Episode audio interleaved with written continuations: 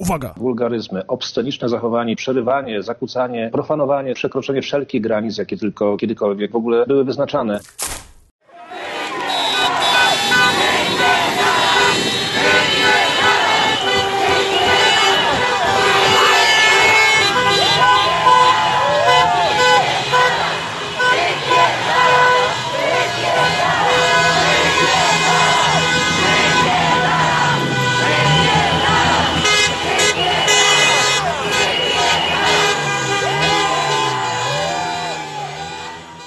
Maciek, jesteś koniem? Ogierem.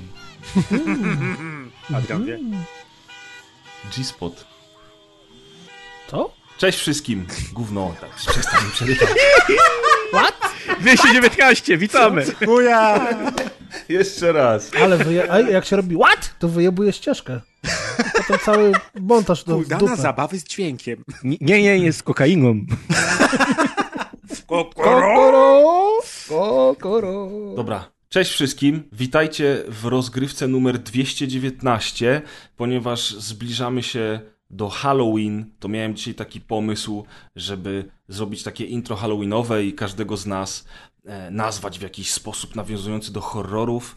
E, natomiast zatrzymałem się na pierwszej ksywie, którą wymyśliłem dla Kuldana, więc ty dzisiaj, Piotrze, będziesz Drakuldan. A potem sobie pomyślałem, że w sumie w naszym kraju dzieje się teraz taki koszmar, że żadne Halloween nam nie jest potrzebne. Także zaczniemy chyba normalnie. Ja nazywam się Presperes, a ze mną jest już wspomniany dzisiaj Drakuldan oraz A, dzień dobry. Adrian. Ja jestem Fradek Kruger, siema. O, może być. I oczywiście Maciek. Po Po prostu, prostu Maciek. Maciek. Tak. E, dzi- Dzisiaj gramy tak zwane kłady, czyli jest nas czwóreczka i lądujemy w tym Dwie halloweenowym. Warzone Dwie zwanym, pary, że tak powiem. ale Pary współpracujemy ze sobą. Trójkę. Ale się wymieniamy przy każdym tym. Lądujemy dzisiaj na, na horrorowej mapie. stosujemy. Wydarzenie specjalne, mapa nazywa się Polska. Witamy. I Najgorsze że tu nie ma respawnów, tylko wiesz. Tak, tu jest nie ma respawnów, tylko jest gówno. O, spermadeath, dokładnie. Mapa z, mapa z gówna i z papieru, a Grałbym w taką grę, jakby ją tak reklamowali. Tego Grasz jeszcze nie było. to. Mapa Za z chwilę gówna będziemy grali w takie gry. grasz w nią cały czas. Codziennie, kiedy otwierasz oczy. No. A będzie coraz gorzej, bo strefa się zamyka, rozumiesz? Ja, no dobra, to- słuchajcie, i takie tutaj... Wszystko się zgadza właściwie, wszystko się zgadza. Nagle wszyscy myśleli, że Battle Royale to jest chwilowa moda, okazało się nagle, że życie nam serwuje Battle Oni Royale. nas przygotowywali po prostu do 2020 roku. A A ja nie grałem w 2021 Battle Royale, jestem nieprzygotowany w ogóle. O, Maciek, Grałeś ty tylko na rowerze umiesz szybko jeździć. No ja grałem. Ja Ja, w jestem Deathmatch. FFA jestem przygotowany. Maciek grał w Free Quake'a, da radę. No dobra, no to jak jesteśmy, podejście. jak jesteśmy przy y, grach, to PlayStation nie ma gier, okazuje się. Co wy na to? A mówili, że mają jakieś. Co? A więc okazało się, że PlayStation nie ma gier, bo e, jedna z... e, Nie, przepraszam, wróć. Jedyny ekskluzywny tytuł, który miał być dostępny na premierę konsoli, a który nie jest remake'iem, czyli Destruction All Stars, nie wyjdzie na premierę konsoli. Za to wyjdzie w lutym 2021 roku i zamiast 360 zł zapłacimy za niego abonament PlayStation Plus. Znaczy, pewnie będziemy mogli zapłacić za niego 360 zł, ale gra będzie przez dwa miesiące dostępna w PS Plusie. Za darmochę. No czyli co, czyli mówiliście, że gry takie drogie, a oni dają No. raz, że dają odpocząć deweloperowi, żeby nie crunchował, a dwa dają tę grę za darmo. Najnowszą, Spoko. najlepszą grę za darmo. Exa. Całkiem fajna opcja, że Ja powiem gra tak. na nową generację jest za darmo. Ja powiem tak. y, Nie jest za darmo, jest za abonament. One jest, musimy ustalić. Jeżeli ta gra jest za darmo, to gry w Game Passie są za darmo. Grzegorz taki przemądrzały Passie- trochę, nie myślicie? No ale jak Game Pass za darmo, skoro Game Pass Zadufany kosztuje, w sobie. trzeba dopłacać do Game Passa. No, a PlayStation Plus też. No dobra, nieważne. nieważne. A PlayStation Plus potrzebujesz do grania przez internet. No nie Adrian, przestań. Adrian, przestań trollować. To nie są czasy ani tematy do żartów. Dlaczego? Frankatku. Nie tylko wiem, tak tylko humor nas blokuje, tylko humor nam został. Poza żartowaniem. No, nie ma gier, ani na jedną, ani na drugą konsolę nie ma gier. Na PC Ale ja dlatego nie w kupuję. Ale ja konsoli żartuję. nowej generacji. Maciek, nie, bo jeszcze, kto, bo jeszcze będziesz zadufany w sobie, jak będziesz mówił o pececie. Nie mów o pececie. Dlatego ja nie kupuję konsoli nowej generacji, no bo nie ma żadnej nowej gry, która by mnie przekonała A ty jedną albo drugą stronę. Xbox Series S, który jest konsolą starej generacji i na nią są gry. Nie ma. A ty powiedziałeś, który to jest odcinek rozgrywki w ogóle? Nieważne. 219. Ludzie wiedzą, Powiedziałem. co to ma za znaczenie. Powiedziałem, przecież Powiedział. powiedziałem No cooldown. dobrze, ja pytam tylko, przecież nie mówię, że nie powiedział, tylko pytam, czy powiedział. Jest taki Oj, zestaw leków w jest. aptece, chyba się Geriavit nazywa cooldown, wiesz? M- To powinien już za późno dla mnie. przydać. Dla mnie to już tylko ten, kołek do serca i do trumny. Ale, Więc- ale ładną ci ksywę wymyśliłem, nie? Drakulan. Grzegorz, jestem z ciebie dumny. Dziękuję. W ogóle to mogliśmy zacząć jakoś tak pozytywnie od tego, że my streamujemy ostatnio dużo i wszyscy razem, tylko Maćka jeszcze nam Albo nie było. tańczyć polonezę. Byłem na, na najlepszym streamie. Byłeś na streamie z Bannerlorda. Nie, a, a to był Atkiem stream, ale mi chodzi o red napierdzielaliśmy. alertowy. A, Red Alertowy był stream super dawno temu. Z Atkiem to napierdzielaliśmy ostatnio Survivalista, o którym dzisiaj powiemy. To szanujmy się. Ja gram. Wiedźmina. Z Prezem nakurwialiśmy w Słuchajcie, BMP. muszę się pochwalić. Pochwalę się wam. Jestem dalej teraz w Wiedźminie niż byłem na premierę. O, nice. Obiecaj stream z Wiedźmina. Dobrze, bo jest Wciągnięty. 7 lat później. A on przeszedł, wiesz, z Pięć- jednej wioski do Jest drugiej. 5 lat później. Nie, nie, Siedem udało lat. mi się już, jestem, jestem już na... wyszedł? 2013? No, 13? 2015, chłopcy, proszę was. 15, wow. 2015 rok. To ta gra ma tylko Yy, 5 lat. ma aż 5 lat. Yy, Natomiast generalnie rzecz biorąc jestem, jestem zachwycony, nie będziemy o tym dzisiaj rozmawiali, ale tak, gram, bawię się wybornie, przeszedłem, wiecie jak to było z tymi misjami na początku, jak przechodzisz jeszcze raz to samo, co już doskonale pamiętasz, to jest trochę nuda. I te misje Serio się wreszcie skończyły. Pamiętałem akurat nic tego Wiedźmina, wiesz? Pamiętałem te Bo w wszystkie Białym Sadzie które tam Kilka początkowo- razy 20 godzin siedział jak Sad, screeny nie? Nie, nie, ja 50 godzin miałem na premierę wbite, z czego większość czasu spędziłem przy screenach i modowaniu grafiki, a teraz gram w wersję Vanilla. Ta gra po 5 latach wygląda nadal bardzo ładnie, chociaż trochę widać, że się postarzała. Jest świetną grą po prostu samą w sobie. Te dialogi, te questy, to wszystko jest mega. Pres, E, wszyscy no ludzie i- na świecie to już wiedzą. Jesteś ostatnią osobą, która kończy Nie, nie, ale ja to już wiedzia, ale ja to już wiedziałem wtedy, jak żeśmy rozmawiali. W ogóle nie wiem, czy wiecie, że ja zacząłem z wami nagrywać od właśnie Wiedźmina 3. Pamiętam tą Motherfucker. okładkę. Czy to Odcinek znaczy chyba teraz, się że nazywał? Kuzyni. Jak przejdziemy? Pytam co, tylko, to nie jest taka, tak, że Nie, że byłaby taka cokolwiek- dobra klamra, żeby teraz wychodzi Cyberpunk 2077, robimy wspólnie recenzję i ja mówię nara, ale i, i, od, i zaczynam karierę na przykład na zachodzie jako gwiazda podcastingu amerykańskiego. Grzegorz No, byłoby pięknie. Grzegorz Albo, albo Grzegorz Wojewoda.pl. Nie, niestety muszę wszystkich zasmucić, raczej tak się nie stanie i będę dalej z wami nagrywał. Ale, Ale jesteś trochę w sobie z Fajnie. tego powodu, nie? trochę jestem. Dziękuję Adrian, kocham cię. Ja też cię kocham. Fajnie, cieszę się kochamy. My tak, a właśnie, Y, to jak gdyby ktoś nie zrozumiał, jak my Ale sobie się. to to jest Tak. tylko taka konwencja. My tak naprawdę się bardzo lubimy i też ze sobą czas prywatny spędzamy. Jak Poza możemy. tymi zadufanymi, no to wiadomo. Poza tymi, których nie ma. I tymi, którzy grają na pecetach. Coś, co, co się wypieli. Y, Ten, no natomiast dobra, bo tam... Nie ładnie śmiać się z czyichś chorób. Albo jak się ktoś wypina, to jest jego sprawa, pres, co on w domu robi. Chodziło o pielenie ogródka. A, To wszystko jasne. Wiedźmin Dobrze. 3, tylko szybko powiem wam jeszcze, że jestem bardzo daleko w grze. Bardzo daleko. Nie będziemy dzisiaj mówić o Wiedźminie Nie będziemy dzisiaj mówić o Wiedźminie 3, ale chciałem wam bardzo powiedzieć, że jestem bardzo daleko w Wiedźminie 3, bo skończyłem teraz na tym, jak uratowałem Jaskra i byłem taki dumny z siebie, że Spoiler. spytałem się kogoś... Nie, nie, nie, że wiesz... daleko. Że, to jest mega, wow. Yy, właśnie byłem przekonany, że wiesz, o, to już trochę pograłem w tę grę, tutaj fajnie się dzieje. Ej, daleko jestem w grze? Nie, okej, dobra.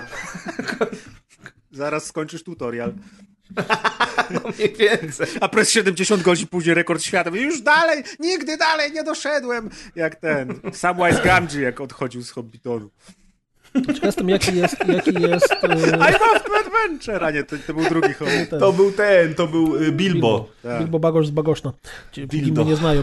Ciekawy jestem, jaki jest rekord. Znają, e, znają, bo w, u nas w szkołach dzięki temu pięknemu krajowi właśnie zaczynają niektórzy nauczyciele wprowadzać te stare tłumaczenie. Te Niezłe najbardziej jaja są z tym. To piękne tłumaczenie, takie Jakby wiesz, samo fantazji już nie było dość zjebania, to jeszcze miał tłumaczenia. buja! Ej, jak myślicie, jaki jest rekord świata w e, speedrunie Wiedźmina? Myślałem, że zapytasz w w najdłuższym graniu w Co to znaczy w górę Znaczy czy w dół? najdłuższy czy najkrótszy? Nie, najkrótszy. No najdłuższy to Grzegorz teraz gra. A najkrótszy speedrun trwa, trwa już 5 lat. Slow run. Jak się, jak, się robi, jak się robi, żeby to było bez tego, żeby to było bez cheatów? N procent current to będzie to? Chyba tak. No clip. Wpisujesz no clip, to nie są cheaty, to O, jest ja ja się na gaming, no prawda Maciek? Ja! ja. Nie, nie, ja się znam, a ty się ode mnie nauczyłeś. Bo Ile jestem progamerem. Ile godzin już grałeś w tego Wiedźmina teraz? Teraz y, GOG pokazuje mi jakieś, no, 30 kilka. No to ja bym Zaraz ci chciał mogę odpalić Goga, że powiem ci. Venom Cold. Z Niemiec, O, to O, by mam zdążył go 10 odpalonego. razy już przejść tego Wiedźmina w tym czasie. A No to kaprawiec? szacunek dla niego. Prawie nie wiem. Naprawdę 37 zrobił godzin. Mam 37 godzin wbite, ale nie wierzę do końca w te liczniki z Goga. One jakoś dziwnie działają. No nieważne, O no. Boże. Bani. Co to są za ludzie w ogóle? Słuchajcie, tak trochę wiem, że wy nas słuchacie, a my tak się zachowujemy, Ale jakbyśmy to by byli była masakra, nadal przed gdyby nagraniem. Okazało, gdyby się okazało, że kaprawiec to jest Marcin Iwiński na przykład. No.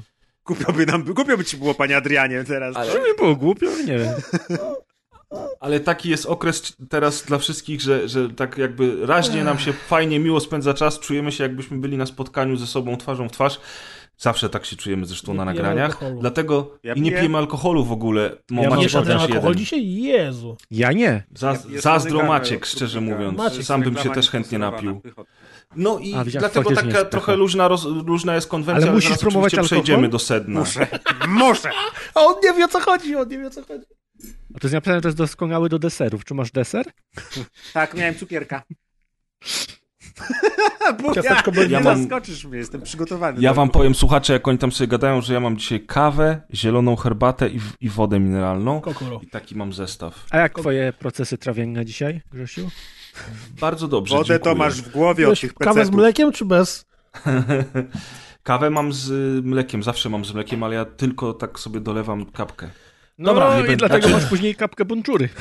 Ja wiem, no. wiem. Zastanawiam się nad tym mlekiem bez laktozy, Musimy szczerze mówiąc. poprosić- nie, musimy- sobie kupuj. Następnym razem, jak będziemy streamować, musimy poprosić Kiko, żeby narysował kapkę bunczury. Jako bestię jakąś Mleko bez RPGową. O Ja bym jeszcze raz zaczął ten podcast, bo to nie... Tak, To już się nie opłaca, mamy 11 minut za sobą dobrego Dobra, materiału. to ja, ja wrócę do tego, co nas rozpasało, czyli że my streamujemy bardzo dużo i namiętnie i się bardzo dobrze bawimy razem z naszymi widzami w trakcie tych streamów i jest sympatycznie i fajnie i sobie gada, gadu, gadu, gadu robimy różnych rzeczach i właściwie z prezem to nam się udało pierdzielnąć takie prawie grube rozmowy, bo i jak graliśmy w Bullets per Minute i jak graliśmy w Freedom. Torchlighta i w Freedom, Freedom Fighters, Fighters. A z Atkiem sobie graliśmy ostatnio sporo w Survivalista mm, i też było, było dużo I pozdrawiamy. Kiko, który nam narysował kilka obrazków Tak, świetnych. Kiko rysował obrazki, więc generalnie zapraszamy po pierwsze na to, żeby wpadać w niedzielę o jakiejś tam 20 po 20 na naszego Twitcha, bo tam się zawsze I dzieją rozdaliśmy w sumie chyba z 500 zł na streamie. Tak, tak, tak, też. I, tu, I ale to- Twitch przynajmniej nie defrauduje pieniędzy, tak jak inne serwisy. Tak, to też prawda. E, Ale oprócz tego warto tam zostawić te followki, czy cokolwiek się na Twitchu zostawi, bo często gęsto jeszcze w skali tygodnia nagle z nienacka mm, wpadamy, czy to samemu, czy to razem. I to jeszcze nie jest powiedziane oficjalnie, ale myślę, że możemy spróbować. Znaczy, po pierwsze, jak słuchacie tych słów, to jutro, czyli 31 października, razem z Atkiem na Twitchu y, będziemy nadawać rozgrywka show, odcinek drugi. A 15 listopada być może, oby, najprawdopodobniej będziemy na Twitchu w niedzielę 15 listopada obchodzili dziesięciolecie rozgrywki. What? Więc... A ciebie nie było na tym czacie, no to już wiesz. Okej. Widzisz, jak jesteś stary, Jatek? Oczywiście do tego czasu jeszcze będzie jeden odcinek, więc to się może zmienić, ale na razie pierwotny plan taki się Świat pojawił gdzieś się tam w skończyć. głowie. Świat może się skończyć, więc e, w niedzielę wpadajcie do nas, a w sobotę na rozgrywkę show wpadajcie i w niedzielę wpadajcie na, na streamy i tak dalej. Generalnie na Twitchu się dzieje teraz dużo rozgrywkowej magii. A jak nie chcecie wpadać, to używajcie zabezpieczeń, tak jak Adek mówi. Jak jeszcze kilka Tak osób jest. mnie zapyta i poprosi o to, żeby wrzucać streamy na YouTube'a nie przerobione, tylko tak po prostu jako surówkę, to zacznę to robić, bo jak zawsze ja mam najwięcej czasu na wszystkie tego typu rzeczy, więc wiadomo, że ja to będę robił. Mm, No to tymczasem PlayStation nie ma gier, czyli co? Destruction All Stars nikogo.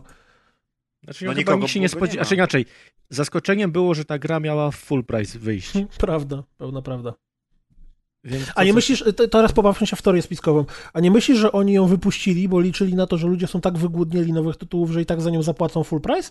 A teraz robią, nie, no dobra, skoro preorderów, 12 osób złożyło preorderów i to właściwie tylko z Sony wewnątrz studia, no to może jednak tą grę przesuniemy?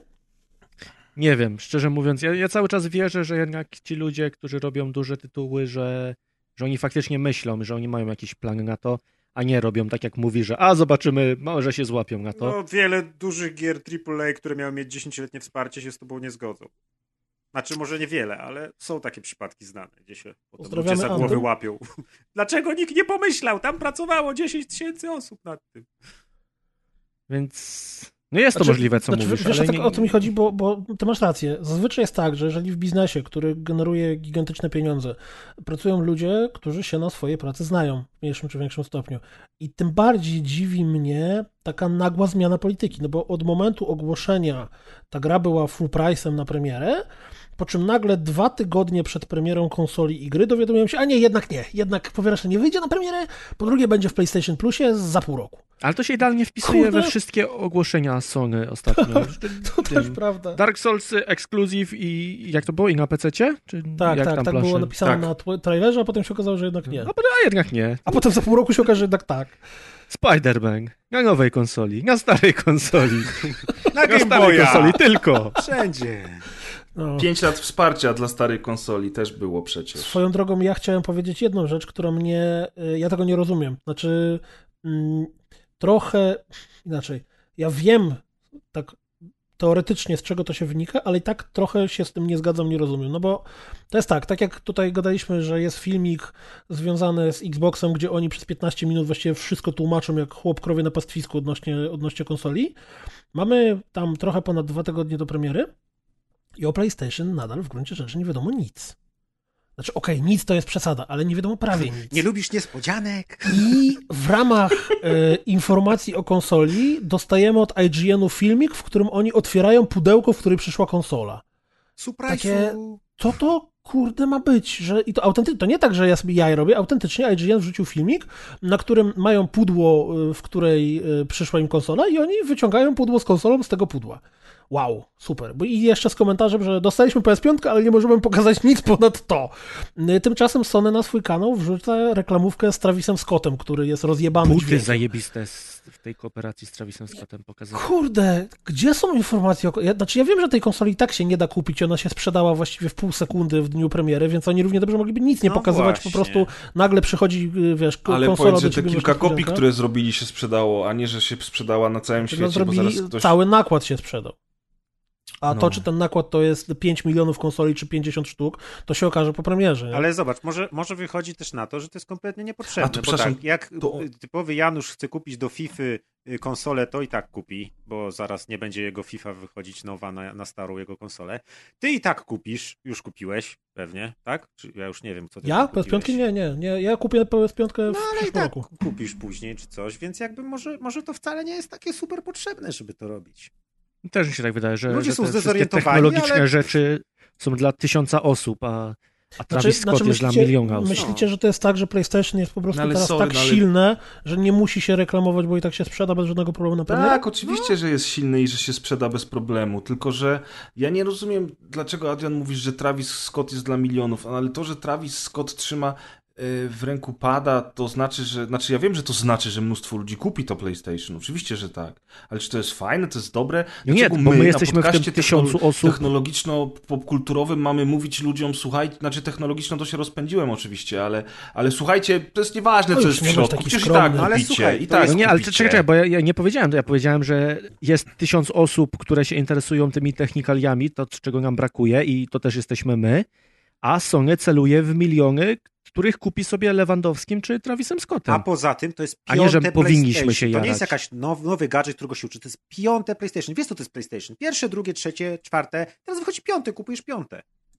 Piąte jest sumie nowe, macie rację. HD, 4K, Znaczy, Znaczy nowe mnie tutaj, gry. mnie, ja, trochę, ja trochę kupuję ten argument, ja nie wiem, czy, czy to sobie wywnioskowałem, że to jest argument, czy, czy to faktycznie wybrzmiało, że PlayStation jest tak popularne, że w sumie oni nie muszą robić żadnej, yy, nic nie muszą robić, po prostu, koniec, kropka. Chciałem to swoją drogą a propos tego, że PlayStation jest piąte, więc każdy wie, co to jest. To te nowe Xboxy Series X, Y, Series, nie Series One, nie One, trochę psują tutaj szyki. I tak No i dlatego tyle filmików wychodzi, który jest który. I właśnie i tłumaczą, co ten ma takie, a ten ma takie, a w tym działa tak, a w tym tak, a w tym tak. No ale przecież no, PlayStation czyli- też będzie miało dwa modele, Xbox ma dwa No, modele, to jest to samo. Nie, No, ale jest nie? jest Mentlik z nazwami A poza tym Xboxa. jest PlayStation 5, proste. Miałeś czwórkę, kupujesz piątkę, wychodzi piątka, kupujesz piątkę. Chce pan? Było, No tak, są tak, jakieś grupie takie widać. Zresztą nie? No. Sam się złapałem też na to, jak zapowiedzieli za pierwszym razem z tym All Access, że będzie SK w All Access za 99 zł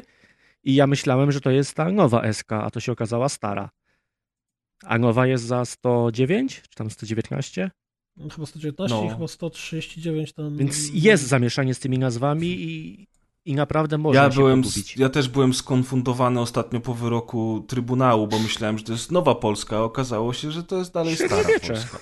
Nie, wręcz przeciwnie, to jest starsza Polska niż była przed Ale latami. Ta Polska można się pogubić, można się faktycznie pogubić. Dlatego dobrze, że mamy Maćka, bo nikt tak na średniowieczu się nie zna jak Maciek, więc my sobie damy radę. Będę się czuć jak w domu zaraz. Maciek będzie nagrywał podcast tłumaczący rzeczywistość niedługo. Bardzo dobrze. Bardzo dobrze. Wszystko pasuje. No dobra, to, to porozmawialiśmy sobie o PlayStation, to teraz sobie porozmawiamy o streamingu. A konkretniej- Rimingu, to jest literówka. Rimming? Tak. O, na Kto Rimingu to rozmawia? też się Maciek zna. Na Maciek. Nie, ja jestem od średniowiecza. Hola, hola. Nie zrzucajcie wszystkiego na mnie. Może, może kolega Adrian.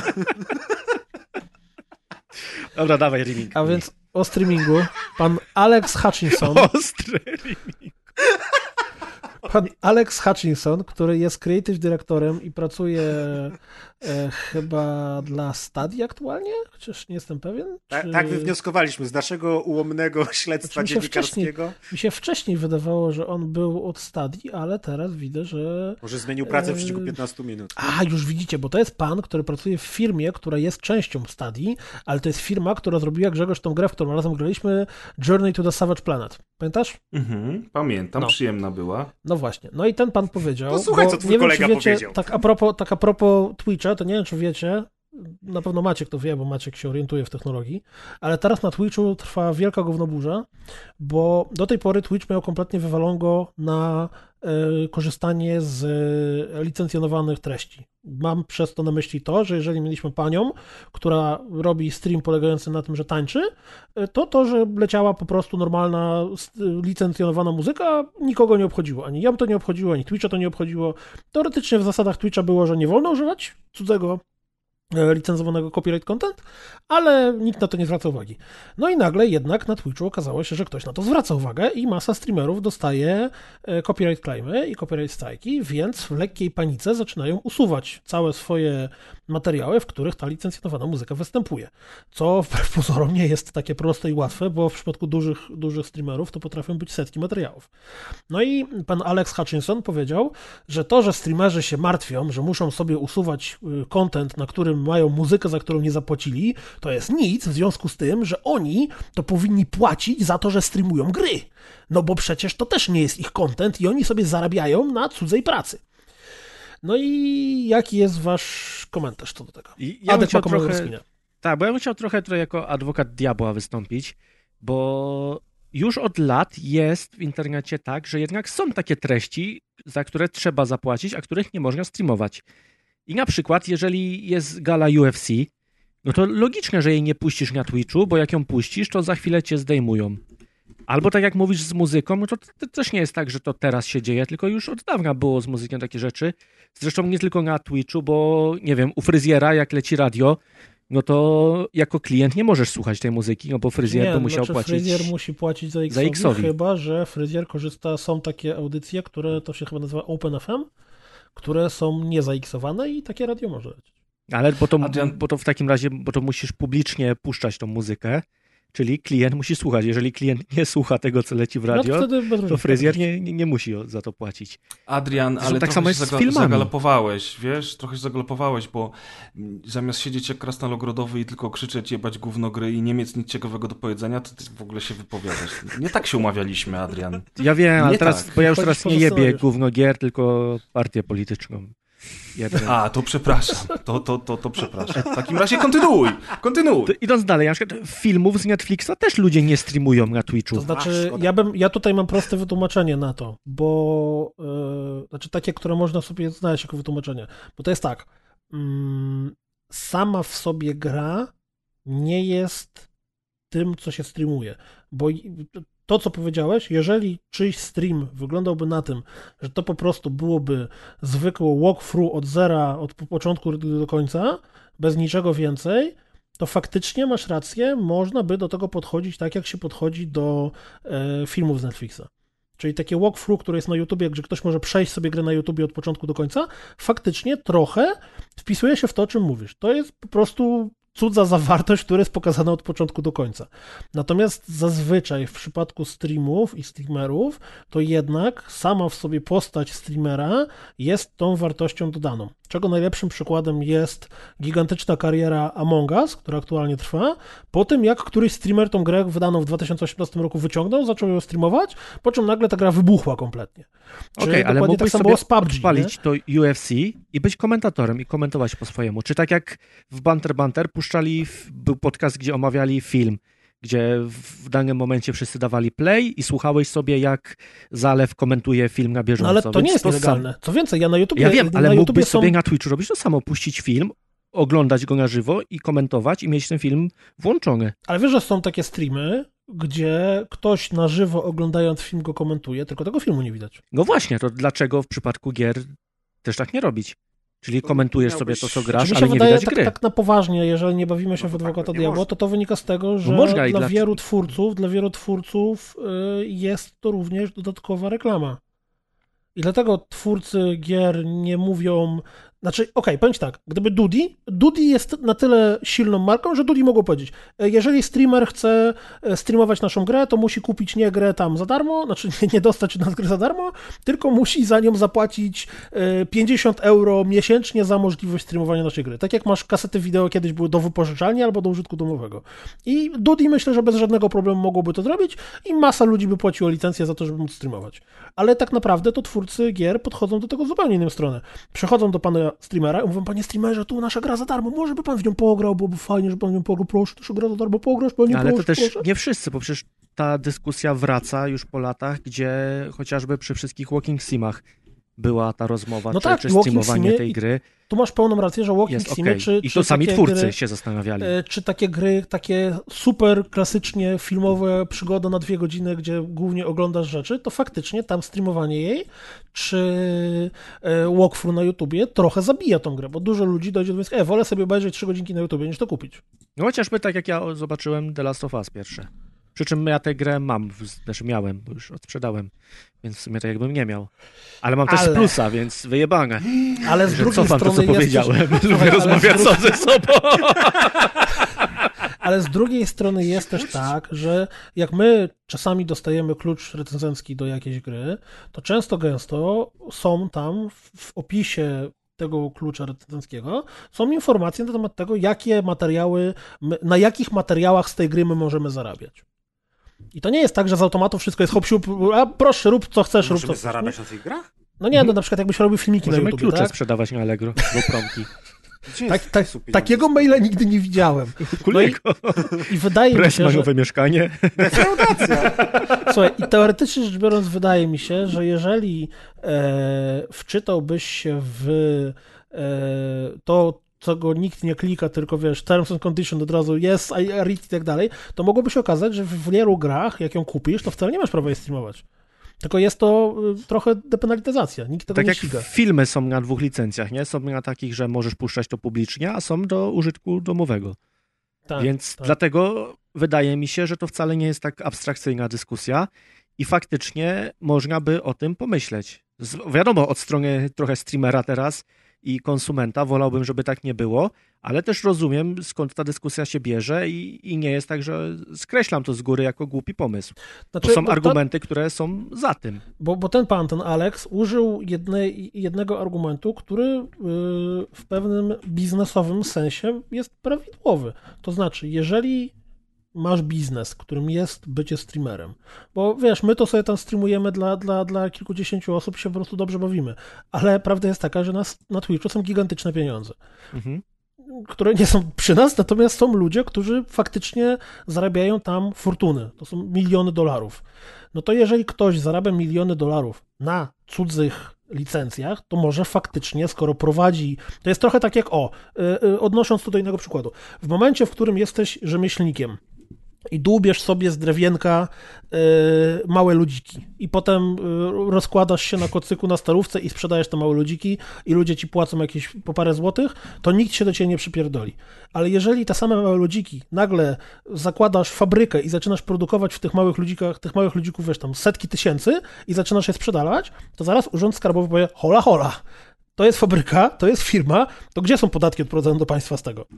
Znaczy nie, bo streamerzy podatki odprowadzają, więc to nie jest tak, że. Nie, no, że chodzi, mi, chodzi mi o to, że, zupełnie, że, w ale przypadku, że w przypadku, y, jeżeli coś jest robione na małą skalę, to bardzo często nie jest, nie podlega takim samym przepisom, jak coś, co jest robione na dużą skalę. Czyli jak ktoś sobie streamuje dla kilkunastu, kilkudziesięciu osób jakąś gierkę, to powinien być może, nie wiem, zastanawiamy się nad tym, podlegać innym założeniom niż taki ninja, który ma, wiesz, y, milionową y, audiencję. Z drugiej strony, to po polsku jest inne słowo, au- audience widownia. widownię.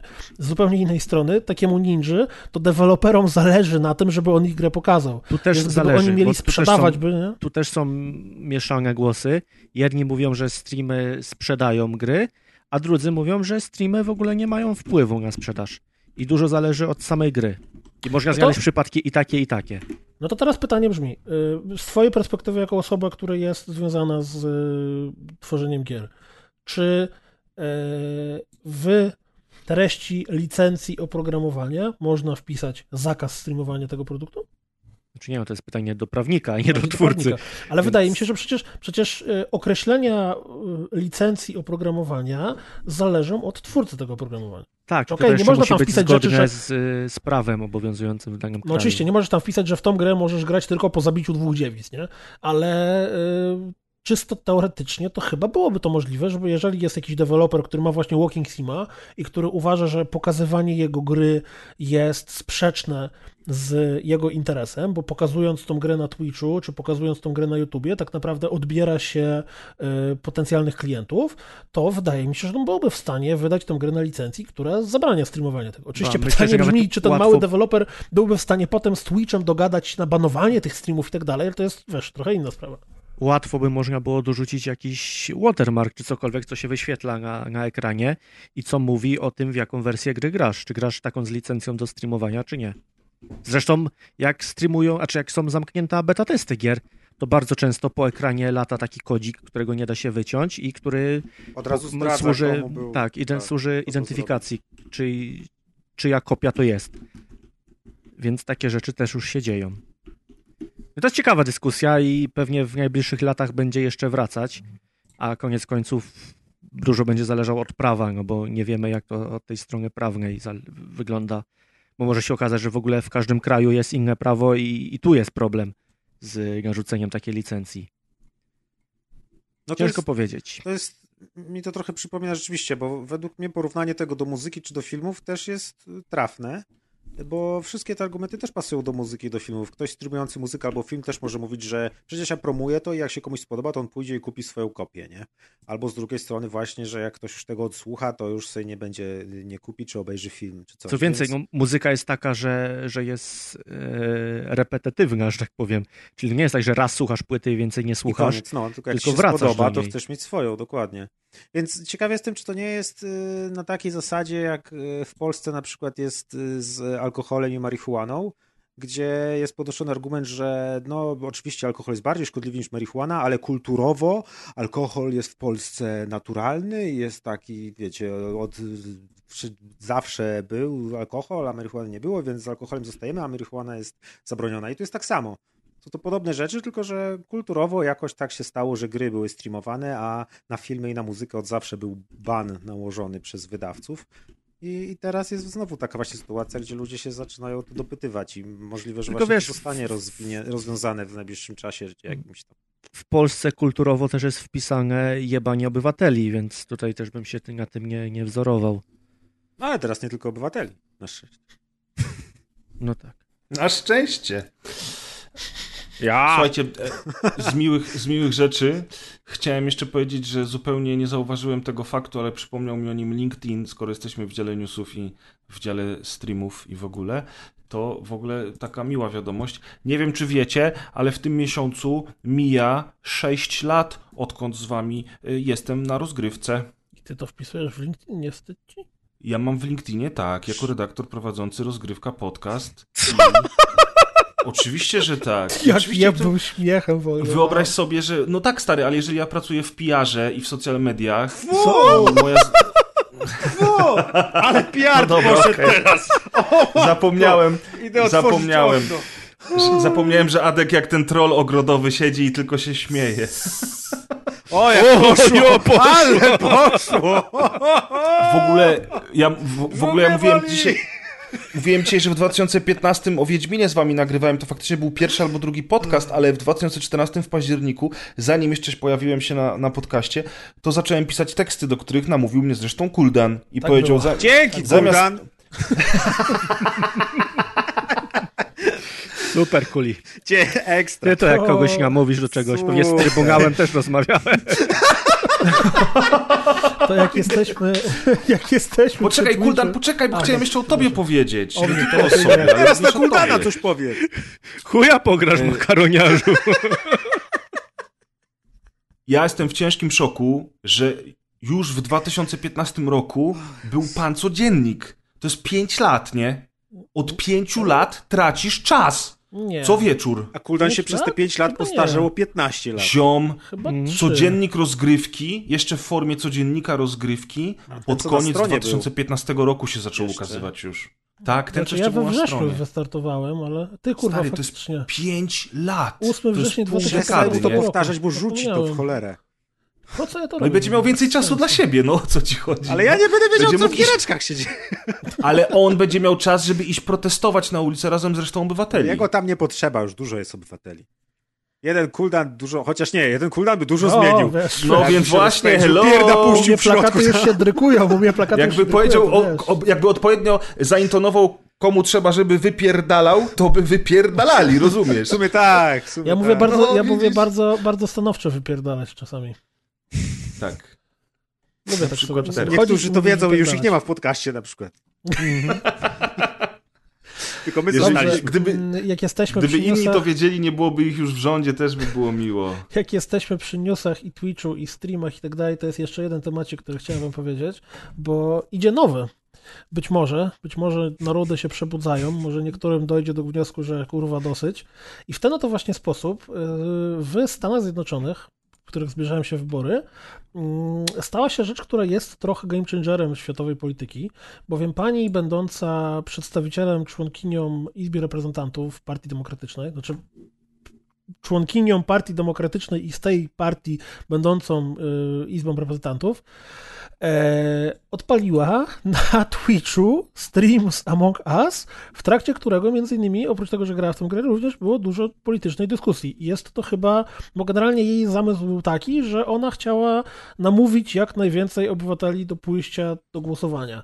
I e, rozbiła tym e, Twitchowe rekordy, bo tam łącznie z, na różnych streamach to tam chyba ponad pół miliona ludzi się, e, się, się tam zebrało, co jest e, wielkością jakichś tam e, e, dużych twitchowych streamerów.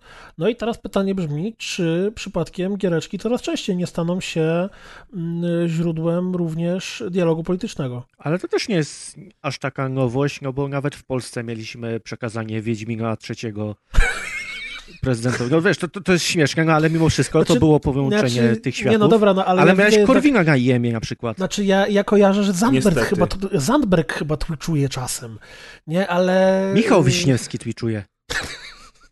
Tak a propos. Słuchajcie, Zamknąłem temat pamiętacie- chyba. Pamiętacie, pamiętacie tę dziewczynę, pamiętacie tę dziewczynę, która mówiąc o tym, jak zrobić makijaż, nagle ni stąd, ni zowąd przeszła do tego, że w Chinach dzieje się źle z ludźmi, a w Polsce ci, co mają, to powinni wypierdalać? Mhm. To są takie, to są właśnie takie metody, które faktycznie funkcjonują od jakiegoś czasu i to są dobre metody, tylko tylko pamiętajcie o tym, że na początku XX wieku terroryści przez gry online w czatach między innymi e, planowali swoje ataki i e, Co też ma teraz swoje konsekwencje dokładnie w tym momencie, bo e, Sony wprowadziło w PS5 i w PS4 zresztą też opcję zgłaszania rozmów głosowych moderacji, co oznacza, Ma. że te rozmowy mogą być nagrywane. Na razie I tylko powinny. poprzez kliknięcie użytkownika, ale też kto wie, czy jakoś samo automatycznie to też się nie nagrywa. Znaczy, może nagrywane z automatu to nie, bo ja powiedziałem powinny. Na pewno powinno być to monitorowane, bo na przykład gdyby. No ale to jak takie- monitorować Takie, bez... Wiesz co, gdyby takie, gdyby takie platformy społecznościowe bardziej monitorowały to, co się dzieje, to na przykład Bosak nie miałby dostępu do Twittera. Rozumiesz? Więc no, trzeba znaleźć na to jakieś rozwiązanie i spróbować, spróbować tego pilnować, ale może nie od razu wiesz, jakby inwigilując wszystko i wszystkich. Znaczy ja tutaj przypomnę, że w ogóle y, po, polityka w giereczkach y, w znaczeniu reklamowania się politycznego w giereczkach to przecież jest obecna dość dawno, bo jeśli się nie mylę, to chyba Obama miał w kampanię na billboardach w Burnout Paradise? Myślałem, że grał w kampanię Call of Duty na przykład. Tak, tak, było coś takiego. Ja tam, ja tam jednak myślę, że, że lepsze były czasy, jak w Rainbow Six Vegas 2 na mapach w multiplayer pojawiały się plakaty z, reklamujące film You Don't Mess with the Zohan, bo to było odpowiednie wykorzystanie internetu i gier do marketingu. Wiadomo, że ten marketing jest czymś, co nie zniknie.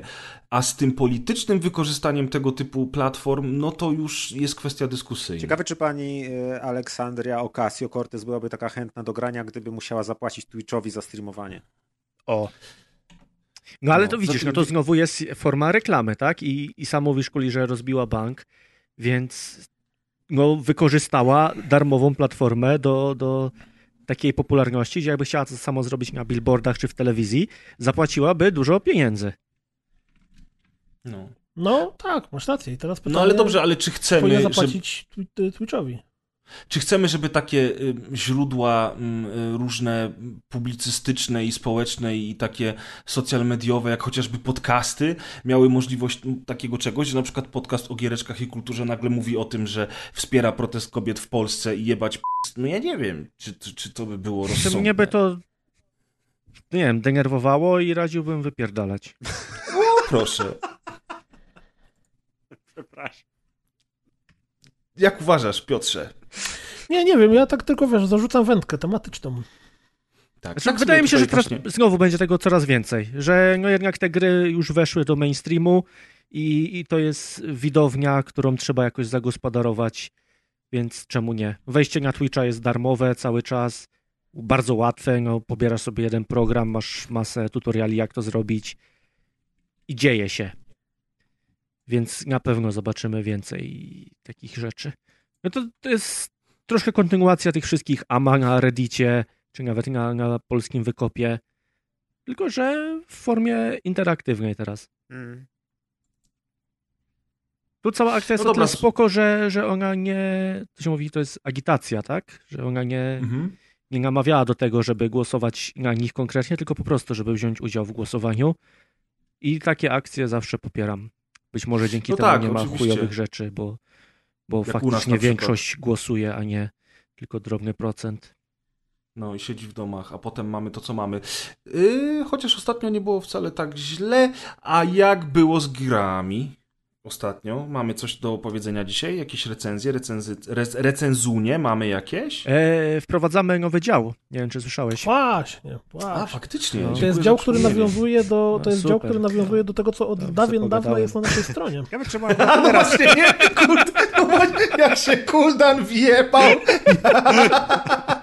jak kościół w politykę.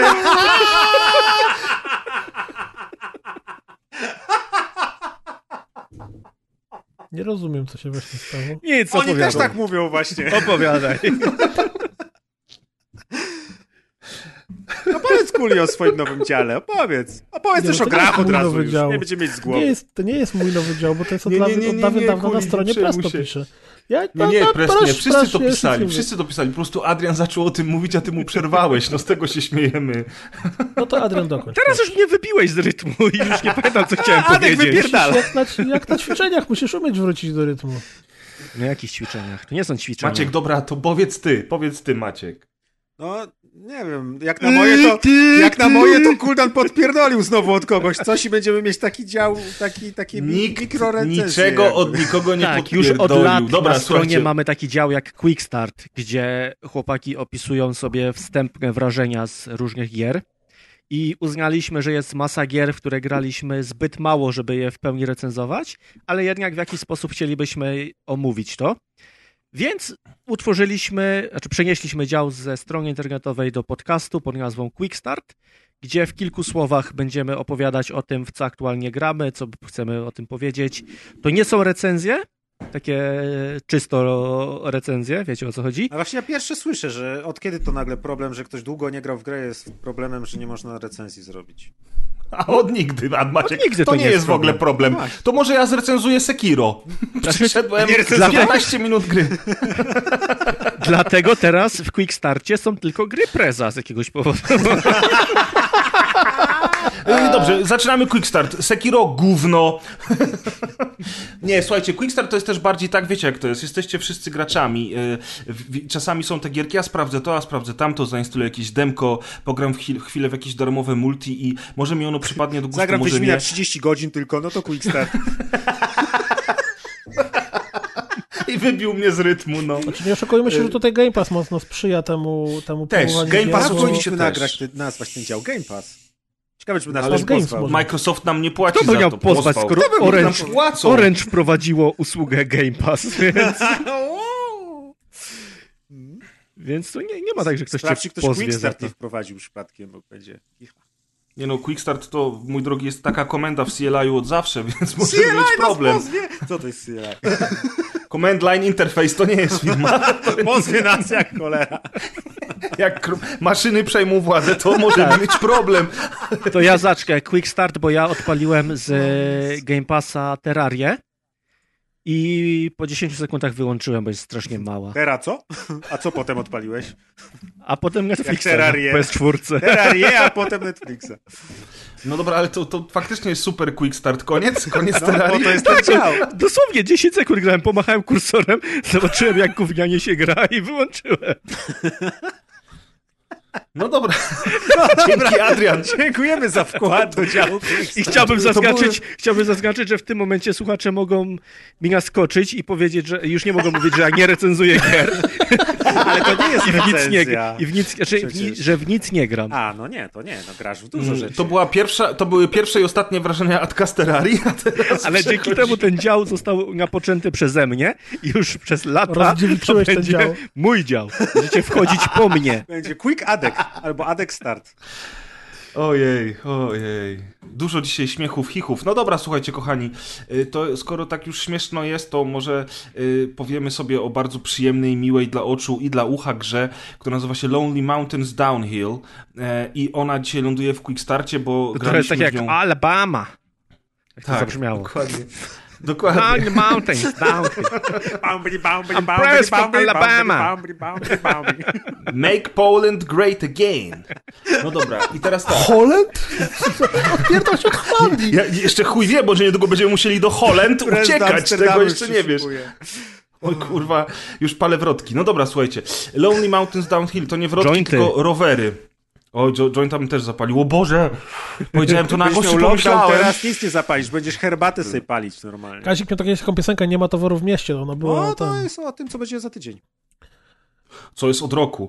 No dobra, słuchajcie. E, Skąd to wiesz? teraz tak. No bo mam od roku ochotę zapalić jointa, jest tyle stresu w tym roku i autentycznie zawsze jak gdzieś się zapytam, to nigdzie nie ma. A ja naprawdę na, normalnie nie palę, zdarzy mi się raz na W rok. sumie Lonely Mount, Generalnie- Mountains to też jest dobry tytuł opisujący, co zaraz będzie się działo. A, bez kitu. I I, downhill od, Downhill jest totalnie teraz. I nie mogę od roku zapalić jointa. No nie mogę, no nie ma w tym kraju Skandal. jointa. Ja bym no. prosił wszystkich, Żeby nie było miasta i oficjalna, oficjalna I opinia rozgrywka podcast na temat narkotyków jest taka, żeby ich nie spożywać. Można. Jeszcze jak? Gdyby Bóg jak to było? Gdyby... Gdyby to było złe, to Bóg by inaczej świat stworzył po prostu. No. Tak, tak, to jest oczywiście moja osobista opinia, tak samo jak y, jebać p***, to też jest moja osobista opinia. No. Jak co? Y, słuchajcie, jak jebać p***? Okej. Jak co? Jebać p***. Kuli teraz... Dobrze, to teraz przejdziemy do Quick Startu, moi drodzy. Y, Quick Start Lonely Mountains Downhill. Grałem w to ja, grał w to Razer i grał Grał w to Polsce. Kuldan. Ja grałem w to dawno temu bardzo. Już Tak, bo ta gra ma już rok czasu. I w ogóle ja ją zauważyłem zupełnie Rok, przypadkiem po prostu, gdzieś nie w trzeba necie. mówić rok Tak. czasu. Rok, ma, ta gra ma rok, dziękuję. Y, jesteś niesamowitym y, i bardzo istotnym wkładem dla rozgrywki, Adrian. Od czasu do czasu. Rozdziewiczyłem ten, ten, ten dział, także nie ma to tamto. W końcu coś rozdziewiczyłeś. Zapytaj mamę. To niemożliwe! Time paradox, hello! Pilnuj czasówki, Kuldan, pilnuj czasówki, jak skończymy te bzdury, żebyś wpisał odpowiednią, jak już zaczniemy naprawdę. Mówić już głośno sapie. Już, już, ja już nic nie wpisuję w ogóle. Który trzeci raz poprawiam. Co to Nie, dobra? Kuldan, Kuldan, dobra, słuchajcie, słuchajcie, słuchajcie. Jeszcze No to tytuł jedziemy. raz. Słuchajcie, słuchajcie, Dobrze. Lonely Mountains downhill. O, tak, to powinny być śpiewane recenzje. Śpiewane recenzje wprowadzą, tu można tylko śpiewać. I was bicycling down the mountain, ding, ding, ding, ding, ding, ding, ding, downhill, downhill, ding, ding, ding, ding, ding. No, słuchajcie, to jest gra o jeżdżeniu rowerem w dół. Koniec dalej.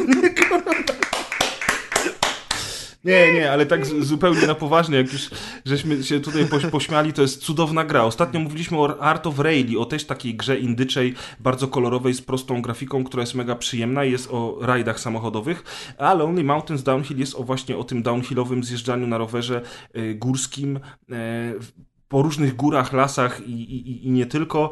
I to jest bardzo przyjemna gra wizualnie, też dźwiękowo. To, ja to trochę, trochę traktuję jak taką małą medytację, ponieważ jak założy się słuchawki i się skupi tylko na tej trasie i na tym małym rowerku i słucha się tych dźwięków, tego szumu drzew, śpiewu ptaków, jakiejś wody w strumyku górskim, to naprawdę można, naprawdę można się zrelaksować, mimo tego, że gra teoretycznie jest taką zręcznościówką, która wymaga od nas jakiegoś skilla, bo musimy zjechać z tej góry w określonym czasie, jeżeli chcemy odblokować kolejne nagrody, kolejne poziomy trudności, czy kolejne elementy roweru, a także kolejne trasy.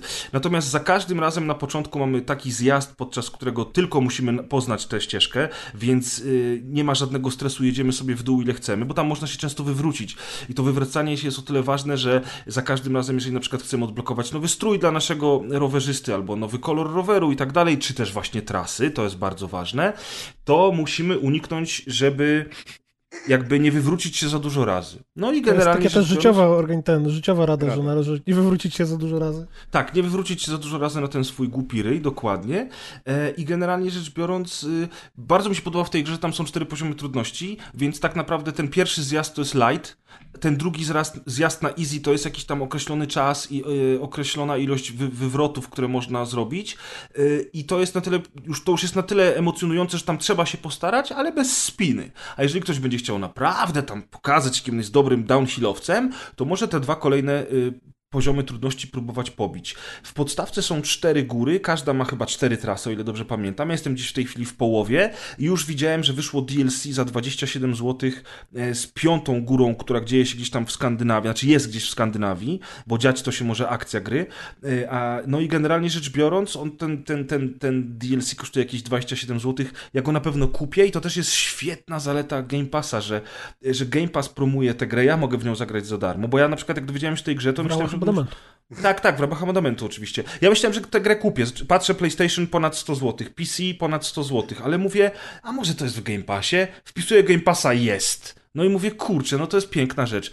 I ja bardzo chętnie te 27 zł dlatego zapłacę za tą piątą górę w DLC, bo to jest po prostu mega relaks- relaksująca dla mnie gra, bo wiem, że Maciek, ty masz trochę inne chyba spostrzeżenia. No, ja ją od bardzo dawna też śledziłem, bo mi się bardzo ten styl wizualny jej podoba. To pokazanie, no low poly jak low poly, ale to jest też tak fajnie, ta kamera uchwycona, że ona jest zawsze jakby od frontu tej góry i jedziemy niezależnie od niej, co, co z jednej strony jest fajne, z drugiej nie. Yy, I jeszcze ten taki efekt głę- głębi pola, yy, rozmytej głębi obrazu, która też sprawia, że masz wrażenie, że to jest taka miniaturka góry, taka dioramka. Yy, Ale jak zacząłem w to grać, to się okazało, że w ogóle mnie nie podpasowało to sterowanie. Są, są dwa schematy sterowania. Jedno jest takie sterowanie ala czołgiem jak w Resident Evil, czyli że powiedzmy strzałka do góry zawsze to jest do przodu i prawo-lewo skręcamy. A drugie, o ile pamiętam, to jest trochę takie sterowanie relatywne do pozycji na ekranie. W sensie zawsze do góry to jest do góry, a w prawo to jest zawsze w prawo, nie? To chyba tak działa, o ile tak?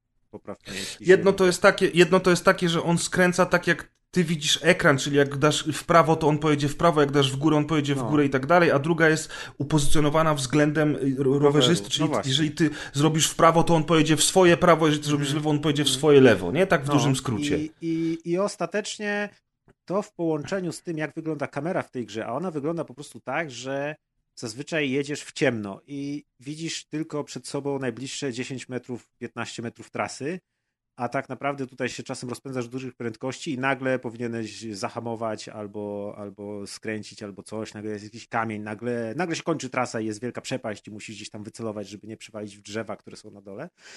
To wszystko to z jednej strony fajnie wygląda wizualnie, ale mi osobiście bardzo niewygodnie się w to grało i to mnie po prostu irytowało i no i przestałem dosyć szybko. Po prostu straciłem cały mój zapał, który wcześniej bardzo długo miałem do tej gry. Jakoś Jakoś się odkochałem znaczy, momentalnie. Chyba, chyba warto podkreślić, że ona wcale nie jest prosta. Ona wygląda tak sympatycznie, przyjemnie, natomiast w nią się jeździ tak dosyć... Yy... Okej, okay, tam przyjechanie po, pojedyncze to jeszcze spoko, ale jak chcesz zacząć tam bić te kolejne, kolejne wyzwania, to trzeba się trochę spiąć. No tak, ale dlatego mówię, pierwsze dwa poziomy trudności, czyli poznanie trasy i poziom podstawowy są mega przyjemne. Jeżeli chcesz grać kolejne poziomy, to musisz się spiąć. Natomiast Maciek mówi o tym, że samo sterowanie mu nie podpasowało, a mi akurat bardzo podpasowało. Ja się szybko Może połapałem, jak się tym jeździ. Było, no. Ja po prostu, a może się zmieniło po drodze jakoś? Nie, chyba nie. Ja po prostu taką nie. grę bardziej bym widział, tylko ona straci cały swój urok, jeśli ona by się zmieniła w coś takiego jak y, Downhill Domination z PS2 albo ten tam to, co tam ostatnio wyszło y, na, na, na o Jezus, z proceduralnie generowanymi tymi y, Descenders. Descenders, o. Tylko, że to by wtedy cały swój urok straciło, nie? Więc no trudno. Descender było mega spoko. Wiesz co, ja odpaliłem Descenders zaraz po Downhill i bardzo szybciutko się odbiłem. Może nie 10 sekund, tak jak Adek od Terrarii, ale graficznie to jest bzdet. No tak. Model jazdy jest mocno średni, a to, że to jest taki rogalik, w którym ja mam trzy życia i w ogóle te, te trasy... Gra, nie? Tak, tak, A to, to są takie gra. Ona jest... w sumie. What? No, trudne i jak no. coś walniesz, to umierasz i od razu do checkpointu. Nie, to nie są solsy, no bo Grzegorz daje radę. A, no to nie Dokładnie. ale nie, Adrian w Descenders nie daje rady. Znaczy, jakbym chciał, to może i bym dawał radę, ale ta gra po prostu nie, nie zainteresowała. ale mu się nie chce, więc nie daje. Ale dokładnie, dokładnie. No dobra, słuchajcie, więc sprawdźcie sobie, macie w Game Passie to Lonely Mountains Downhill. Ding, ding, ding, ding, ding, ding. Lonely Mountains. To a place that's not Poland with peace. Prodeusz, no teraz... Maciek. Prodeusz, dokładnie. Maciek, mów o Prodeuszu teraz trochę. O. Nie będzie go. Prodeusz jest, proto, wiemy. bardzo fajny, y, super, jest mięsisty, ma świetne udźwiękowienie, bardzo fajną grafikę, spójny klimat, y, retro, taki fajno pikselowy i ja wszystkim polecam. No i super, no. to szanuje, a nie jakieś pierdolenie 7 minut o rowerach. No, to... ja muszę powiedzieć dokładnie to samo co Maciek. Pograliśmy w playtest Prodeusa, który 10 listopada wychodzi w Early Access. Prodeus to jest taki retro shooter dla boomerów, on nawet akt wprowadzający, który ma, nazywa się Boomers intro i to jest gra dla mnie i dla Maćka i tak jak Maciek powiedział, jest mega szybka, mega mięsista, krwawa, w starym stylu, trochę prostsza, jeżeli chodzi o te wszystkie korytarze, szukanie kart i tak dalej, niż, niż tego typu klasyczne gry, ale nadrabia ale wciąż, bardzo wciąż są takie, takie zaplątane, takie, że wchodzisz są, i, i są sekrety. Prawo, lewo, nie wiesz w którą stronę. Tak, tak. Jest kampania, znaczy docelowo będzie kampania i są też różne speedruny, jest ranking online, jest edytor map i kampanii dla graczy, więc ta gra będzie na pewno żyła, ona świetnie wygląda, bardzo szybko chodzi, ładnie. Wygląda, ten ten, wygląda ten gore jest niesamowity. Bo, y, naprawdę się odróżnia od innych gier tego typu. Y, tym, że jest, fajnie są oświetlone te poziomy i przede wszystkim jak są zrobione modele y, przeciwników, tak. znajdziek i broni. Są tak zrobione, że ktoś zrobił model 3D, a potem go wyrenderował do animowanego sprite'a w niższej rozdzielczości. I tak naprawdę to są bardzo fajnie wyglądające sprite'y, czyli takie jak pamiętamy przeciwników ze starych Doomów, pierwszego czy drugiego, czy z Duke Nukema ale mają taką fajną, zupełnie inną jakość, bo nie są ręcznie rysowane, tylko widać, że są właśnie jakoś tam komputerowo przerobione, trochę inaczej przyjmują oświetlenie, które jest na, na levelu czy coś i, i w świetnie, bardzo mięsny sposób wybuchają po prostu giby, które tam się dzieją, krew się leje, ostrzeliwanie im takich rąk czy coś, jak gdzieś tam się go trafi. Te, te dźwięki rzeczywiście są, dawno nie grałem w strzelaninę, która miała tak mięsiste dźwięki, przyjemne, yy, mocne, gdzie dzierżysz tego shotguna i po prostu podbiegasz do kogoś, strzelasz do niego, jemu rozsadza w fontannie krwi to ciało, ten korpus gdzieś upada. To jest normalnie pośród tych wszystkich y, retro shooterów, które są ostatnio robione, żaden mi się tak wizualnie nie spodobał, bo większość jest robiona tak, y, nie wiem, dosyć tak y, festyniarsko, w sensie, że no powiedzmy niespójnie, kolorowo albo w jakimś takim dziwnym stylu, a tutaj widać, że ta gra totalnie jakby, jakby to wyszło na przykład przed Doomem 3, to by było po prostu hiciorem nad hiciory, nie? Jakby to gdzieś w tamtych czasach powiedzmy wyszło. Nawet, nawet właśnie po, Tak. po Quake'u dwójce czy coś. Fajne, fajne efekty yy, świetlne te, tego wszystkiego. No, jestem bardzo zaskoczony, bo zazwyczaj jak takie gry są ładne i mi się spodobają, to jak w nie zagram, to się okazuje, że no takie są, takie sobie. A tu mi, skojarzyło mi się ten y, wizualia z tym remake'iem System Shocka. Wydaje mi się, że on też jest w dosyć podobny sposób zrobiony. Jest to takie retro, ale świetnie wyglądające, bardzo takie estetyczne. Jest zrobione naprawdę porządnie. A powiedz mi, nie masz wrażenia, że z grubsza, jakby przejrzeć przez całą tę warstwę audiowizualną, w ogóle też muzyka jest świetna w tej grze, No. to to nie jest, to to nie jest, tak jak ty powiedziałeś, gdyby to wyszło przed trzecim Doomem, to, nie jest trochę To jest- bo to tak naprawdę no, jest Doom. To jest bardzo... ta- Przeciwnicy też, jak, są z Duma. jak weszła ta muzyka w ogóle, to miałem wrażenie, że gram w te nowe dumy trochę. Tak, tam jest tak, tam jest zombie, tam jest y, marine zombie, jest imp, który, który rzuca w ciebie ogienkami. Zamiast, tak. tego, zamiast tego pink demona jest taki inny, kurczę, Mhm. byczek, który w ciebie Latające leci. czaszki. To jest po prostu... Tak, Łazisz po bazie jakiejś kosmicznej, bro, bronie są też fajne, jest tam minigun, jakieś podwójne Uzi, coś tam. A, dziwna rzecz, y, bronie mają magazynki. I trzeba je przeładowywać. I na początku się musiałem do tego przyzwyczaić, że po 7 czy 8 strzałach z shotguna nagle klik, klik i on zaczyna go ładować, nie? I na początku mi się to bardzo nie podobało, ale po jakimś czasie, no po jakimś czasie, tam są ze trzy poziomy tylko, to się gra nie Tak, wiem, 20 max. minut. Yy, ale jakoś się do tego przyzwyczaiłem i przeładowywałem to. Chociaż na przykład z tych Uzi to momentalnie w, w, amunicja się kończy, trzeba bardzo szybko przeładowywać, więc to nie jest też tak, że wpadasz do pomieszczenia i zaczynasz pruć do wszystkiego, chyba że masz minigana, tylko często było tak, że wyskakiwałem za rogu, opróżniałem magazynki, chowałem się, ładowałem i znowu tak robiłem. Więc to jest takie nietypowe, nie spodziewałem się tego, ale sumie okej, nie narzekam, przyzwyczaiłem się. jest na tyle intensywnie i szybko, że to przeładowywanie nie jest problemem. Ja znalazłem w ogóle rakietnicę, która jest secretem Mhm, na mapie i trzeba się do niej dostać. No wiadomo, jesteś programerem robić przecież. rocket jumpy? O kurde, Nie można robić rocket jumpów, ale rakietnica jest, znaczy w sumie masz rację, ja też tego nie sprawdziłem, ale, ale, ale rakietnica jest mega mięsista. No w ogóle, to jest, to jest po prostu Doom i tak jak Maciek powiedział, gdyby ta gra wyszła wtedy, to by była mega hiciorem. Dzisiaj to jest kolejny boomer shooter, ale rzeczywiście taki boomer shooter, który jest cholernie intensywny, miodny i naprawdę wyróżnia się przy innych tego typu To, to jest jedyny z tych boomer shooterów, w które ja na shooterach. pewno będę grać. Tak. 10 listopada jest Early Access i będziemy wam dawać znać. Ja na pewno kupię, bo ja lubię wspierać takie gry, jak wiecie. A ja na pewno zaczynają od preza, bo można szerować na Steamie. E, Nie wiem, nie wiem, nie wiem, Misiaczku, czy Early Access można szerować, ale e, p- poradzimy sobie, Poradzimy poradzimy. No, Przywieziesz mi więc Prodeusz, po. Prodeusza, Prodeusza po, polecamy, Deusza naszego kochanego pozdrawiamy, Kaza zresztą też. Chłopacy są zajęci, więc nie mogli dzisiaj z nami nagrywać, a my przechodzimy do działu gier takiego konkretnego, w którym udajemy, że gry przeszliśmy. Tak, Tak, tutaj Poli, nawet- czy ty tu- polecasz Survalistca? Tak. Fajnie. No, już dzięki. To. Tutaj e, tu Grzegorz nawet nie, muszę, nie musimy z Adkiem udawać, że przeszliśmy survivalistę, dlatego że mamy na to dowód, bo przeszliśmy go, e, napisy końcowe zostały pokazane na ostatnim streamie z survivalista. E, Co Szanuję. prawda e, to, co się działo między streamami, bo streamowaliśmy go w sumie trzy razy, za każdym razem jakoś około 3 godzin, natomiast jak się okazało, mój licznik pokazywał ponad 24, czy tam, ponad, czy tam około 25 godzin ciurkiem, Mm, e, więc trochę z tą grą spędziłem więcej czasu. To też było Survivalist, ciekawe, bo dostawałem w nocy wiadomości od Kuliego jebana kokaina. Dokładnie tak było. Ale to narkotyki, a co z grą? Nos już tak boli strasznie, bo e, Survivalist z S na końcu jest, jak sama nazwa wskazuje, kolejną grą twórców Escapista z S na końcu i Escapista drugiego z S na końcu i Escapista z dodatkiem Walking Dead też z S na końcu. Tylko tym razem poszli troszeczkę, bo Escapist to były gry, gdzie musieliśmy uciec z więzienia, korzystając z jakiegoś tam uproszczonego systemu craftingu, z tego, że w więzieniu y, cały dzień jest podzielony na określone mm, y, momenty, że tam teraz jest biurka, potem jest śniadanie, potem jest czas wolny i tak dalej. A Survivalist idzie w tę stronę, że jesteśmy rozbitkiem na bezludnej wyspie i musimy sobie po pierwsze przeżyć na tej bezludnej wyspie, po drugie musimy, właściwie nawet na archipelagu całym, po drugie musimy z tych bezludnych wysp uciec.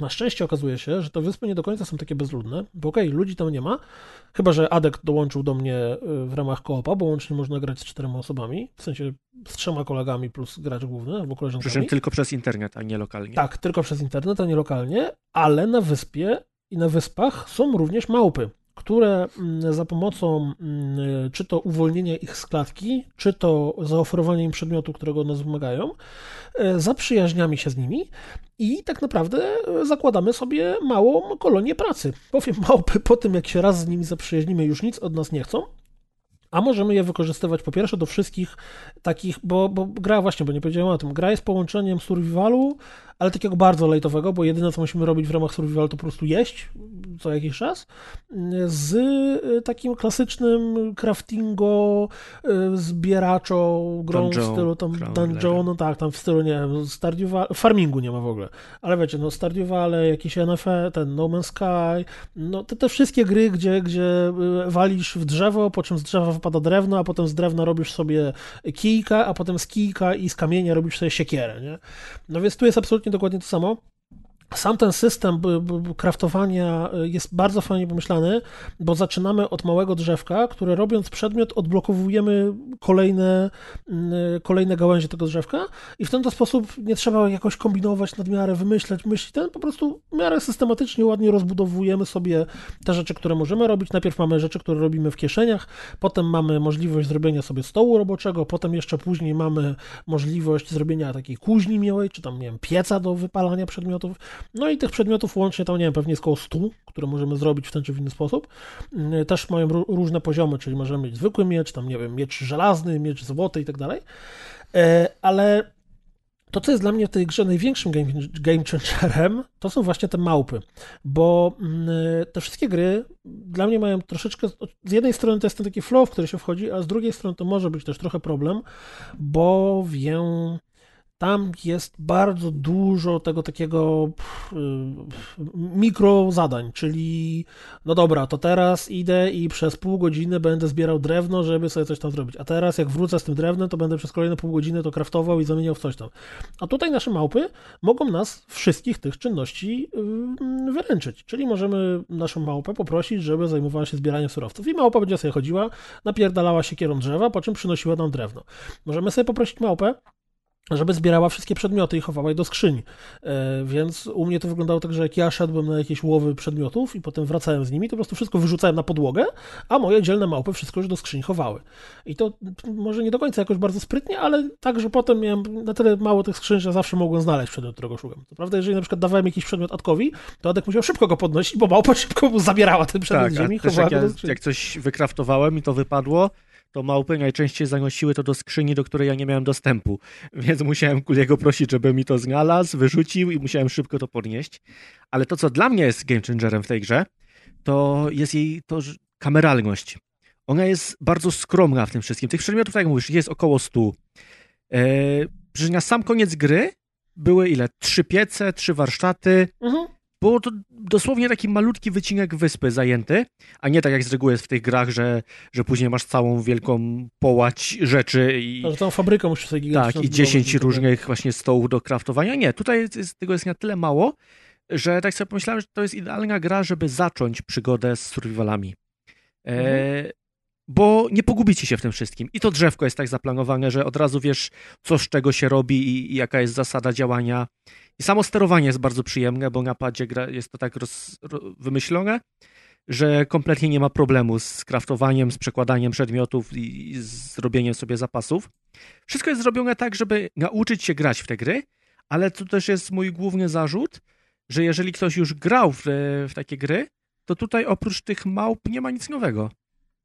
Tak, znaczy, bo to jest taki, taki, taki basic survival. To jest taka gra, która, która absolutnie, no tak jak mówisz, jedynym nowym rozwiązaniem są to małpy. I z mojej perspektywy to było dla mnie super, bo mogłem się skupić na, na tym, co lubię w survivalach, kompletnie ignorując te rzeczy, które zawsze trochę mnie męczą, bo, bo jak, jak tych małp już trochę zebrałem więcej, to zbudowałem sobie podział pracy i właściwie w ogóle nie robiłem przedmiotów, w ogóle nie musiałem się bawić tam, nie wiem, w budowanie, nie budowanie, to jedyne, co musiałem robić, to, to zbierać takie bardziej skomplikowane surowce albo te, zarówno te bazowe, jak i te bardziej skomplikowane i potem tylko wracałem do swojego domku, rzucałem wszystkie podniesione przedmioty na podłogę, po czym podchodziłem do e, stołu roboczego, mówiłem, no dobra, to teraz małpy robicie tutaj 10 kij, e, tam w kuźni musicie mi zrobić 4 e, sztabki złota, a te małpy będą teraz zapierdzielały i w całym domu zrobią podłogę z kamieni. I to wszystko, one od razu się rzucają do roboty, tam biegają w te w te chowają to do skrzyni, a ty w tym czasie możesz robić coś zupełnie innego. To też było grze... fajne dla mnie, bo ja nie, nie wszystkie elementy w takich grach lubię, a tutaj przez to, że graliśmy w koopie, to ja mogłem się skupić na przynoszeniu tych podstawowych składników, więc cały czas praca tam szła do przodu. Ja miałem zajęcie i się nie nudziłem, Kuli robił w tym czasie jeszcze coś innego i to tworzyło taki mechanizm, który działał, nie było przestojów i dzięki temu mogliśmy grę szybciej skończyć. Tak, co, co też jest fajne, to to, że w grze, znaczy fajne, fajne, nie fajne, bo w grze, jak to w takich grach bywa, oprócz samego sobie chodzenia, zbierania surowców, no to też są zwierzęta, z którymi musimy walczyć, ale też są przeciwnicy, z którymi musimy walczyć. Co więcej, do ukończenia gry trzeba pokonać cztery labirynty, które są trochę bardziej rozbudowanymi takimi dungeonami, gdzie nawet są jakieś bardzo banalne wręcz zagadki logiczne do Znaczy, pokonania. Nie, nie takie banalne, no bo trochę nad nimi spędziliśmy. No, no okej, nie są banalne. No, no faktycznie, trzeba się chwilę nad nimi zastanowić, ale to nie jest tak, że one są takie, że wiesz, głowisz się pół godziny, nie masz pojęcia, bo na przykład zagadka polega na tym, że musimy na jakimś guziku wykonać e, zestaw Emotek jakiś e, emotek jakiś tam, które gdzieś tam na ścianie są napisane, nie? Albo na przykład jest kilka guzików i musimy do tego wykorzystać małpy, które na każdym guziku staną z odpowiednią emotką. Albo trzeba znaleźć tam w, kolejność, w jakiej otwieramy drzwi, żeby otworzyć drzwi do kolejnego, do kolejnego pomieszczenia. Plus jest system walki, ale to, co jest najśmieszniejsze, to, że tutaj znowu małpy robią różnicę, bo to ile pierwszy labirynt z, przeszliśmy z Atkiem razem we dwóch, tylko i wyłącznie, i no, jak wchodziliśmy do pomieszczenia, gdzie wyskakiwało na nas cztery or, ogry, czy orki, nie wiem w sumie, jak to tam się odmienia w tej grze, albo jakieś grupy szkieletów, to potrafiło być ciężko. Natomiast w momencie, w którym później pod koniec gry ja wziąłem z nami brygadę, nie wiem, pięciu czy sześciu małp, które wszystkie dostały broń, to w sumie my po prostu szliśmy ze szwadronem śmierci przez ten labirynt i jak pojawił się tylko jakiś przeciwnik, to małpy się natychmiast na niego rzucały, spuszczały mu w pierdol i już przeciwnika nie było. Co było też fajnym rozmaiceniem. No ta, ta walka taka bardzo bazowa jest w tym wszystkim Tak, i tak. przeciwników jest bardzo mało. No bo, tak jak mówisz, orko, rodzajów- orkowie i, i szkielety. Ja do- Orkowie, znaczy tak, dwa rodzaje orków, dwa rodzaje szkieletów i chyba trzy rodzaje zwierząt. Dziki będą jakaś pantera, puma, nie wiem, dzik, jeleń, No. tam coś, Więc- coś w tym deseń. No mówię, to wszystko jest takie bardzo kameralne, ale przez to i idealnie na, idealnie na początek grania. Znaczy, mi się właśnie wydaje, że to, co powiedziałeś, że ta gra jest taka kameralna i to, że skończyliśmy ją w 25 godzin, to z mojej perspektywy jest absolutną zaletą tej gry. Bo gdybyśmy mieli przy jej kameralności, gdyby to był kolejny tytuł, nie wiem, na 80 godzin, to bardzo szybko przyszłaby nuda. Mhm. Z drugiej strony, gdyby ona przy tym, jaka jest, jaka, jaką ma sympatyczną muzyczkę, kolorową graficzkę i tak dalej, była trzy razy bardziej rozbudowana, tak żebyśmy miał, nie wiem, 17 drzewek rozwoju, to nie wiem, czy chciałoby mi się z nią Ale spędzić nie- 80 Nie masz godzin. wrażenia, że to jest trochę niewykorzystany potencjał, że to jednak było niby tyle wysp, ale wszystkie takie same. Tutaj niby jedna była wulkaniczna i musiałeś pić wodę, żeby po niej chodzić, ale w sumie to za bardzo sobie nie korzystaliśmy, tylko raz to się wykorzystało, a później już teleport postawiłeś. Że to wszystko jest jakieś takie, są te mechaniki, ale czegoś więcej z nimi brakuje. Jakieś walki z bossami, więcej rodzajów tych przeciwników. Że spokojnie można było dodać Tak, drugie bossami. 25 godzin, które i byłoby miejsce na kolejny rozwój. Przy czym być może wtedy ta gra by przytłaczała i, i już by nie było tak ciekawie. Znaczy faktycznie to, czego, to, co na pewno mogłoby tam trochę, trochę to rozwinąć, to gdyby były jakieś walki z bossami, gdybyśmy trafiali właśnie na jakiegoś wielkiego bydlaka, do którego jakoś super trzeba się przyzwy- przygotować, nie? Albo wykraftować konkretny przedmiot, żeby jego pokonać, nie? Bo prawda jest taka, że bo za przejście tych super labiryntów dostaje się e, super przedmioty, ale przez to, że my te labirynty właściwie robiliśmy pod koniec gry, to te przedmioty były dla nas zupełnie nie, niepotrzebne. Znaczy nie? to też nie dlatego, że pod koniec gry to robiliśmy, bo jakoś się nie rozwinęliśmy w tym czasie. No, to po prostu mieliśmy te małpy, ale te małpy chyba też nie były uzbrojone w jakieś super Nie ekstra no, były, bronie. to były, były w te bronie najwyższego rządu, też mieliśmy Czyli trzecie, najlepszy. i- Czyli, Tak, tak, trzecie, no, czyli trzecie, też nie, tak. niewiele, nie? Szczególnie, że pierwszy i drugi poziom się szybko zdobywa. No tak, to prawda. A złote bronie później też wypadały tak po prostu ze skrzyń. Tak. Więc to, że podnieśliśmy jakiś tam miecz ognia, to w, chyba ani razu go nie wykorzystaliśmy. Czy na Nie, przykład tam był jakiś miecz lodu, miecz ognia. to, że pły, jak- płynąłeś te 10 minut na, na wyspę obok, totalnie bez sensu. To po co to tyle trwa, skoro tam nic nie ma takiego? Tak, znaczy musisz tam popłynąć, żeby zdo, dostać się do tego, do tego kolejnego Tak, labiryntu, żeby tę grę przejść. W żaden Natomiast, sposób te y, 10 minut nie jest zrekompensowane. Tak, tak, tak, tak, tak, tak. I to, że ja musiałem tam popłynąć trzy razy w tej i z powrotem. No to akurat ty to zajęło mi to zjebałeś. pół godziny. Tylko trochę. To, to też było, było zupełnie bez sensu, nie? Ale no tak, tak. To jest taka, taka, taka wiecie, taka gra, y, której ciężko mieć do niej o coś pretensje, natomiast spokojnie mogłaby, mogłaby być bardziej rozbudowana, ale też ja cały ten czas, który nie spędziłem, to w ogóle nie żałuję ani minuty. Po pierwsze, bardzo przyjemnie się grało w to w koopie, tam 10 godzin z tego, załóżmy, w, w zaokrągleniu. No w ogóle to, że ja po pierwszym graniu ci napisałem, że żebyś nie przechodził tego sam, że, że ja chcę grać dalej. Tak. Więc to, to już dużo o tym, o tym mówi, szczególnie, że mówię, tam, ja nie gram za bardzo w survivale, a przez to, że był ten koop i był podział pracy, bo ja na przykład małp ja ani razu nie dotknąłem. Ja nie mam pojęcia, jak się nie Tak, steruje. jasne. Ola, ja mam rączki tutaj.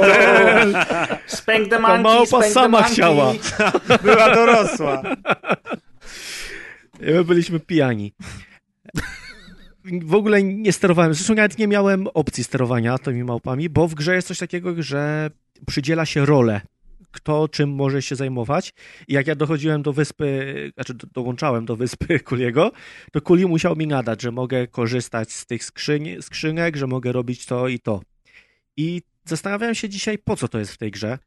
E, Już ci tłumaczę po co, bo teoretycznie rzecz biorąc, to ja e, nie tworzyłem e, prywatnej gry, znaczy tak naprawdę to tak, ale teoretycznie rzecz biorąc możesz zrobić tak, że możesz otworzyć swoją wyspę i po prostu umożliwić tą innym graczom szukający rozgrywki, że do ciebie dołączają. Tylko po co?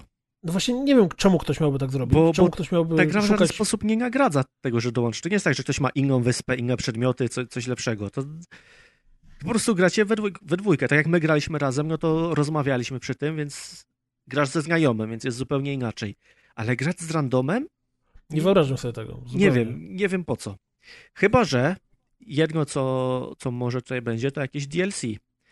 I wtedy i to pływanie może będzie miało więcej sensu i, i rozmiar tych wysp, może coś dodadzą i będzie więcej zajęć tam. Może w ogóle nawet nie tyle DLC, co może w ogóle e, po prostu ta gra dostanie jakieś darmowe update'y, nie? No tak, że, no tak, niekoniecznie W mówię, sensie że chodziło ci o. DLC płatne, tylko, tylko Po prostu jakieś rozszerzenia. No w ogóle tam jest jeszcze coś takiego, że tych wysp y, trochę jest więcej niż te, które my odwiedziliśmy i w ogóle nie zwiedziliśmy ich całych, Tylko ale też nie było niczego dokładnie, po co mielibyśmy to robić. Okej, tam są jakieś znajdźki fabularne, które opisują historię innych ludzi, które się na tych wyspach rozbiły, ale wiecie, no w takiej grze to, to jest w ogóle, to jest taki tekst dodatkowy, który się pomija kompletnie. Te znajdźki są bardzo fajne, bo tam na przykład nagle znajdujemy jakiś rozbity samolot na środku wyspy, albo widać, że jakaś kobieta umarła i, i przy niej też jest jakaś tam jakiś list z Więc te małe, fabularne rzeczy są ciekawe. Tylko, że nic nie zachęca do odkrywania tego. Mhm, mhm. I y, co jeszcze, ta gra kosztuje stówkę i wydaje mi się, że to jest taka fair cena. Mhm. Tak grając w nią i to ile czasu nam zajęło przejście i całe to, to production value, które jest, wydaje mi się, że ta stówka to jest takie, to jest, to jest fair cena za to, ile ta gra powinna kosztować. Tak. No, ja mówię, większych zarzutów co do tej gry nie ma. Ona jest poprawna w tym wszystkim, co robi. Fajnie, że bawi się tymi małpami. Jest to jakiś kierunek rozwoju, bo to powoli idzie w połączenie survivalów z grami strategicznymi. No, I teraz sobie wyobraź, by- że masz takie Anno, gdzie z jednej strony zarządzasz całym miastem, a z drugiej strony faktycznie jesteś jakiś tam mieszkańcem i, i musisz robić rzeczy. Mm, I na przykład tak wiesz, że ty zarządzasz tym, a na przykład koledzy twoi są... y, Chujami. To Story of my life. To też, ale mieszkańcami tego twojego miasteczka, nie? I na przykład ich wysyłasz na jakieś questy, które oni mogą dla ciebie zrobić, ale mogą cię olać i zrobić coś zupełnie innego. No, y, ja, ja myślę, że ta gra, y, na, najlepsze, co tą grę mogłoby spotkać, to albo y, dostępność w Game Passie, gdzie ludzie po prostu mogliby sobie w, cztery osoby grać, bo tak, bez żadnego problemu, y, albo dostępność w jakichś bundlach. Nie wiem, dwie kopie za kurde, 120 zł, albo za ten. Ale y, samemu też można tu się, tu się pobawić, no bo mówię, ja z Atkiem grałem te 9-10 godzin, a poza tym samemu wpieprzyłem tam 15, chodząc, szukając surowców i, i biegając z małpami. Przygotowując rzeczy pod streama. Do, dokładnie tak, więc i to nie jest tak, że ja cierpiałem z tego powodu, bo ja się ba- bardzo dobrze bawiłem, bo tak jak to te gry mają do siebie, jednak nos potem boli od wciągania. Mhm. A w grze też kokoro się zbiera. Tak, tak, i to dużo kokosów się zbiera i się robi też owocowe kebaby, w ogóle dużo, dużo dobrych rzeczy. Ja też Ale jak polecam. ja mówiłem o Gandzi, to Kuldan mówił, nie, nie polecamy narkotyków, a tutaj polecam. takie No, ostre narkotyki. ale Sama natura. No. No właśnie, narkotyków, ale kokos, Wiesz, że kokosa do nosa, no to chętnie. To jak ananasa, w- wiesz co. W kutasa. A czy można brać... Co? wow, Wow, a to ja mam inne pytanie. Czy można brać, skoro można kokosa do nosa, to czy można brać dynię w coś, jakiś inny otwór ciała? Grzegoszu? Taki film kiedyś widziałem. Znaczy, gdyby nie można było, to Bóg by inaczej ten świat stworzył. No, dokładnie. No właśnie. A czy możesz zapytać mnie jeszcze raz o, o to, co chciałeś zapytać? ogóle, Co co można dzieje? zrobić z dynią, Grzegoszu? Albo na przykład, gdyby Nicolas Masonier zrobił jakąś grę, to jaką by zrobił? No, to by zrobił grę, która nazywa się Pumpkin Jack. I jest grą zrobioną przez jednego człowieka. Nicolasa Masonera. Wyobraźcie sobie. Ale trafiłeś, Adek. Ha, Hadeum, Adek to Alabama. ma, Adek to ma zmysł, kurde. Pumpkin- Jest się w tej Pumpkin- branży parę lat. Pumpkin Jack idealnie się dopasowuje teraz w ten okres y, końc, końca października w trakcie Halloween, stąd też nasz miał być taki klimat y, troszeczkę horrorowaty, no bo to nie jest jedyna gra horrorowata, która dzisiaj będzie przez nas omawiana, Jak Y, to? ale to jest no jak to, Kuldan, jeszcze będzie amnezja i będzie Oj, Quake, ja misiaczku. robię? no właśnie. Jak to, co robisz? Jesteś Drakuldan. No tak. Pum, Pumpkin Jack, ale już mi się podoba ta twoja ksywa, będę do ciebie tak mówił na co dzień. To jest. Dobrze, Grzegorz, możesz tak mówić. Kochani, pa, tylko w łóżku. Kochani, Pumpkin Jack to jest taka gra jak y, Medieval. I w zasadzie jak na nią rzucicie okiem, to, to, to jest po prostu Medieval, który został współcześnie stworzony. To jest platformer, y, gra akcji w jednym, przyjemna dla oka i dosyć prosta. E, Bardziej powiedziałbym, że to jest gra dla dzieci, ale można bawić się w nią również y, jak jest się dorosłym, starszym panem. Ym, I generalnie rzecz biorąc, to jest, to, jest, to jest zabawa na 6 godzin w bardzo przyjemnej oprawie graficznej i niesamowite, że jest to efekt pracy jednego człowieka. Oczywiście tam była pomoc, bo, bo, bo, bo, bo jak przeczytacie kredyty, to parę osób przy tej grze pomagało, ale z grubsza wszystko wykonał jeden gość i niesamowite jest, ile tam jest włożonej pracy, bo to jest taka liniowa gra, platformer i y, gra akcji, nie wiem, slasher może, jeżeli możemy taką grę nazwać slasherem. Ten nasz Pumpkin Jack to jest dusza takiego łotrzyka, który siedział w piekle i diabeł wysyła go na ziemię, ponieważ na ziemi jest zbyt pięknie i nudno ziemianie w ogóle mają kurczę czarodzieja, y, który jest dobry e, i, ta, i po prostu diabeł by chciał, żeby to wszystko rozwalić i już spróbował to zrobić, ale, ale ziemianie w dalszym ciągu e, stawiają opór. Ziemianie czy ludzie, no bo ziemianie to nie jest, to nie jest gra o kosmitach, może, może używam złego określenia. No i w każdym razie ten Pumpkin Jack e, zostaje właśnie w, w, wrzucony w ciało takiego demona z dynią zamiast głowy i ta dynia jest dosyć istotna, bo ona może odczepiać się od ciała. I będziemy tej dyni używać, żeby rozwiązywać różne zagadki środowiskowe, które się po pojawią na kolejnych etapach. Więc mamy tak, mamy platformer, całkiem przyjemny. Tam czasami praca kamery, czasami niektóre te, te, te, te fragmenty, które przeskakujemy, są moim zdaniem troszeczkę e, nie, niezbyt dobrze zaprojektowane, ale z grubsza, z grubsza jest bardzo dobrze. Mamy e, takie małe, proste łamigłówki środowiskowe, kiedy musimy chociażby tą główką coś tam przestawić, coś tam wysadzić, otworzyć sobie e, kolejną bramę. E, Mamy różną mini, różne minigierki, chociażby jazdę mm, takim wagonikiem e, z kopalni po takim torze, podczas którego musimy otwierać sobie kolejne, kolejne zamknięte drogi i przeskakiwać dziury w tych torach, a te drogi będzie otwierał nam taki, taki kruk, który z nami lata i który jest taką bronią dystansową. Możemy go używać w walce, możemy go używać przy tych wszystkich zręcznościowych, zręcznościowych fragmentach i są różne inne minigierki takie na zapamiętywanie. Wiecie, była taka gra kiedyś, że się od, odkrywało jedną kartę, potem drugą i trzeba było dobrać pary. Memory. Memory, dokładnie, dziękuję. Tutaj musimy zapamiętywać nagrobki. Zapamiętaj to, memory. Memory, dobrze. Y, Są takie wyścigi ze strażnikami a la Mario Kart czy coś takiego, więc tu jest 6 godzin napakowane bardzo zróżnicowaną rozrywką, która jest bardzo przyjemna. I teraz, jeżeli macie taki klimat, że macie, macie ochotę odpocząć trochę od wszystkiego, e, może trochę chcecie na chwilę przestać krzyczeć o tym, kto ma wypierdalać, a kto nie i po prostu chcielibyście się zrelaksować, to, to to jest naprawdę taka dobra gra dla relaksu, ale ostrzegam, że ona jest dosyć prosta. To nie jest horror, no, ona jest taka spooky, wiecie, tam ta muzyczka jest taka wi, wi, wi, wi, jak ze Scooby-Doo, wiecie, te, te, i, te, i te kolory, i ta graficzka, i ci przeciwnicy, to jest po prostu przyjemne, lekkie, bardzo mocno midilowe y, i wydaje mi się, że warto się tą grą zainteresować, bo, bo, bo, bo to, to po prostu jest porządny indyk zrobiony przy małym budżecie, a efekt finalny jest, jest naprawdę imponujący. to musicie sami sobie zobaczyć screenshoty i, i materiały Czy ta z gra, rozgrywki. ta gra, bo ja absolutnie w nim nie grałem, natomiast oglądałem sobie trochę materiałów, to wygląda strasznie przyjemnie dla oka. Takiej, takie, to, to wszystko, o czym tu mówisz, tak idealnie pasuje mi na to, jak ona wygląda. Ta gra wygląda No, jakby tak była taką jest. grą z PSX-a. W sensie, jak, Mhm. jak ja kojarzę gry, jakie były na PSX-ie, to właśnie były Mhm. tego typu. Mm.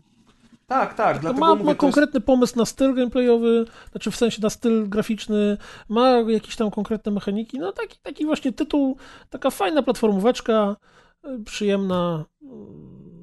No, A jak z poziomem takimi- trudności?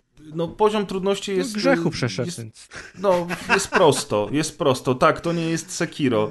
To jest, wiesz, ta walka, ta walka to naprawdę nie jest jakiś duży wyzwanie. Są bossowie, z tymi bossami trzeba się trochę pomęczyć, ale poza tym ta walka nie jest wyzwaniem. Deusz by Masz przeszedł? różnych broni. Myślę, że nawet Deusz by to przeszedł. Takie łatwe? Takie łatwe, tak. Ale Czy to to, jest chyba trochę- jest zaleta w sumie. Że to jest taka gra do chillu. To zazwyczaj się stosuje Co? w tym. To się zazwyczaj stosuje w pejoratywnym określeniu, ale troszeczkę to jest takie, mamo, chcę Midivilla, mamy Midivilla w domu, Midivil w Ale domu. to jest ten lepszy. Tak, tak, to jest Medieval 2020, czyli on całkiem, O. całkiem współczesny Medieval i naprawdę przyjemny. Także y, tak, no, tylko że pytanie brzmi, czy chcecie wydawać stówę na grę, którą przejdziecie w 6 godzin, ale jeżeli macie ochotę taką grę sprezentować na przykład dziecku albo razem z dzieckiem się pobawić, z dziewczyną, która nie gra za często w gry, to, to, to jest dobry tytuł do tego. No widzisz. Kto by pomyślał? Ja bym nie pomyślał. No niestety. A co to jest, Kuli? No dawaj, dawaj, powiedz. No zrób, Co to jest? zrób, to zrób, jest? jakąś przejściówkę. Co to jest? To jest? Zrób jakąś przejściówkę, proszę, dajesz. Ja jedziesz. wiem, Magister był w pierwszym Wiedźminie. Był w Wiedźminie, tak. Mm? No, ale A Solasta? Rymuje się słyszę- z Waldemar Kasta. I, Teraz A jak słyszę, wiadomo, Waldemar Kasta, Waldemar Kasta, I jeszcze z Waldemar Basta. Kasta. Słyszę, Tak jak, robi słyszę, słyszę jak... Brawo, Adek! Brawo! Brawo! Bardzo ładnie, Adek też robi rap u nas. Słyszę, jak googlacie. Ja nie Nie. googlam. Ja czasówkę wpisywałem. Zrobimy tak, ja posłucham, ja Jasne. posłucham, nie, nie, nie, ja posłucham chętnie o czym jest ta gra i dopiero jak już będę miał w głowie obraz tego, o czym mówi Kuldan, to dopiero wtedy zobaczę gameplaye, okej? wtedy. Jedziemy. Okej, w temańkach chcesz się bawić, to wy zobaczcie gameplay, żebyście mogli zadać jakieś pytania w międzyczasie. A więc Solasta, Crown of the Magister, bo chyba tak powinno się nazwać ten tytuł. Jest to gra, która wyszła w Early Accessie i to jest ten rodzaj Early Accessów, który e, z jednej strony jest w miarę spoko, bo ta gra działa bez żadnych problemów. Jest tam już nawet jakiś zalążek kampanii fabularnej, ale z drugiej strony ten zalążek kampanii fabularnej to razie jest tylko zalążek i e, przejście tego wszystkiego, co, co ten tytuł na ten moment oferuje, to jest jakieś, nie wiem, 8-10 godzin, a dodatkowo same w sobie mechaniki na bank będą jeszcze doprecyzowane, bowiem mm, na poprzednim odcinku opowiadałem o Baldur's Gate'cie, który jest grą RPG w starym stylu opartą o tam D&D coś tam. A to dla odmiany jest y, gra RPG oparta o też jakieś tam D&D. Znaczy ja nie, musicie, co co? Pięć, piątka D&D. Tak, ale to chyba nie jest 5E. takie klasyczne D&D, tylko to jest chyba jakieś takie trochę planszów te, takie figurkowate. Ja, ja wybaczcie, ja kompletnie nie ogarniam e, e, tego, czym się różnią od siebie poszczególne licencje, te, te, te e, jak? Mechanikami. Wersje D&D? Nie? Edycje. Nie wiem. Edycje, no właśnie, to to jest oparte o 5.1 mm, D&D i e, czuć to, że to jest D&D, bo nawet jak grałem w to tuż po e, Baldursie, no to też tutaj wiecie, nie magiczny pocisk, czy tam te e, kolory z dłoni, te wszystkie, wszystkie czary, które są, ten system, że czarodzieje mają jedne zdolności, którymi mogą wykorzystywać tak po prostu, ale te takie mocniejsze czary, no to oni muszą pójść spać i przespać całą noc, żeby ich użyć. Tam podział na klasy postaci, na rasy, to to wszystko jest takie klasyczne D&D. Ja cały czas grając w tę grę miałem takie mm, bardzo mocne i intensywne wrażenie, że jakiś czas temu wyszła ta gra, w którą Press grał, którą się nią zachwycał i która miała no w ogóle chyba trzy części czy cztery, której było tak dużo tekstu i też było taktycznym e, e, tym RPG-iem, Jezu, w, w takich cyberpunkowych klimatach. Grzegorz, No jasne, teraz nie mogę Shadowrun. Sha... Shadowrun. Shadowrun, tak, trzy Shadowrun części były. I Shadowrun to była zrobiona gra, która tak naprawdę y, bardzo mocno ot- otworzyła się na świat ludzi grających w RPG, bo tam była masa modów, jakieś kampanie pisane przez spo, społeczność itd., itd. I mam wrażenie, że jeżeli twórcom Solasty Crown of the Magister uda się trochę ten tytuł mocniej promować, nie promować, to to dokładnie może stać się gra, do której ludzie będą po prostu robili sobie swoje własne przygody. Jeżeli tam trafi jakiś, teraz tego nie ma w ale jeżeli trafi tam jakiś sensowny edytor lokacji, taki wiecie, że z klocków sobie budujesz y, planszę, y, to tak naprawdę to będzie mógł być mega fajny, y, wirtualny odpowiednik y, D&D. Bo ta gra ma wszystko to, co jemu pozwoli być. To, to, to jest zupełnie inna klasa niż Baldur's Gate. Bo tak jak mówiłem, w Baldur's jak grałem, to miałem wrażenie, że jestem, spędzam czas z tym tytułem z wysokiej półki, gdzie tam wszystko jest, mimo jeszcze wczesnej wersji, ale to już wiesz, graficznie to wygląda super, postaci, nie postaci i tak dalej. No a w Solaście niestety, ale bohaterowie, no to dla mnie to jest taka rozbudowana wersja PS3. Tutaj mamy E, mod- to pejoratywne określenie, mamy Baldur's Gate'a w domu. Ta, o, No, tak, dokładnie tak. tak. Mamy Baldur's Gate'a w domu i tu właśnie pyk Solasta w domu siedzi. Mm, Oczywiście to... to... Ja już w ogóle wiem, o czym ty mówisz teraz. Totalnie wiem, o co chodzi, nawet nie muszę sprawdzać To jest ta gra, co mi ją chcieliście wcisnąć i Tak, twierdzicie, że ja się tak, będę Maciek lubi No, to takie. nie, Maciek A to... ja tylko na screeny popatrzyłem na filmik i już się nie dałem wrobić. To znaczy, y, co jest najistotniejsze, to ja do tej gry siadłem z takim, y, że taking one for the team, natomiast ten czas, który z nią spędziłem, to było bardzo sympatyczne. 10 minut. Nie, nie, nie, nie. Ja-. Ja bardzo sympatyczne. Wejdę tak- hejtera, ale ja totalnie nie rozumiem, po co ta gra jest. Ta gra wygląda bardzo... Znaczy inaczej, rozumiem po co jest, ale po co ja miałbym w nią grać? Mając do wyboru Divinity, czy, czy Early Access Baldur's Gate'a, czy masę innych gier, to ta gra wygląda bardzo ubogo i z UI wygląda tak, jakby programista sobie je poskładał. Tam żadnych gradientów nie ma, tylko czyste kolory. Nie ma, nie ma. Nawet font, który jest użyty w cutscenach, wygląda tak, że, że to by mogło pójść do gier Focusa. I nie mówię o, o tym z paktofoniki. No właśnie pomyślałem o tym, co skoczył, no. To magik. Czy wiesz, czemu ta gra powstała? Wiem. Ta gra powstała dlatego, Dla że pieniędzy. zebrała, zebrała sensowną ilość pieniędzy na Ale ta Kickstarterze, gra wygląda to w, znaczy... w, każdej, w każdym screenie, w każdym elemencie wygląda jak ubogi brat czegoś. No tak, tak. I Ubrogi blat nie widzę, Baldursa. nie widzę tej jednej rzeczy, dla której ja bym miał akurat zagrać w ten tytuł.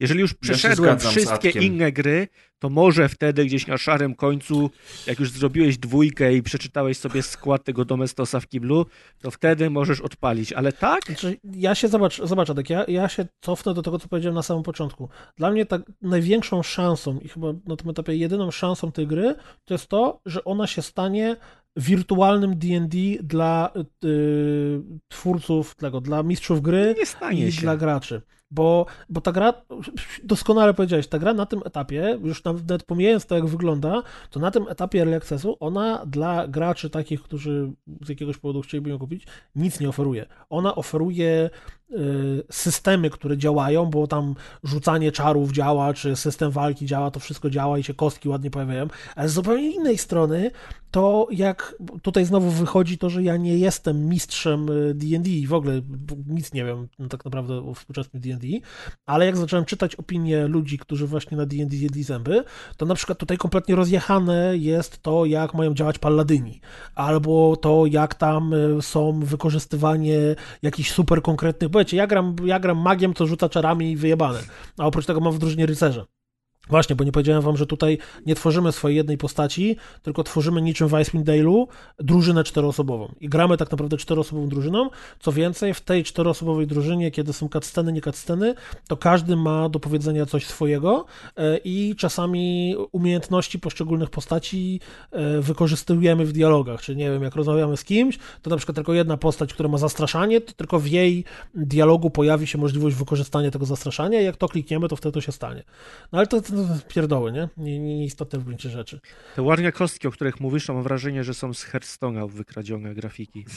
Są y, w menu, możesz sobie ustawić y, w ogóle, Z jak której gry kostki chcesz kraść asety. Tam fabuła, fabuła, która jest w tej kampanii, która tam jest, z- zalążek tej kampanii jest, to jest też takie klasyczne absolutnie ratowanie świata, czyli no tu y, w ogóle to się zaczyna jak z jakiegoś, z jakiejś parodii RPGa. Twoja drużyna siedzi w karczmie i przychodzi do nich facet, który daje im zadanie, autentycznie. Sześć szczurów w piwnicy mam. Ja mam trochę pytanie odnośnie walki, odnośnie do, bo odnośnie to jest rusycyzm. Eee, pozdro Miki. Dlaczego to wygląda jak XCOM w trakcie walki? Z zasłanianiem się, z tarczą, znaczy, no może y, Z- ten z wysokością. D&D 5.1 tak wygląda. Bo mówię, że mi to się kojarzy z jakimś figurkowym systemem D&D, ale ja nie wiem, czy... No tak, ale tu... ja nie kojarzę, czy wcześniej w RPG-ach u- Nie, w RPGach, na ale 100%, czy dawało się tak nie było. czy dawało się, A w jakim stopniu system- jesteś zasłonięty przez E, przeszkodę? Tu jak najbardziej system osłon jest istotny. Tutaj na przykład wyobraź sobie, że bardzo jest istotny system oświetlenia. To znaczy są przeciwnicy, którzy jak na nich świeci światełko, to są e, bardziej wrażliwi na ciosy i na przykład masz czary, które polegają na tym, że nagle jakiś, jakaś część twojego ekwipunku zaczyna świecić i wtedy ten przeciwnik dostaje mocniejsze cięgi. Jest w ogóle cała mechanika tego, że jak się zwiedza mm, e, dungeony, to właśnie musisz mieć zawsze przy sobie, nie wiem, pochodnie albo świeczkę, albo cokolwiek innego. No Co więcej, w grze jeszcze jedzie cały czas y, czas rzeczywisty. Czy cały czas masz, masz zegarek, który, który zapieprza do przodu i taka pochodnia starczy tobie na godzinę czasu gry. Jeżeli w trakcie zwiedzania dungeona postanowisz sobie usiąść i zrobić odpoczynek, żeby się skille twoich postaci zregenerowały, to nagle się okazuje, że ta pochodnia może się wypalić, już jej nie masz dalej, żeby krążyć. Poziom trudności jest taki trochę, yy, no nazwijmy to staroszkolny. Znaczy, ta gra nie jest bardzo trudna, ale jeżeli chcesz w nią grać tak totalnie na pałę, to najprawdopodobniej zginiesz na, w, w pierwszym ataku bandytów, którzy cię, cię, cię zaatakują w trakcie podróży po mapie. Nie? No, Ja powiem to tak. jest tak. Mhm. Ja powiem tak, y, na obronę teraz, bo ja zgadzam się z Atkiem patrząc na to, że to wygląda dosyć generycznie i takich gier jest dużo, więc w sumie czemu miałbym grać w to? Zwłaszcza jeżeli mówimy o wersji Early Access. Natomiast poczytałem trochę recenzji ludzi na Steamie i dyskusji na temat tej gry. Obserwuję teraz y, troszeczkę więcej tych gameplay. W ogóle na screenshotach to wyglądało dużo mniej em, interesująco niż wygląda w ruchu. Nie To no, trzeba zobacz, jak przyznać. wyglądają twarze postaci. No, Nie, oczywiście jest to jest, jest bieda, jest bieda, ale, ale inaczej. Dużo ludzi pisze o tym, że to jest rzeczywiście bardzo dobre odwzorowanie zasad tabletop, że to jest bardzo dobry RPG w klimatach D&D. Ludzie, którzy siedzą w tego typu grach, którzy grają tylko w tego typu gry, czyli to są tacy nasi ciastec ciasteczkowcy z piwnicy z, z mlekiem od mamusi, tylko że oni nie grają w Insurgency, tylko oni grają w takie właśnie e, RPG, w związku z czym widać, że to są ludzie, którzy na tym się znają. I oni wszyscy tę grę chwalą do tego stopnia, że wielu z nich wybrało tę grę zamiast Baldur's Gate'a trzeciego, a to o czymś świadczy, więc Ale wiesz, wydaje mi się, że... nie? Serious Sam też miał dobre. Masz rację. Sirius sam też miał faktycznie bardzo dobre e, oceny. Tutaj, tutaj punkt dla, dla ciebie, Adek, ale, ale wydaje mi się, że na tym etapie po prostu musimy poczekać i zobaczyć, co z tego wyjdzie, i wtedy jeszcze raz zobaczyć, co powiedzą o tym e, ludzie, i wtedy znowu Adrian powiesz, że wiesz jakieś z komentarzami i zamkniemy temat. No. Nie, no według mnie ta gra wizualnie musi przejść cały redesign, bo teraz wygląda nijako. Znaczy, wiesz, W ogóle nie to ma jest swojego tylko- stylu. Jak tą grę się odpala, to, to jest early access jakiś typu 0,025, czy wiesz, więc to w ogóle jest wydane w ramach super early Nie accessu. powinno i działać w ogóle jeszcze. Nie wiem, czy to wyszło dlatego, że oni liczą na... O 0,27, przepraszam. I czy to wyszło dlatego, że oni liczą na to, że zbiorą jeszcze trochę kasy i będą sobie dalej no to spokojnie, spokojnie nad tym dłubać, czy... No 106 zł to kosztuje teraz. 125 no, Znaczy bazowo, ja na tym etapie, szczerze mówiąc, nikogo bym nie, nie polecał do kupowania Solasty, natomiast jeżeli ktoś jest jakimś wyjątkowo gigantycznym fanem D&D, bo wiesz, tak z zupełnie innej strony... zagra na rolu. No ale poczekaj chwilę, ale zobacz, tak naprawdę gier wideo, które są klasycznymi D&D, to wcale nie ma tak dużo. Nie, Ale tak, o, tam co to świat mówiąc fantazji D&D, zasraniowego. masz na myśli konkretnie te zasady, tak? Tak, mam na myśli konkretnie te zasady i konkretnie ten świat, te potwory i całą resztę. To ja nie wiem, która gra jest na czym, bo nigdy aż tak w te systemy nie, nie patrzyłem. A to D&D to jest jednak najbardziej popularny chyba system, ten taki fantazy pierdół. Znaczy, to jest popularnie, bo po prostu był, no. No Dlatego tak, jest tak, popularny jest i, i był od dawna, ale jak ostatnio ten Pathfinder wyszedł, który też się okazało, że to jest jakiś super znany system. No bo to, to- też jest, on się wywodzi z D&D. Tak, ale to też nie można było narzekać na to, jaki to jest, jak w to się gra, a przynajmniej miało swój styl. I już wolałbym zagrać tego Path- Pathfindera niż, niż w Solastę. Mm. No, znaczy, mówię, po raz... w- Swoją drogą sprawdziłem samego- sobie i ma 15 tysięcy pozytywnych recenzji. Pathfinder. Solasta Nie, czy Pathfinder. Pathfinder? Pathfinder. Solasta ma 800, z tego co widzę. Yy, Ja tutaj wrócę do samego początku, czyli jeżeli ta gra będzie przez twórców dalej rozwijana i pojawią się jakoś sensownie działające narzędzia modujące, tak żeby twórcy inni mogli sobie w tym siedzieć, dłubać, robić swoje przygody i tam wiesz, wszystko projektować, to wydaje mi się, że ta gra ma duży, dużą szansę na sukces właśnie ze względu na to, że jest masa ludzi, którzy tego typu jakby to powiedzieć, wirtualnych odpowiedników y, z klasycznych systemów szukają. Niech Natomiast Neverwintera to- sobie pograją. I tam tworzą. W ogóle tych Neverwinterów to też jest tam jak, jak mrówków chyba, No, nie? Tak, i to też jest, też jest- D&D. Tak. do którego ciągle jakieś tam update'y w ogóle wychodzą, jakieś dodatki, coś tam. Natomiast jeżeli ktoś szuka jakiejś ciekawej gry RPG z interesującą fabułą, to, to nie, nie powinien. Ale wspomniałem o tym Neverwinterze, bo Neverwinter słynął z tego, że miał ten swój, swój zestaw tuli do tworzenia przygód. no, I tam też społeczność Modów. dość prężnie działała. tak. No to ładnie, żeście opowiedzieli. No ładnie. No, Nie ma foki polecenia niestety. Ale tak jak, jak wcześniej Press pytał, jak się nazywała ta gra, to się odsłania dwie karty i, i zapomniał o tym, to wydaje mi się, że dlatego, że dostał ataku amnezji. Jezu, nie. O Boże. Czekasz, jesteś z nami, czy coś cię zjadło? Jestem z wami, jeszcze mnie nic nie zjadło, mam nadzieję. No to że dawaj nie o tym. Quake'u. Cię nic nie zjadło. Nie, to teraz nie ma Quake'a chyba, teraz jest amnezja. Quake będzie na koniec, bo Quake Czyli nie słuchałeś. Wuja! Interwencja! Ja robiłem kabelki w tym czasie. No dobra, dzieci śmieci. Amnesia Rebirth, czyli kolejna gra od Frictional Games. Ja A pierwszą amnizję Jeden y, rodzaj zielska, nie ma takiej nazwy jak amnizja? Nie mam pojęcia. Mówię ci, że ja palę pewnie? raz do roku. Tak się znam. Tak, E, jest. Słuchajcie, jest to może załatwisz, jak wiesz, takie rzeczy wiesz. Wpisałem w internecie, więc No to cała Jasne, chyba nie było najmądrzejsze, co zrobiłem. Już jadą, już jadą. Łeło, Słyszysz te wrzawy za oknem? sły- No właśnie. Słyszę oddech na karku. O, to ja też słyszę. Mają nas wszystkich. I tak jak tak staniesz w drzwiach, wyciągniesz siusiaka i powiesz y, ten, cytując Al Pacino, powiesz Say hello to my little friend! Będziesz do nich strzelał. No. Taka gangsterka na nasze polskie realia. Okej, kochani. Oczywiście to był żartek. Adrian ma wielkiego pindola, wiem, bo widziałem. Panie. Co? Co? I panowie, przygotujcie się. Nie, mi nie chodziło o kobiety teraz, tylko mówiłem do presa. Jasne. To było, to było takie, wiesz... Ale było wielkiego na- pidola. Panie! Wszystkie No właśnie, to było, to było w nawiązaniu do, do, do dzisiejszej rozmowy o Wiedźminie. Adek po prostu w klimacie podkreślił wielkość tego pindola. Panie! No, tak, Tak, to, o tak to mi było. chodziło. Tak, no oczywiście, ja wiem, ja wiem. Ja czytam książki, nie wiem jak Maciek, ale ja zrozumiałem. Bum! Dobra, Kuldan, pilnuj tej czasówki, żeby te głupoty Nie, miały zostaw tak jak jest, bo wtedy bo łatwiej to oddycha wpisać. dobrze, niech on oddycha. To nie oddychamy. My wtedy wiemy, że on żyje.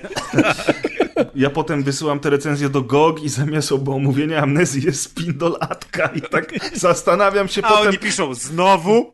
czemu oni nam dalej te gry wysyłają, wiesz. No, słuchajcie, Amnesia. Y, Wszyscy znamy ten tytuł, 10 lat już ma seria.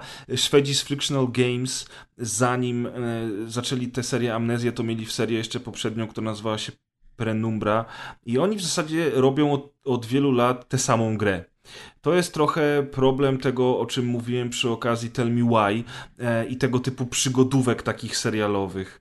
No i niestety Frictional Games y, robi też ten motyw, że oni zbyt tych swoich gier nie rozwijają, chociaż oczywiście jak poczytacie sobie recenzji Nowej Amnizji, to dowiecie się z nich, że system zagadek jest bardziej rozbudowany niż do tej pory. Wow, kurwa, 10 lat minęło od pierwszej gry, trudno, żeby był taki sam. Natomiast... E, Natomiast jest coś w tych ich grach takiego, takiego magicznego, że mimo wszystko, mimo tego, że one są straszne, to mnie do nich ciągnie. Ja pierwszej amnizji nie przeszedłem do końca nigdy, y, bo była zbyt straszna. Ona była tak przerażająca, że ja grałem godzinę dziennie za dnia, a i tak nie byłem w stanie więcej no i w pewnym momencie w pewnym uznałem po prostu, że, że to jest zbyt dla mnie stresujące i odpuściłem. Resztę sobie przypomnę, znaczy resztę fabuły poznałem teraz na YouTubie w ramach przygotowania przed, przed Rebirth. Mm, a potem była Soma. I Somę, pamiętacie, to też, był, to też była w ogóle jedna z moich pierwszych pisanych recenzji na, na stronie rozgrywki i to była jedna z najlepszych gier, w jakie ja chyba w życiu grałem. Soma była wybitną grą, która mimo tego, że była przygodówką tego typu taką chodzoną, to takim walking symulatorem, czy tą przygodówką środowiskową, tak jak Tomek Pieniak y, ma w zwyczaju to nazywać, on zresztą ukuł ten termin, pozdrawiamy Tomka, e, ale mimo tego była po prostu świetną historią science fiction i horrorem, y, która, która po prostu mnie oczarowała, mimo tego, że była straszna momentami, nawet bardzo straszna, to przy tym całość i, i, i, i zawsze będę powtarzał, że Soma to jest coś niesamowitego. No i dlatego sięgnąłem po tą amnizję, bo, bo bałem się trochę, że to będzie zbyt straszne dla mnie, ale po Somie strasznie chciałem zobaczyć, jak wygląda kolejna gra y, ludzi z tych, tych z Frictional Games. I po pierwsze ta amnizja, Kuldan, przestań pisać, jak ja opowiadam. To są ważne rzeczy. Ja, ja jestem notuję, zadufany ja robię, w sobie, ja proszę robię, mnie słuchać teraz. To, ja robię, no, ja robię, notuję, notuje, nie grać w to, nie grać w to, nie grać w to, nie grać w to. Y, amnizja Rebirth jest dużo mniej straszna niż oryginalna amnizja. W międzyczasie w ogóle jeszcze była amnizja Machine for Pigs, która była zrobiona przez Chinese Room, czyli przez inne studio i która jest jakby częścią tego kanonu. Ona się fabularnie nawet w jakiś tam sposób łączy z jedynką. No i ta, y, teraz mamy tę trójeczkę, yy, która też jakby dzieje się w tym samym świecie, dzieje się 100 lat po pierwszej części i w jakiś tam sposób łączy się z, z tymi wszystkimi realiami. Ona mi się podoba dlatego, że jest tutaj dużo vibe'ów oczywiście Lovecraftowskich i też Poego. Y, głównym przeciwnikiem, który będzie nam tutaj biegał w ciemności i będzie nas straszył, tym razem są gule. Gule z takich właśnie afrykańskich y, i nie tylko legend. Y, gule, które opisywał właśnie Po, które w zasadzie też działy się w takich miejscach, w jakich dzieje się ta gra, bo Amnizja dzieje się w Algierii, nie bez przyczyny. Główny bohater pierwszej Amnizji był w Algierii. I tam zapoczątkowała się cała fabuła jedynki, a tutaj 100 lat później e, pewna francuska pani badacz rozbija się samolotem razem ze swoją ekipą właśnie na pustyni w Algierii e, i będzie przemierzać różne jaskinie oraz francuski fort i nie tylko, w których będzie odkrywać te historie przed nami, a my będziemy próbować rozwiązywać proste zagadki środowiskowe i będziemy próbować nie umrzeć ze strachu. E, tylko, że problem polega na tym, że mamy 2020 rok, a to jest znowu taka sama gra, w której dużo chodzimy, czytamy dużo notatek, które są, dzieją się na dwóch różnych płaszczyznach, bo jest na trzech w zasadzie płaszczyznach, bo jest historia naszej ekipy, która się rozbiła, jest historia ekspedycji, która była tu przed nami, jest jeszcze historia francuskich legionistów, którzy tutaj też wylądowali w jakimś tam czasie, więc my musimy sobie to wszystko uzbierać do kupy. Mm, generalnie rzecz biorąc, musimy mm, też jakby ogarniać, kto jest kim, a ciężko ogarniać, kto jest kim, bo zbieramy jakieś paszporty, jakieś notatki na temat ludzi, mamy jakieś krótkie przerywniki, podczas których widzimy jakieś wydarzenia z przeszłości i generalnie rzecz biorąc, ta warstwa fabularna jest znowu podana w taki dosyć leniwy sposób, a szkoda, bo, bo te amnizje mimo wszystko mają dosyć ciekawe te swoje opowieści i całkiem rozbudowane lore. Natomiast klimat jest, jest ten, to irytujące unikanie ciemności, y, szukanie zapałek, których zawsze brakuje, szukanie paliwa do lampy, którego zawsze brakuje i, i próbowanie poradzić sobie w tej beznadziejnej sytuacji w otoczeniu potworów i ciemności. Więc jeżeli ktoś lubi takie klimaty i nie przeszkadza mu to, że tutaj w żaden sposób znowu nie da się walczyć, nie da się w jakiś w żaden sposób Ale bronić. co to byś chciał... Pamiętasz, że graliśmy w Ktulu? Co się robi, jak przychodzą potwory? Się spierdala! To czemu ty chcesz to? Przychodzi tutaj... potwór w, w, ten, w amnezję, ty byś chciał mu... Nie, to, to jest, wiesz, to jest gra prawdziwa, przedstawiająca, jak człowiek reaguje. Tak, y, ciekawostka jest taka, że w tej grze, z tego co ja zauważyłem do tej pory, nie da się zginąć. Nie da się zginąć, się bo dzieje, potwór do- do- do- jak potwór cię złapie, to ty mdlejesz, a potem budzisz się w jakiejś lokacji. Mm, Raz jak spadłem w ogóle i to było wyreżyserowane, ona sobie chyba rozbiła głowę, ta pani, i coś tam zaczęło się w tej ciemności poruszać, po czym obudziłem się w innym miejscu zupełnie tej jaskini. Za drugim razem, jak faktycznie gul mnie dorwał, a specjalnie dałem się złapać, oczywiście, że specjalnie, przecież by mnie nie złapał normalnie, mm, to, to okazało się, że ona zemdlała i obudziła się jakby kawałek wcześniej. I tam ym, ocknęła się i idzie znowu, więc jakby ten gul już drugi raz w ogóle mnie nie zaatakował w tym miejscu, bo go już nie było. Tylko, że ja wiem, czemu to jest tak zrobione, moi drodzy. To jest bardzo ważne, że tutaj nie da się zginąć tą panią. Więc tak naprawdę mamy quick load, gra nas cofa kawałek wcześniej do korytarza, który przemierzaliśmy chwilę wcześniej, ale nie powoduje naszej śmierci. Nasza główna bohaterka jest w ciąży. I my możemy, my możemy dosłownie ten swój brzuszek pogłaskać. Taka Mówić do tego gra dziecka. trochę y, o sprawie bieżącej trochę. Po- Powiem ci więcej, ta nasza bohaterka zastanawia się bardzo często, czy to jest chłopiec, czy dziewczynka, e, bo zastanawia się nad tym, czy jeżeli to dziecko urodzi się bez mózgu, to czy ktoś ją zmusi do rodzenia tego dziecka, w związku z czym historia tej fabuły, będę teraz spoilerował, jest o tym, że główna bohaterka Amnizji spierdoliła do Algierii z Polski. What? Tu, tu, ru. Tak jest. Także tyle, jeżeli chodzi o amnizję. Jeżeli znacie i lubicie te klimaty, to na pewno się grą zainteresujecie. Pocieszające jest to, że ona nie jest tak straszliwa jak pierwsza amnizja, czy tak straszna jak obecna sytuacja w Polsce, więc nawet Czy to jeżeli jest jesteście trochę, pocieszające? że nie jest aż tak... Aha, no tak, jeżeli by spojrzeć na to w tę stronę, to masz rację. Znaczy nie, masz no, ale rację. nie, teraz akurat nie nawiązałem do tego, tylko do tego, że to jest jednak horror. Czy on nie powinien być przerażający? Znaczy, wiesz, wiesz co? Ja w niego gram po ciemku, na słuchawkach z zapaloną lampką nocną. Takie ma jaja pan Grzegorz, wiem, widzicie? ale to- Takie to- ma jaja pan Grzegorz. W porównaniu, w porównaniu do Moi tego... panie. No, no kurwa, mówiłem, że duży panie. przecież. W porównaniu do tego, jak grałem w jedynkę za dnia się bojąc, to rzeczywiście to jest mniej straszne, ale każdy z was trzech, gdyby do tej gry usiadł, to by podejrzewam Ja bardzo nie szybko siadam do tej zrezygnował. gry, już wiem. Bardzo szybko by z tej gry zrezygnował, wiesz.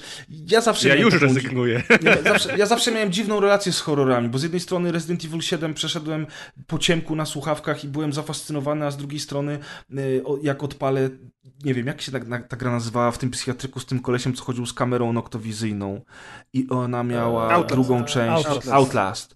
To nie byłem w stanie w to grać, tak mnie to Outlast. przerażało. A, dru, a dru, tak, Outlast? Outlast. A drugi Ja wiem. Outlast grałem, a drugi Outlast grałem i bawiłem się świetnie. Albo The Evil Within 1, 2 to są oczywiście bardziej gry akcji, przy których po prostu pucha sama mi się cieszy, ale już na przykład y, z Silent Hillem to różnie bywa, bo jak Wymieniasz odpaliłem... teraz wszystkie horrory, w jakie grałeś? Nie, nie. Jak odpaliłem PT, to demo, to po prostu A nie byłem w stanie w nie grać. A to Resident Evil lubię, takie, polecam. na K, jak to się nazywało? Czy nie było polskie? Layers Polskie of to było Layers dwie, of Fear. dwie części. Nie, I na Observer. K. I Observer właśnie. Na? K. Nie, Jezu. Na K to tylko jeden wyraz mi się... Kolat, przeszedłem kolat. Kolat, Kolat, nie był o. taki O, straszny. Coca-Cola. Ja w Kolata dałem radę zagrać, bo tam narratorem był Sean Bean, więc ja byłem po prostu ucieszony. Kolat nie był taki straszny, miał swoje Kolat to był, Silent ja grałem w kolata z penisem Grałem Silent więc- Hill i właśnie Silent Jak? Hille są dla mnie bardzo straszne. No bardzo straszne są dla mnie. Chociaż grałem dużo w The Room i, i przeszedłem całego Silent Hilla, tego, który był po The Room, tego, który tak troszeczkę nie był zbyt ciepło przyjęty. nie? Downpour był jeszcze- później. Po The Room, a przed Downpour był? Shattered, nie, Shattered to był, to był ten na... Ten Shattered To Memories to było nie? na Wii, tak. A był taki o tym ziomku, co w tej kurce wojskowej chodził. On wraca do swojego miasta. No to, To, to Homecoming się bardzo... jeszcze jest jakiś. Homecoming, dokładnie. I tego przeszedłem, ale on już był troszeczkę inny. A No, Soma? Różnie bywa z tymi horrorami. No Soma przecież jest cudowna. Dobrze o tym wiesz. Wiem, że teraz, teraz y, żartujesz oczywiście. Soma Nie, no pytam cudowna. poważnie, no, jak ci się podobała. No, bo, No przecież No, kocham Somę, przecież 10 mówiłem o. Somie. Ale to już mówiłem, że mnie nie było. Żebyś mógł powtórzyć. O czym ty mówisz w ogóle, człowieku? Władek nie wie. Poszedł na kanapkę, no. Adrian, to jak sobie odpalisz y, na stronie rozgrywki, jest zawsze rozpiska i tam w rozpisce są Kiedy- czasówki. Kiedy w ogóle, kiedy w ogóle Kuldan przestał o Solaście opowiadać? Bo... Albo o survivaliście. Ta, tak, tak, tak. I w Czyli podobała ci się sama. Tak, bardzo. A Resident Evil? Adrian, powiem ci, Adrian, powiem ci więcej. Soma była jedną z pierwszych gier, do których napisałem recenzję pisaną na stronie rozgrywkapodcast.pl. Wyobraź to I sobie. teraz my to musimy drugi raz słuchać przez ciebie. Tak jest, tak. Dzięki, Ale Adek. może ostatni. Dzięki. Wątpię. No, na pewno. Jeszcze raz, nie, jeszcze nie raz usłyszycie o Somie. Y, tak, Amnizja jest, jest okej. Ta Amnizja jest naprawdę okej, ale... A to drugiej ze świniami amnezja. Ty trolu. Czy już też mówiłeś? Też mówiłem, też mówiłem. Ale może jest jeszcze jakiś horror. O, nie, nie mówiłem nic o Alone in the Dark. Może A zapytaj. Adriana, jak widać. Adriana teraz horrory bardzo interesują. On czyta, jak się do horroru przy, przystosować, wiesz o co chodzi. Nie, był taki na DS-ie straszny horror. Ach, Mario? Każda nie, gra w 10 Kas, klatkach. Kas by wiedział. Taki naprawdę hardkorowy. Te, A te, coś tam robieniu zdjęć? Siren? Teraz Siren? Tam na robieniu zdjęć? Nie, nie wiem o czym był, bo nie grałem. W jednej z pierwszych scen e, głównie zły ciągnie ciało. A, e, Scissors. E, Rock and Paper. Co? Wygrałem. nie, Ojej. tam była taka wieża i tam się coś z czasem działo. Tak, Clock Tower. Clock Tower, Clock Tower. Każdy to Możemy tak sobie teraz wymyślać. Wymyślmy sobie jakieś hor- horrory na przykład. Polska Clock Tower było na 2020. SNESa z 95. Horrorus. Horrorów wieżus. Life in Poland też może być na przykład. Dual screen horror game. No, Clock Tower pewnie. Chociaż Clock Tower to było na PlayStation akurat. Nie, bo mi się to kojarzy jakoś tak po japońsku i to też robił jeden z tych... Naruto Samong-san. Nie chciałem być Nani? rasistą. Nie chciałeś. Demen- Dementium. O tą grę mi chodziło. Dementium? To w ogóle, w ogóle nie kojarzę. Jest strasznie dużo tych horrorów. W ogóle, a ile indyków horrorów powstaje, takich właśnie Jezus, japońskich. a to wiesz, jakie życie indyka to jest horror? No. Ja tą czkawkę już będę mieć do końca życia. no, te indyki to mają przesrane. Myślą o niedzieli, a w sobotę im łby. Zawsze jak się mnie będzie ktoś pytać, skąd masz tą czkawkę, to będę mówić, panie! Kuldan, jesteś tam z nami? Tak, ja was słucham. Ja, Ja mam takie zapytanie do ciebie, jak już jesteśmy przy horrorach. Ale to Dementium warto zobaczyć screeny, faktycznie Tak, horror. Jest, był horror, naprawdę. Wysyłam na, na czacie. na Nie wysyła. Już patrzę. Maciek, uspokój się. Maciek się zadławił. Słuchaj, Kuldan, ja mam takie pytanie O, a propos wow. horrorów. A ja zaraz O, wow! muszę opowiadać o Quake'a. A jakby No właśnie, weź się napij do ust teraz i zrobił to, się zaśnie. Kuli, zupełnie na poważnie mam teraz pytanie, niech oni tam sobie porozmawiają o pindolkach, a ja się ciebie chciałem zapytać, czy ty jakiś horror, grę horror przeszedłeś kiedyś tak od deski do deski samemu? Kurwa, więcej od ciebie. Więcej o ciebie Ty gnoju! Bo ja kończę gry przynajmniej. A w co my grałeś? Kurwa, więcej od ciebie. Bo ja kończę gry, wiesz, to dlatego ja przyszedłem. No ale serio, no serio No, się ostatni, pytałem, ostatni horror, jaki przyszedłem, to było to, co graliśmy, y, opowiadaliśmy zresztą o rozgrywce w zeszłym roku chyba, czyli Man of Medan z horrorów. Z, z PS4 generacji to jeszcze był ten Until Dawn z wyskakującym. Chciałem powiedzieć, że Kuldan prowadzi w Rzeczpospolitej Polskiej działalność gospodarczą. To kurwa horrora. To jest właśnie, właśnie every day is a horror. Bez kitu. E, Nie, no wiesz co, ja, ja po prostu nie znajduję przyjemności w takich grach, które e, są mm, takie na przykład Outlasty, czy tam jakieś te e, survival horrory, to te gry po prostu mnie nie bawią, więc ja w nie nie gram.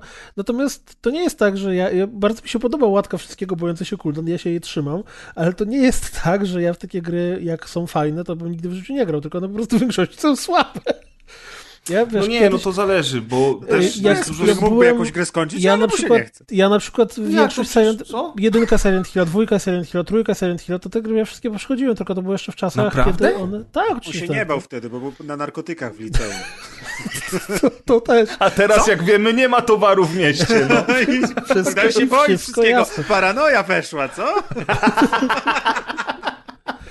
Y, troszeczkę, nie? Y, więc y, wiesz, to ja po prostu w te gry nie gram, bo nie sprawiają mi frajdy. Dokładnie tak samo jak nie gram teraz w słabe shootery boomerów. O nie, zaczynamy tego tematu, stary, naprawdę nie zaczynamy, bo wyjdę na ulicę i wiesz, co ci powiem, nie? Słuchajcie, dobra, okej, Kuldan, nie wiedziałem nawet, że grałeś w takie gry, bo ty zazwyczaj, jak nie nagrywasz tego na żywo dla 20 tysięcy ludzi, to mówisz prawdę, czyli stary, nie zagram, bo się boję, a nie, no to nie są gry dla mnie, ale okej, nie, nie, spoko. nie, znaczy ja w tej, nie, znaczy powiem tak, ja w wiele tych gier, no, no, ja otwarcie bardzo często piszę na, w codzienniku o tym, jak jest, na przykład w te Little Nightmares nie ma bata, żebym zagrał kiedykolwiek, bo one są To creepy wcale as nie jest fuck. straszne, tylko creepy, No. no.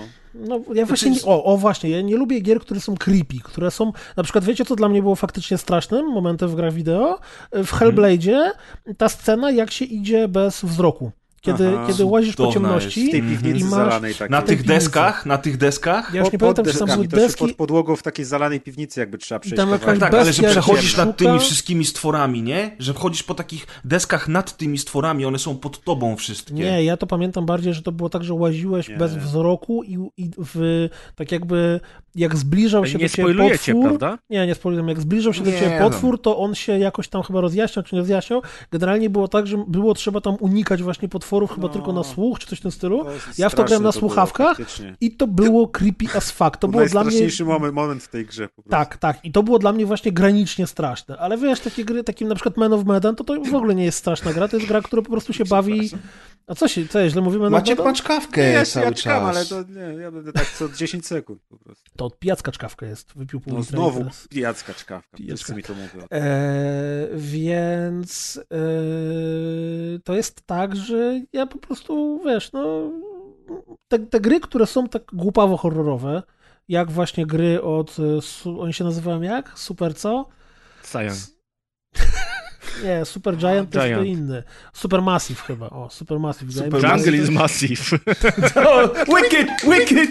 Jungle is massive! Incredible! Wszyscy mamy pół mózgu, to byś to razem mamy ładnie. pół mózgu. Zresztą, żeby daleko nie szukać, to na dniach wychodzi Dark Pictures Little Hope, Tak, e, wychodzi które 30. pewnie będę grał, bo, bo ja tego typu horrorowate klimaty lubię. Nie wiem, wiesz od pewnego bo- czasu zacząłem znowu horrory filmy oglądać, bo znowu zaczynają mnie bawić. Natomiast y, na przykład y, widzisz, mi w grach horrorowatych y, tak jak na przykład te, te, ta dwu- dwuczęściowa, którą ty bardzo lubisz, gdzie tam jest połączenie skradanki ze strzelaninką, japońska gra od... The Evil Within. The Evil Within, to mnie tam na przykład irytuje to, że tak naprawdę cały e, ciężar gatunkowy jest położony na tym, że ty tam po prostu musisz za wszelką cenę się srać z tymi potworami. I wiesz, jo, u, tu do cię chodzi jakiś typ, który ma skrzynkę zamiast głowy i ani to tak naprawdę nie jest straszne, ani to tak naprawdę Jezu, nie jest... jedynka jest super straszna. Ja srałem po gaciach. No i o, może ja po prostu nie lubię gatunku survival horroru, bo ten Resident, Możliwe. na którego ty się zachwycałeś nim, to też kompletnie mnie ta gra nie interesuje. Ale siódemka? Czy który? Ani siódemka, ani remaster dwójki. Ja tam w ogóle jestem opowiadałeś, jak popierdolony, ja wszystkie wyłażą. lubię. No. To wiesz, Natomiast, ale wiesz, co mnie y, zastanawia?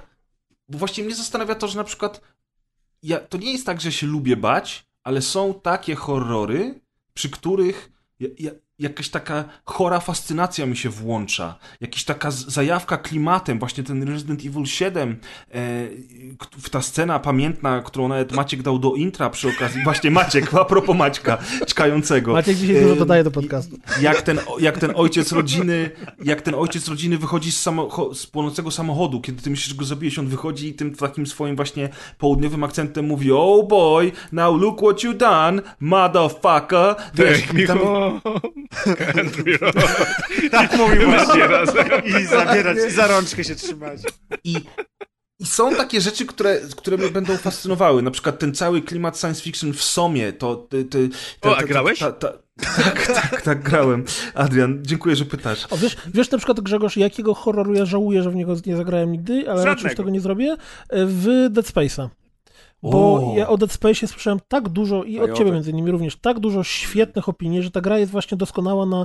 To, jest nie jest tylko dobry już. horror, ale to jest też na wielu Mhm. poziomach bardzo dobra gra. I na przykład tego Tak. żałuję, że nigdy w to nie zagrałem, nie? Ale teraz na bank myślę, nie wiem, no na Xboxie Series X, które mi odpalią w 75K i w ogóle z wyjebaną grafiką, to być może, ale pewnie nie, wie. To znaczy, Natomiast- wiesz co, ona się podobno, ja nie grałem w nią od dawna, y, wróciłem jakiś czas temu do trójki, już miałem wrażenie, że trójeczka się niestety troszeczkę postarzała gameplayowo, ale słyszałem, że, że jedynka dalej się broni y, mimo wszystko, mimo tych lat na karku. Może faktycznie na tym Xboxie, jak będziesz miał tam O, dopieszczoną e, grafikę. na przykład w, w The Last of Us dwójce, te momenty, które były horrorowe, te momenty, które dalej No. pamiętam, jak stalkerzy cię tam, wiesz, zapada zmrok, ty jesteś w tym, w tym wieżowcu i oni tam popierdalają sobie po kątach pomieszczenia. A przynajmniej i masz strzelbę. Masz strzelbę i to jest właśnie, to jest ten rodzaj horroru, który dla mnie jest spoko, jak trwa, nie wiem, 5-10 minut. Ale jeżeli y, to byłoby rozciągnięte na całą grę, która trwa 15-20 godzin, to to jest po prostu No, no. świecie dla mnie nudne. No. Bo y, Until Dawn był Męczące już dosyć. świetnym przykładem gry, która pięknie pokazuje, korzystając z takich klasycznych, horrorowatych y, to, topos, tak? To się tak ładnie mówi? Wiecie, tych takich Tropów. O, tropów, o dziękuję, lepsze, lepsze określenie. Klasycznych horrorowatych tropów, gdzie mieliśmy tam wszystko po kolei i ta gra przez pierwszą połowę wrzuca tobie masę jumpscarów, buduje klimat i grozę i autentycznie ty jesteś tam trochę zesrany. Jak Maciek z Atkiem razem grali, trzymając się za ręce z kutasami na kolanach, to najbardziej O, byli. ola, ola, ola. Panie! Nie, nie trzymaliśmy się za ręce. I jak ten shop czy tam opos wyskoczył z szafki, to było o ja pierdolę. Natomiast ta gra w połowie następuje to takie, wiesz, przekroczenie tego, tej, tej, tej takiej rosnącej fali i od połowy ta gra w ogóle nie jest straszna, bo ciągle biegają jakieś potworusy, ty do nich strzelasz, uciekasz przed nimi, to, tamto i gra kompletnie przestaje być straszna, a staje się śmiesznym slasherem tak naprawdę. Okej, Tylko- wiesz co, No, no, no. mów, Nie, bo ja się zastanawiam po prostu, ile, ile, ile, w, tym jest, ile w tym jest, wiesz, tej nudy dla ciebie, że to jest dla ciebie męczące, a ile w tym jest tego strachu też, bo wiecie, Znaczy, widzisz, na przykład bo Dead Space. Dead, bo Dead Space jest bardzo straszny, to jest straszna gra i ja nie wiem, czy, czy, czy na przykład tobie, bo to nie tylko do ciebie jest pytanie, mam nadzieję, że Maciek z Adkiem też się wypowiedzą dzisiaj na ten temat, skoro mamy klimaty Halloween e, i koszmar w kraju. Mam nadzieję, że generalnie rzecz biorąc, o, zaraz chłopaki dodadzą od siebie co nieco, ale, ale właśnie wiesz, czy ty pytanie brzmi, ja, bo ja na przykład nie wiem, co u mnie, co u mnie powoduje, że niektóre gry są dla mnie zbyt straszne i ja nie jestem w stanie w nie grać. Jak Outlast 1 czy Amnesia 1, a z innej strony są gry typu Resident Evil 7 czy Outlast 2 nawet, czy właśnie jakiś taki Dead Space, które mnie totalnie wchłaniają i mi się podoba to, że ja się boję. straszne? Nie wiem, nie umiem tego Znaczy, nie, no, jaka, gra, jaka gra jest dla ciebie tak Pierwsza? Amnezja, pierwszy No, Outlast. No bo tam były bardzo długie loadingi. I jak jest loading i ekran jest czarny i widzisz swoje odbicie w monitorze, no to wtedy jesteś tak przerażony tym, że nie chcesz się w to grać dalej. Drugi raz ci pojechał. Czemu drugi? No cóż, Dopiero? Nie, niemożliwe. Nie, a tak mówiąc serio, to widzisz, no to, to trochę tak jak ty masz te gry, które są horrorowate i to byś to... Mi się, ja lubię w grach strasznych, creepy, jakkolwiek to nazwać, tą taką niewypowiedzianą atmosferę grozy. Bo y, Until Dawn, do momentu, w który tam już się dzieje, wiesz, absurdalnie, to przez długi moment jest właśnie takim dyskretnym, delikatnym budowaniem tego klimatu, że masz lekką gęsią skórkę. A w momencie, w Tak. którym potem, wiesz, bo, bo, bo, bo na tym polega i właśnie o Hellblade, ta scena, która była maksymalnie straszna dla mnie w Hellblade'zie, to tak naprawdę tam się nic strasznego nie działo.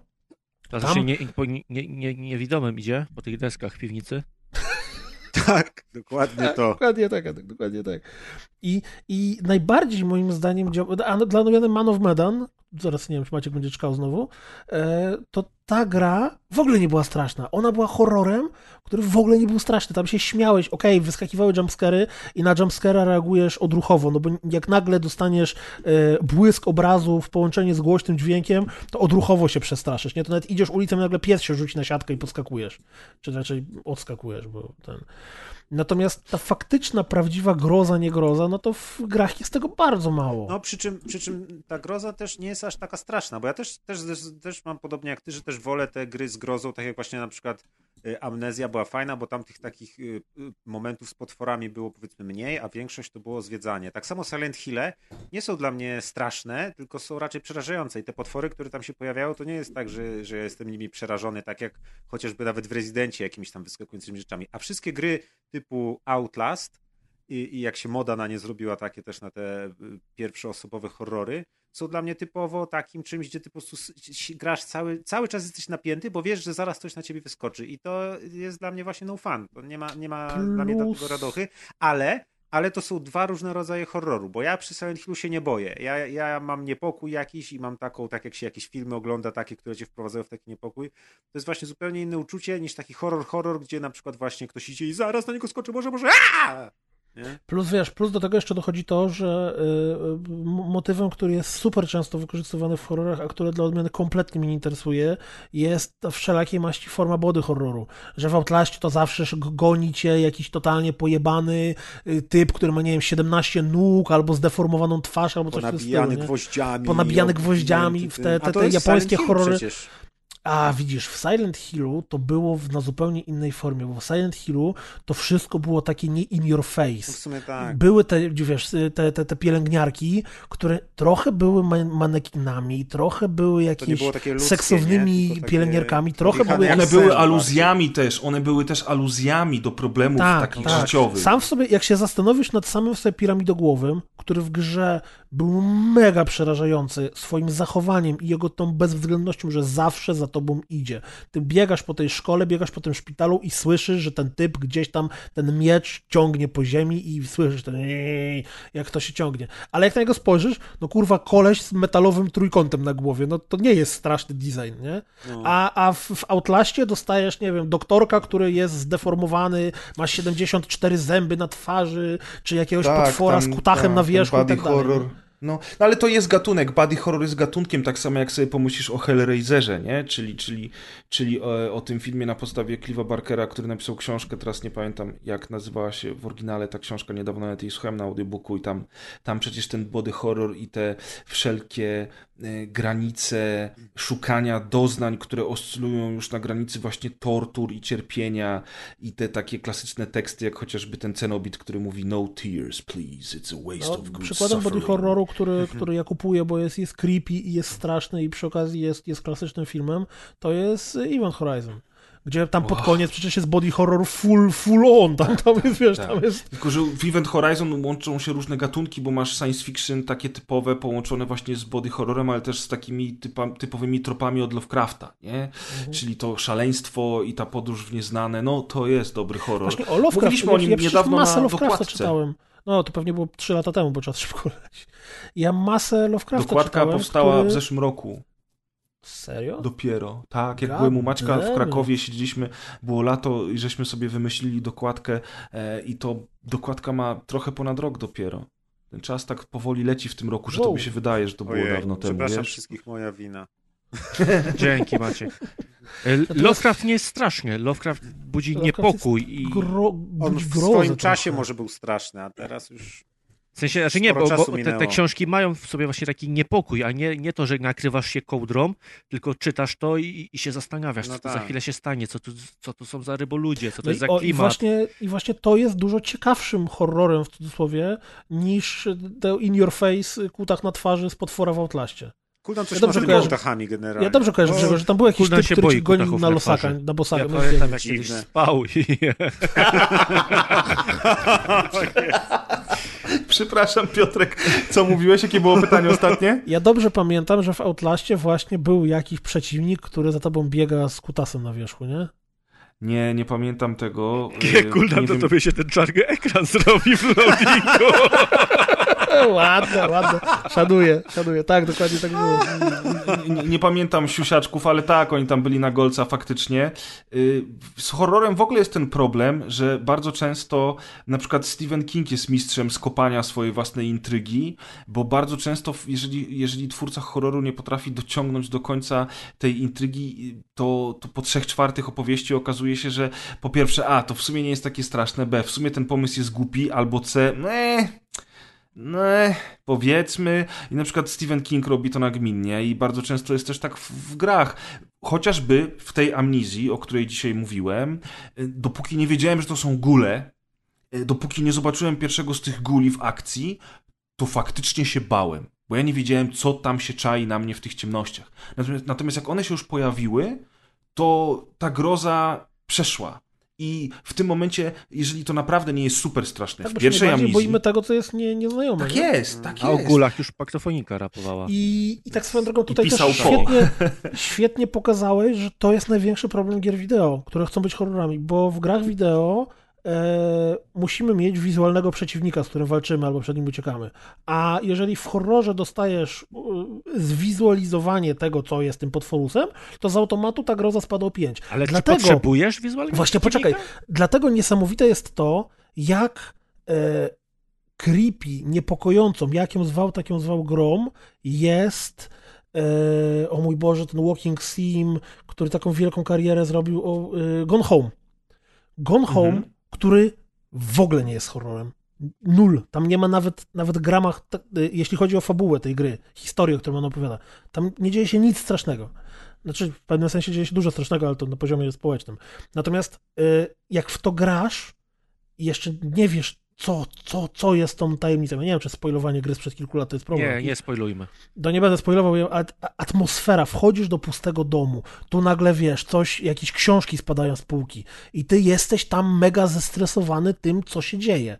Czy ta, ta, ta gra właśnie, opowiadając społeczną historię, y, korzysta z motywów, które zazwyczaj korzystają horrory. I to jest rewelacyjne wykorzystanie motywu y, I to chyba w grozy. Walking Simach jest dość nagminne, bo na przykład Firewatch robi dokładnie to samo. Mhm. Firewatch, jak Mhm. grasz, też masz ten taki niepokój i tam też Tak. nie ma nic Tam horrorowatego, też jest taki moment, że nagle jest... ale sobie myślisz, Jezus, co tu się dzieje? Kto tutaj był? To, nie?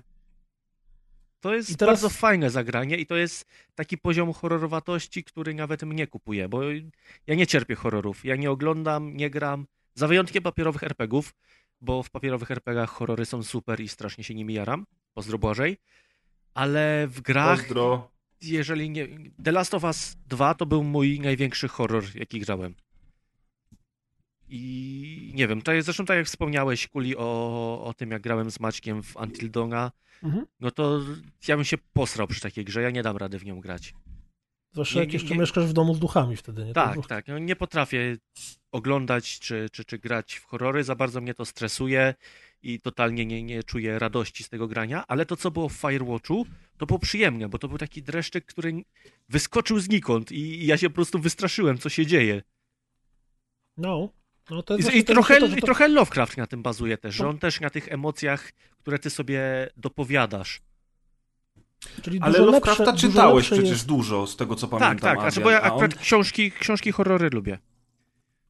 Właśnie czy to Lovecraft, czy to Kinga, czy... A z czego to wynika? Bo na przykład o ile Lovecraft po 100 latach, odkąd w ogóle nawet, no Lovecraft zmarł 102 lata temu, o ile dobrze pamiętam, mm, to, to ta, ta jego twórczość już troszeczkę zrobiła się przestarzała. Ona nie jest taka straszna, jak mogłaby być, chociaż oczywiście sam klimat i kunszt jego tego, jak on to pisał i te pomysły są dalej spoko. Ale na przykład King potrafi być straszny. On, ja pamiętam, że niektóre jego książki czytając, naprawdę czułem pewien niepokój, więc jeżeli ty się boisz horrorów do tego stopnia, że one absolutnie cię odrzucają, to jestem ciekawy, że taki King w książce Przy cię jednak nie straszy. Aż tak mnie to, aż tak tego nie odczuwam. Przy książkach ja jestem zaangażowany w czytanie i okej, ja się trochę boję, ale chcę czytać dalej, chcę wiedzieć, co tam się Książka dzieje. nie co... zapewnia aż takiej, znaczy zapewnia inny rodzaj imersji. Nie? Zupełnie inny Zupełnie rodzaj imersji jest, tak. Chyba Chociaż- nie jest w stanie cię tak bardzo aż przerazić, nie? Jak czytałem, już opowiadałem kiedyś tę historię, Metro 2033 jest scena w... scena. Jest fragment w bibliotece i książka Mhm. Metro też jest leciutko horrorowata, a ten akurat fragment czytałem raz, że w środku nocy, a dwa z gorączką wysoką. O, Uuu. I byłem mega wystraszony w trakcie czytania, ale to było bardzo miłe doświadczenie. Takie na tyle, na ile horror może być miły. I podobnie miałem z książką Kinga Cmentarz dla zwierząt. Jak w pewnym momencie czytania kot wskakuje mi na klatkę piersiową, a, a kot tam jest ważnym bohaterem w samej książce. Też to było takie połączenie dwóch światów, No. które nagle wyrwało mnie z, z tego, ze świata książki. Aż poczułem zapach ziemi trakcie jak ja Wow. na Ja, mnie. ja nie czytałem ja- książki Cmentarz, ale oglądałem ten film, ten oryginalny, bo teraz jest remake i to był jeden z, naj, z najbardziej przerażających filmów, jakie ja widziałem w życiu. Ja do dzisiaj mam ciary, jak sobie przypominam niektóre rzeczy w tym filmie, nie? Ja, ja sobie teraz tak w trakcie tej rozmowy myślę i tak i zarówno jak o tym, co ja myślę, jak i o czym, co- co wy mówicie, że chyba e, najciekawsze są gry, które wykorzystują jakieś motywy horrorowe, czy jakieś motywy budujące to takie napięcie i strach, ale same w sobie nie są horrorem. Bo jeżeli mamy grę, która masz, nie wiem, 7, 8, 20, 25 godzin ciągłego horroru, to prędzej czy później to cię znudzi. Wydaje mi się, że nawet taki Dead Space w którymś momencie przestaje być straszny. Dlatego już- horrory nigdy nie są długie, bo one nie mogą broni, być długie.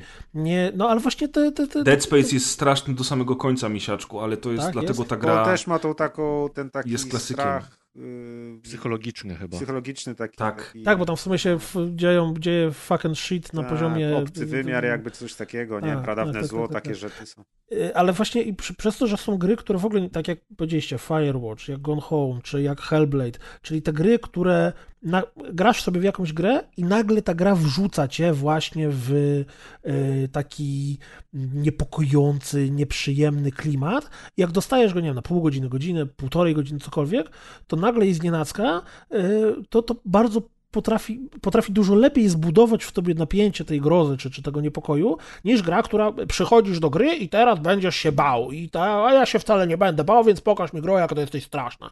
Bo, bo to jest trochę ten problem, jak wiesz, jak idziesz, idziesz na występ stand-upera i z automatu no to teraz będziesz mnie bawił, a jak się nie będę bawił, to będę niezadowolony. Więc idziesz do gry, która ma być horrorem i, i oczekujesz od tego, że ona będzie horrorem. A jak grasz sobie w The Last of Us, czy grasz w jakiegoś Walking Sima i nagle tam się pojawia ten niepokój, to bierze cię trochę z zaskoczenia, nie? No, no mnie Hellblade mocno z zaskoczenia wziął tym, jak bardzo creepy była tam ta, tam ta sekcja. Mhm. No tak, słuchajcie, a powiedzcie mi, tak jeszcze na koniec, bo ten halloweenowy klimat już będziemy powoli kończyć, yy, póki jesteśmy przy amnizji, to powiedzcie mi jakieś takie ulubione swoje horrory growe. Każdy z was na pewno jakiś ma, nawet Adrian, który raczej stroni od tego. Nie, no ja totalnie nie mam. Mówię, The Last of Us to był największy horror, jaki grałem i nie powiem, że to jest moja ulubiona gra. No kumam, kumam. Więc, więc nie. Okej, czyli Adrian w ogóle. A ty Maciek, bo ty w sumie najmniej mówiłeś o tego typu rzeczach. I czy ty w ogóle lubisz horrory? Nie, no lubię, mówiłem, tak jak, tak, tak jak trochę Kuldan, lubię bardziej takie psychologiczne, a mniej jumpscare'owe.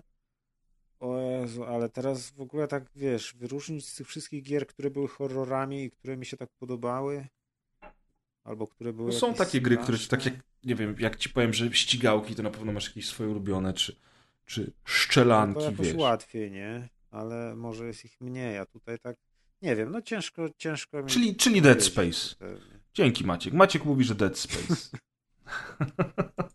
No Quake, Maciek, chociaż Quake oczywiście Quake horrorem nie jest. Znaczy wiesz co, on jest, on jest unurzany w horrorze po, po, po uszy i on przede wszystkim bazuje na Lovecrafcie, od tego zacznijmy. Muzyka, dźwięki, teraz nawet jak właśnie graliśmy z Maćkiem, zaraz to, do tego to za chwilę o przechodzimy. tym opowiesz, żebyśmy nie, Tak. nie, nie ten. Ja chciałem jeszcze odnośnie takich gier, które straszą, a nie były straszne, to Devil Daggers przy okazji Quake'a też. On też miał taki klimat, że, O, że tak. było, był taki niepokój dookoła i te dźwięki. Chyba tam głównie dźwięki robiły. No Nie tak. wiem, czy pamiętacie, ale z Devil Daggers przecież był odcinek rozgrywki, na którym wszyscy podaliśmy chyba o Devil Daggers i Maciek później w ramach bonusu po odcinku wrzucił, nie wiem, 5, 10, 5, ileś tam minut tych właśnie dźwięków i muzyki z Devil Daggers i jeden z naszych słuchaczy później pisał, że e, what the fuck, ja se zasypiam z rozgrywką, po czym budzą mnie w uchu jakieś mega creepy, takie wiesz, przerażające odgłosy i nie mam zielonego, bo jeszcze mnie to wybudza, nie mam zielonego pojęcia, co się dzieje, więc I teraz temu słuchaczowi, słuchaczowi możemy powiedzieć, że niech się cieszy, że nie obudził cię kutach na twarz. A propos Devil Daggers, też chciałem powiedzieć, że niedawno dopiero co wyszła gierka, która jest takim klonem Devil Daggers, nazywa się Crossbow. Nie pamiętam dokładnie pograć w końcu trochę tytułu. więcej. Ja w nią grałem trochę. To jest y, gra polskich chłopaków, tych, którzy zrobili Elderborna, którego ja bardzo Ja chwaliłem. Oni teraz od razu. No. Chłopaków i dziewczyn. Y, I, i, i ten, i generalnie rzecz biorąc, oni teraz pracują, oni teraz pracują nad tym, nad tym spin-offem mm, Postala, na którego też zresztą czekam. No a ten, ten Crossbow to jest taka gierka, y, to jest taka gierka y, dosyć prosta, dokładnie tak jak, jak Devil Daggers, też w klimatach horrorowatych, ale trochę innych. Na pewno właśnie faktycznie z Kuldanem wam o niej niedługo opowiemy. Albo może zrobimy streama, może zrobimy dobranockę. Zobaczymy. Natomiast robimy. faktycznie... Mam, mam gry. Przypomniałem sobie. O, Fajnie. Maciek się obudził. Pisałem w Google y, Best Horror Games i na szybko I przyjrzałem i przynajmniej mam co, coś do powiedzenia. To, y, to Little Nightmares jest dobrym przykładem gry y, z takim rzadko spotykanym klimatem. Mi ono się kojarzy bardzo z takimi powiedzmy jakimiś na przykład francuskimi animacjami, y, krótkim metrażem, kinem niezależnym, horrorowo takim laleczkowym czy coś, takie, takie to jest artystyczne, mało amerykańskie właśnie, tylko jakieś takie dziwne, powykręcane y, i właśnie to nie jest horror taki jumpscare'owy, tylko to jest horror w sensie właśnie co to kurwa jest za creepy, w ogóle nie wejdę tam, bo coś tam i generalnie widzisz te rzeczy i one bardziej cię wprowadzają w jakiś niepokój, więc to jest fajne. A poza tym y, Alan Wake, y, który jest, y, mnie bardzo przerażał na początku, jak kiedyś w niego grałem bliżej premiery i jak go w końcu udało mi się przejść tam dosyć niedawno, kilka lat temu, to mega mi się podoba też przez to, że ten, ten horror, który się dzieje u Kuldana w nozdrzach właśnie, jak wali w tą klawiaturę. Jezus Maria. on robi, wiesz, nastrój tego lasu z Alana Wake'a, gdzie ja z tą latarką idę ze tu Dokładnie, on się, wcielił, on się wcielił w Alana i teraz wiesz, tłucze w tą klawiaturę, nie? No, no. Ja przepraszam, naprawdę nie chciałem, znaczy chciałem się nie śmiać, ale już nie wytrzymałem. Też nie. Ja się zastanawiałem, kto pierwszy Ten zareaguje. Alan Wake właśnie Ja się bardzo skupiam na słuchaniu Maćka i od razu zaczynam e, szybciej pełnym oddychać. mgły z, tylko z latarką, gdzie nagle leci w twoją stronę siekiera i jakieś redneki w czapkach trackerskich wyskakują i do ciebie lecą. To wszystko było tak bardzo połączone z klimatem takim tych amerykańskich tam Colorado czy tam czegoś, trochę Twin Peaks, a przede wszystkim King i, i te wszystkie horrory tego typu, że to był taki właśnie horror idealnie w moim stylu, który tak naprawdę bardziej był przy, przygodową grą akcji z elementami horroru. Y, Czyli właśnie coś, co nie jest stricte horrorem, bo te wszystkie horrory, najstraszniejszy horror, to będzie właśnie taka gra, która cię trzyma w nerwach i jej zadaniem jest ciebie straszyć. A wszystko, co ma w sobie odrobinę horroru, tak jak ten Event Horizon, to też jest znowu science fiction z elementami horroru, tak jak, nie wiem, filmy o obcym, to też jest tak, to nie jest sensu stricte horror, tylko to jest zawsze po, pomieszanie czegoś, nie? Więc w sumie to wydaje mi się, że właśnie lubię horror, ale nie, nie taki sam, sam horror, a już na pewno nie jumpscary, no bo to jest, mówmy się, taniocha po prostu. Kuli? No ja już nie mam Okej. nic do dodania. Nie, sprawdzam, czy żyjesz. Przestałeś Jak oddychać. mi mikrofon robi coś takiego dziwnego, że jakieś się nie odzywa, to to jest, bo w ogóle najlepsze jest to, że tego nie widać na mojej ścieżce tej, która się nagrywa, że Ma- Maciek teraz z premedytacją podpierdoli to do góry wszystko. robi. Tak, Bo- to tylko jest, bo to jest Te- zawsze. Bo to jest tak, że TS w momencie, w którym ja się nie odzywam, ja nie wiem, może ja mam w ustawieniach zrobienie to, tam wiecie, y, y, że on na bieżąco y, to pod, pod, pod, podkręca do góry, bo to jest tak, że jak ja się nie odzywam, to wtedy TS coraz głośniej bierze gain z mojego Tak, mikrofonu. dokładnie, dokładnie wiemy, co się dzieje, Kuli. I nagle słychać na coraz głośniejsze tego sapanie. widać, nie? I wy mówicie, że ja sapię. Oczywiście Maciek teraz wklei, weźmie sapanie z tego, z takiego porno. Dokładnie i tak to brzmi. I ktoś nas opowiada i nagle coś takiego jest. Ja nie wiem, co ja mogę z tym zrobić. W ustawieniach widzę, że nie mam nic I takiego. my już zrobionego. kupa w majtach, nie? Gdzie Generalnie. to jest? Gdzie to jest? Wykrywanie aktywacji głosem? Dobra, czy... lecimy dalej. To, to, Tak. to nie jest na teraz. Patrzcie, No czkawka mi przeszła, nawet nie wiem kiedy. A, No bo wypiłeś. Przeszła ci czkawka, bo teraz będziemy mówić o Quake'u. A, to dlatego, na pewno. I skoro jesteśmy przy horrorach i zbliżamy się do Halloween, Gamerze? dlatego nie, że Bo to jest... są dwa epizody. To jest jeden wyszedł w w tym miesiącu, mistrzu, wiesz? I nie chcemy już tego rozbijać na Patient Gamera i na ten nowy epizod, więc opowiemy wam o obu za jednym zamachem. A nowy wyszedł? A stary wszedł. Teraz, parę dni temu. No wyszedł parę dni temu. To jest najświeższa gra Tak, to jest naj, najświeższy Quake, tak, to jest gra odcinka w ogóle. No jak jesteśmy przy horrorach, to tak w dużym skrócie Quake z 96 Tomek to roku Google to bazował. wyskakuje, że Quake dopa. No bo dopa właśnie. Bo Ale jaka? y, jest dopa i jest EOE. EOE, y, więc dopa była w 2016 roku. i dopę stworzyło Machine Games, czyli ludzie odpowiedzialni za nowe Wolfensteiny i oni to zrobili z okazji dwudziestolecia Quake'a. Natomiast y, teraz wychodzi... I to był of oficjalny, półoficjalny piąty epizod do Quake'a. Quake miał cztery epizody, potem miał mnóstwo modów i nowych kampanii. Było... Mm, ten Arcane Dimensions, o którym ja robiłem dobranockę, który jest genialnym zbiorem różnych map, różnych modelów, fantastycznym dodatkiem do Quake'a i ludzie, którzy Arcane Dimensions zrobili, tworzą teraz Wrath Aeon of Ruin dla 3D Realms właśnie na silniku Quake'a. Są tak dobrzy, że aż ich 3D Realms wzięło. No więc te, w tego Quake'a można grać i grać. Tam jest prawie tyle modów, co do Duma. No i teraz właśnie Machine Games, chyba w ramach takiego hołdu, zrobili to tą dopę, czyli to jest Dimension of the Past, prawda Maciek, dobrze mówię? Chyba tak. Tak, tak, tak, tak. I ona była piątym epizodem do Quake'a, a teraz moderzy postanowili zrobić nieoficjalny szósty epizod. Nie wiem czemu to jest szósty epizod, o tym za chwilę do tego dojdziemy. To się nazywa EOE, e, czyli jak ten skrót się rozwijało? E... Epoch, coś tam. Echoes of Enmity. Tak jest, dzięki. Echoes of Enmity. No i myśmy z Maćkiem pograli w jedno i drugie. To było wspaniałe, bo spędziliśmy ze sobą trzy albo cztery wieczory razem po prostu jak na randce i jako dwaj boomerzy świetnie się bawiliśmy. No i Maciek, powiedz, jak tam wspominasz te piękne chwile z Grzesiem i z Quake'iem? A, z, Quake, z Quake'iem było super! z Quake'iem było fajnie. Znaczy, troch, trochę mi się zlały w dwa, e, te, znaczy w jeden te, te dwa epizody. Yy, i już teraz nie pamiętam, które akcje były z której części, ale generalnie można powiedzieć, że na przykład yy, ta a to ta pierwsza część była tak mniej przygotowana pod koopa, nie? W ogóle to też Ta pierwsza część że... była mniej przygotowana pod koopa, tak, ale ona była bardziej spójna. O, tak, to w ogóle był szok.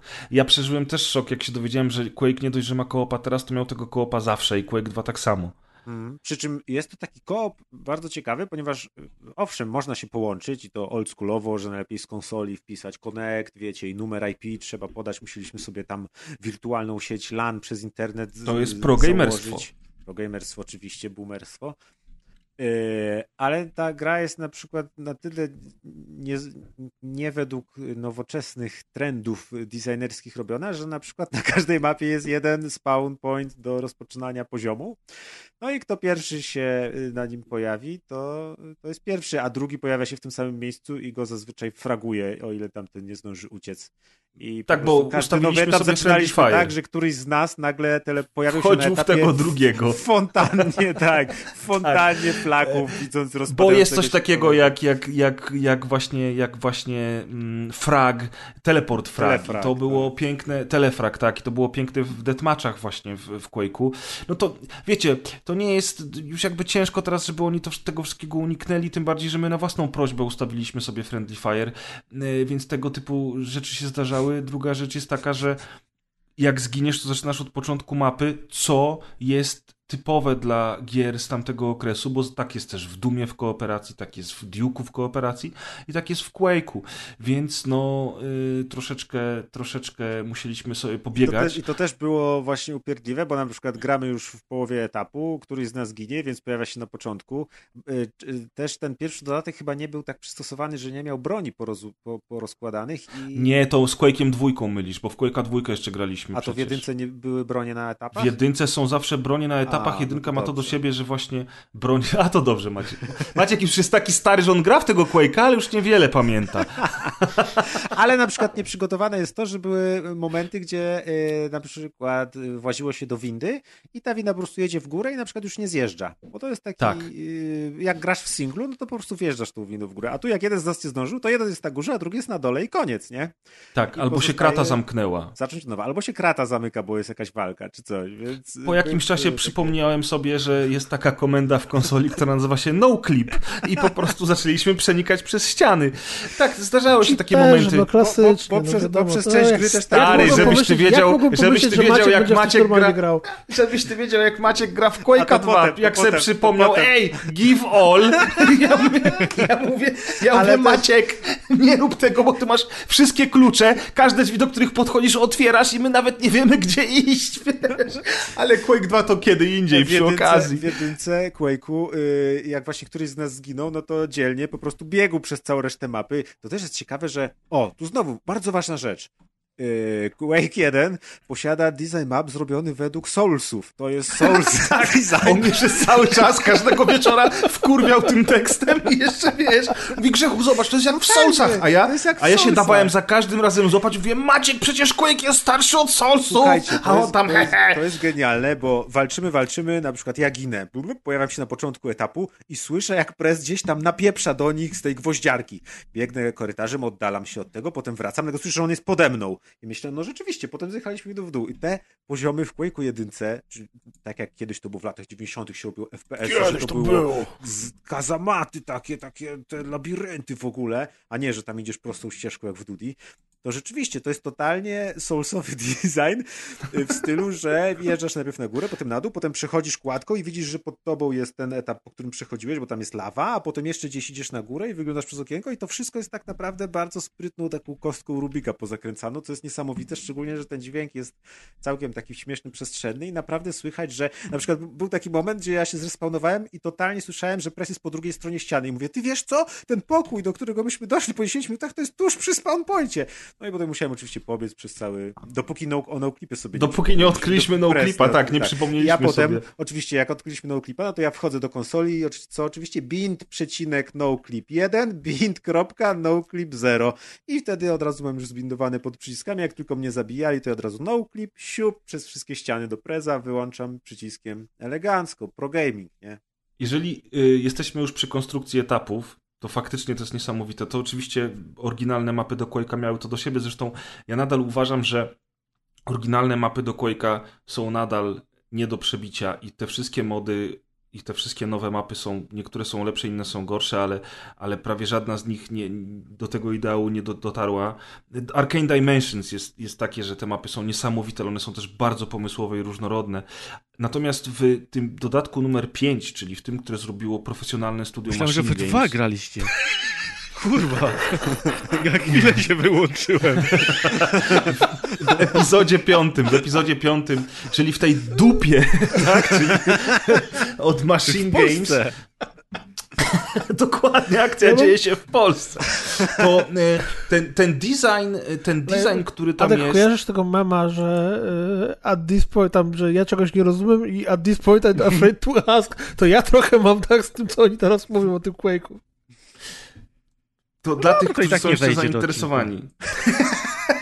dla, tych, którzy są, dla tych, którzy są jeszcze zainteresowani, generalnie rzecz biorąc, wspaniałe, przemyślane, przemyślane, zbite, wertykalne, pomysłowe mapy w tym, w tym pierwszym dodatku, czyli, czyli w tym e, Dimension of the Past i bardzo spójne wizualnie, przy, przypominające te industrialne mapy z pierwszego Quake'a, no bo wiadomo, że to jest na tych samych kasetach. Na zdrowie, na zdrowie.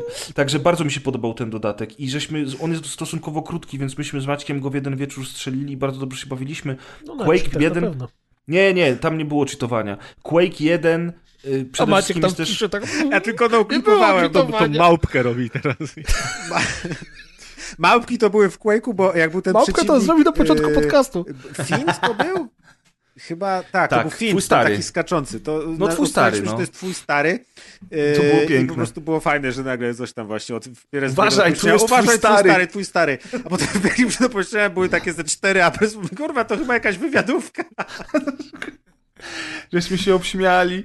Ty, Albo jak potem innego, tą, tą taką pajęczycę, która wystrzeliwuje taki dziwny przedmiot, który za tobą leci To jest na najgorszy auto-aimie. przeciwnik w grach Tak, i, i żeśmy ją ochrzcili twoją starą i w pewnym momencie ona się pojawia. Ja wiem, twoja stara jest najgorsza. Ja mówię, po prostu, za- twoja stara, zabij ją, zabij ją, zabij ją, zabij ją. No, po prostu dwóch, dwóch starych dziadów, którzy śmieją się z tego, że uważaj, w drugim pokoju jest twój stary. To jakbyś Ale- właściwie całą. W sumie coś w tym musi być. y, Znaczy, to jest oczywiście nostalgia, bo wątpię, żeby ktokolwiek, kto nie grał kiedyś w Quake'a 1, mógł się tak bawić, ale zdziwisz się, zdziwisz się. Dużo młodych ludzi grywa w te stare gry. Momentalnie Quake jest grywalny, ma tą świetną swoją fizykę, bronię, jest bardzo, y, ba- bardzo trudna gra, bo zaczęliśmy Tak, na hardzie, trudny. Press chciał kozaczyć, gramy na hardzie, gramy na hardzie, bo po kilku próbach przejścia etapu, gdzie ginęliśmy, trzeba było biec od początku, bo jeszcze Press od no clipie sobie nie przypomniał, stwierdziliśmy, że może to nie ma sensu, bo też na przykład to jest dziwne, że jak się spawnuje y, gracz od nowa, to ma różną ilość życia i to raczej nigdy nie jest 100. Często na przykład to było 7, więc generalnie biegniesz przez pół mapy, robisz jeden strzał, giniesz, bo, coś, bo tam jest chaos, który się dzieje w tym pomieszczeniu akurat i biegniesz z powrotem i masz 7 życia, więc taki mm, ciekawe doświadczenie to było. Bardzo szybka, dynamiczna ta gra nadal jest. Y, Faktycznie bardzo wymagająca Czasem za szybka momentami. nawet aż. Czasem nawet za szybka. Jak zagraliśmy potem w Quake'a dwójkę, to ja miałem takie ty, ale to jest takie powolne i w sumie to no, proste. No, no, no. No, ale do Quake'a dwójki wrócimy na pewno jak za jakiś czas, bo jeszcze go nie przeszliśmy. Mamy jeszcze inne gry do grania, ale ogólnie bawiliśmy się super. Ja się cieszę, że, że ten dodatek się pojawił, bo to nas tchnęło do tego, żeby zagrać. Faktycznie ten epizod 5 od Machine Games jest dużo lepszy. Ten epizod 6 to jest taki zlepek różnych map od różnych moderów. Jedną z tych map robił jakiś Polak i w ogóle, ale ogólnie to jest takie o... No pewnie chujowa. Na pewno. jak cały ten kraj. Natomiast Ale ona miała, generalnie- wprowadzała takie śmieszne rzeczy, w których w Quake'u nie było i y, kojarzyły się nam czasem z Half-Life'em, bo był taki environmental Tak. storytelling. Na przykład gdzieś leżały ciała tych takich, tego modelu y, gracza, czyli tego Qua- Quake'a y, leżące gdzieś, nie? Czyli tam niby ci polegli żołnierze. Rangera, Bohater no. Quake'a, Quake się... A, okej. Nie, nie, Ranger się nazywa. Cholera wie. Ale wiesz, to jest- jak mieliśmy 10 lat, to na pewno się ten typ nazywał Quake. Ja gram Quake'iem, 100% nie, ja ja gram gram Quake'iem. No, więc takie, i tam, że niby właśnie się więcej zbierało tych kluczy i te, te etapy były takie bardziej realistyczne, bo w ty, w, właśnie chyba zaletą Quake'a jest to, że y, oryginalnego i, i tego dodatku od Machine Heada, że, że te etapy nie siliły się na, na siłę, żeby być jakieś realistyczne, one były fantastyczne, pokrzywione, nierealistyczne i takie ten, a, a wydaje mi się, że ten drugi dodatek już był taki bardziej na zasadzie, no to jest baza, to tak zbudujmy ją trochę jak prawdziwa baza, nie? I coś tam dalej I idziesz i taką, tu widzisz, że coś się działo, bo masz takie rzeczy i to takie, widać było od razu trochę inny klimat. Tylko potem te mapy mają zupełnie inne style i potem jest ta mapa grecka w ogóle z, z, tymi No budynkami tak. greckimi. No, nagle z jakimiś w ogóle mozaikami z delfinami na ścianach w ogóle. Wiesz, z the rozpierdolem to było. Ej, to było zajebiste, grasz w Quake'a, a tu nagle, wiesz, wchodzi Greg Zorba i zaczyna cię tańczyć. Tada! Country Road. Tak, tak, to jest właśnie Greg Zorba. Nie, czy wiecie, był taki serial Echoes of Enmity. Co to w ogóle znaczy? Nie mam pojęcia, co to znaczy Echoes of Enmi- Enmity, Enmity w ogóle. Nie wiem, co to jest Echoes. Enmity. To, Google mówi, że to jest wrogość. No to widzisz. Echa no to wrogości. No, Echa wrogości, czyli jak rząd w stosunku do kobiet w Polsce. ładne, ładne, szanuję. No, więc... y, No, także Myśmy się, myśmy się, nam się podobało. Tak, bardzo, bardzo. Ja się w ogóle cieszę, że my teraz sobie pograliśmy, bo na pewno będziemy od czasu do czasu do takich rzeczy siadać, jak już tym bardziej, że ten będzie grania. 2. Co mówisz? Bo już niedługo nie będzie grania. Czemu Chuja będzie pograsz, makaroniarzu. No, chyba, że, chyba, Kraka że będzie granie. Wszystko, Krakać. Wszystko będzie. Wszystko To będzie. nie było Maciek trzeba, wpisze kody jest na... chyba? Maciek wpisze kody give all i wszystko będzie. Kurde, no kurczę, granie będzie, Ja mam grę od Preza, ja nie bym wiem, chciał on ją cheaty w życiu prawdziwym. Na przykład Ale co, abort skąd ja co mygovernment.exe. kupiłem? Co? Halo? Co? Abort Wszyscy mówią już nie. naraz. O nie, nie Możesz będziemy mogli powtórzyć? abortować podcastu? Nie. No, że tylda abortmygovernment.exe. Enter. Dobry kod, dobry. Fajnie Nie by było, gdyby działał. Kody w życiu byłyby super. Obo, ob, ob, ob, Lelele. O, nie mam już czkawki, teraz będę się jąkać. Opowiedzieliśmy o Quake'ach obu. To teraz Maciek teraz- będzie mówił o G. Czy kulturka? O fuck, G-kulturka, dobrze. Stworzyliśmy nowy dział. G-Unit. To, to, pre, to Kuldan chyba stworzył G-kulturkę, więc teraz może Kuldan zapowie wszystkie G rzeczy, o których będziemy No mówić. jak Pierwszy ja? jest łatwe. to- G-Unit! Jak ja? Przecież to ty chciałeś tam popowiadać, jak Drugie się jest- nastroić do Drugie cyberpunku. jest G-Force, potem jest... To jest źle napisane, trzecie, to jaka Bo tu jeszcze nie było, jeszcze nie było reguły. Nie było reguły. Potem jest G załoga. Potem jest GG Agostino. Ktoś chce kontynuować? Nie, dawaj do końca już. No To jest potem są jeansy, wiadomo. Mhm. Po jeansach jest dżihad. Potem jest dżingiel. Potem jest Jimly. G-spot. Jest gist. Co to, Adrian, jest gist? Gist, czyli Gist. pierd po śląsku. jest czyli pierd. Potem jest dżry. No giry, jak giry. Właśnie pytałem, co to jest. A, no to do wywalenia. Tu już była reguła. No to tak pół na pół. I potem jest Gigi La Trottola, oczywiście, jak mogliśmy Gigi zapomnieć. A ja nie zapomniałem. Ja się wy, wy, wypstrykałem na Gigi Agostino i to już były wszystkie Gigi, jakie, jakie mi się Wypstrykałem się na Gigi. Dokładnie. Nie jeden się wypstrykał. Widzę, że też jesteś man of science. Oczywiście. No dobra, ale teraz powiedz nam o cyberpunku. Tak, chciałem w ogóle... Jak... Maciek już grał, już przeszedł właściwie. Polecam. Nie, słabizna. Y, chciałem powiedzieć, że tak... Zdecyduj do... się! Do, jak tego słuchacie, do Cyberpunka jest już chyba 19 dni. Ja już przebieram nóżkami.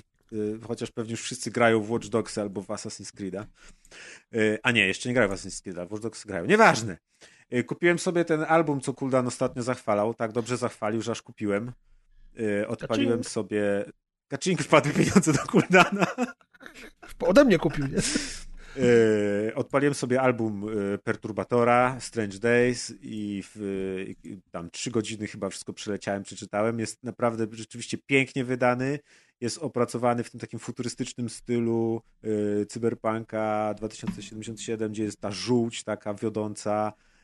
I fajne jest to rzeczywiście, że każdy jest, rozdział jest napisany jakby przez różne osoby i ma trochę inne też y, łamanie tekstu. Są trochę inne fonty, inne jest numeracja stron albo podział kolumn, więc to, to rzeczywiście wygląda jakby takie z różnych źródeł, plus jest pisane z perspektywy pierwszej osoby, to też Kuldan mówił, więc jest takie, są tam takie fajne, drobne wtrącenia, jakieś uwagi albo jakieś przypisy, że tam zwiedzając jakieś tam dzielnice na przykład, wynająłem jakiegoś typa i poszliśmy do baru i on mi coś tam zaczął opowiadać, coś, coś, więc to jest rzeczywiście fajnie tak pisane, jak jak blog, jakaś gazeta, y, artykuł z gazety czy encyklopedia. No i kurde, to jest dla mnie taki poziom, że to jest jak taki y, dodatkowy podręcznik do RPGa, który opisuje świat, miasto, jego mieszkańców i absolutnie to jest po prostu mm, super pomoc, żeby się wczuć w klimat taki. Tak samo jak te takie na przykład pełnostronicowe reklamy, które są niczym z jakichś takich pism lifestyle'owych. To jest mega, mega to, to wszystko tam się spina. No i masz wrażenie po prostu, że przeglądasz katalog, że jesteś w przyszłości i sobie przeglądasz jakiś taki katalog, więc mm, ja jestem mega zachwycony. Super zakup, rewelacja dla fanów i, i ogólnie gatunku cyberpunkowego, ale dla gry też to, to moim zdaniem jest musowy zakup. Tak samo jak musowe jest obejrzenie sobie paru filmów według mnie, żeby się wczuć w odpowiedni klimacik i ja tu ze swojej strony chciałem parę tytułów polecić. Y, patrząc na te zwiastuny i na te gameplaye, to mi się mega ta gra y, kojarzy z nowym sędzią Dreadem, czyli z filmem Dread.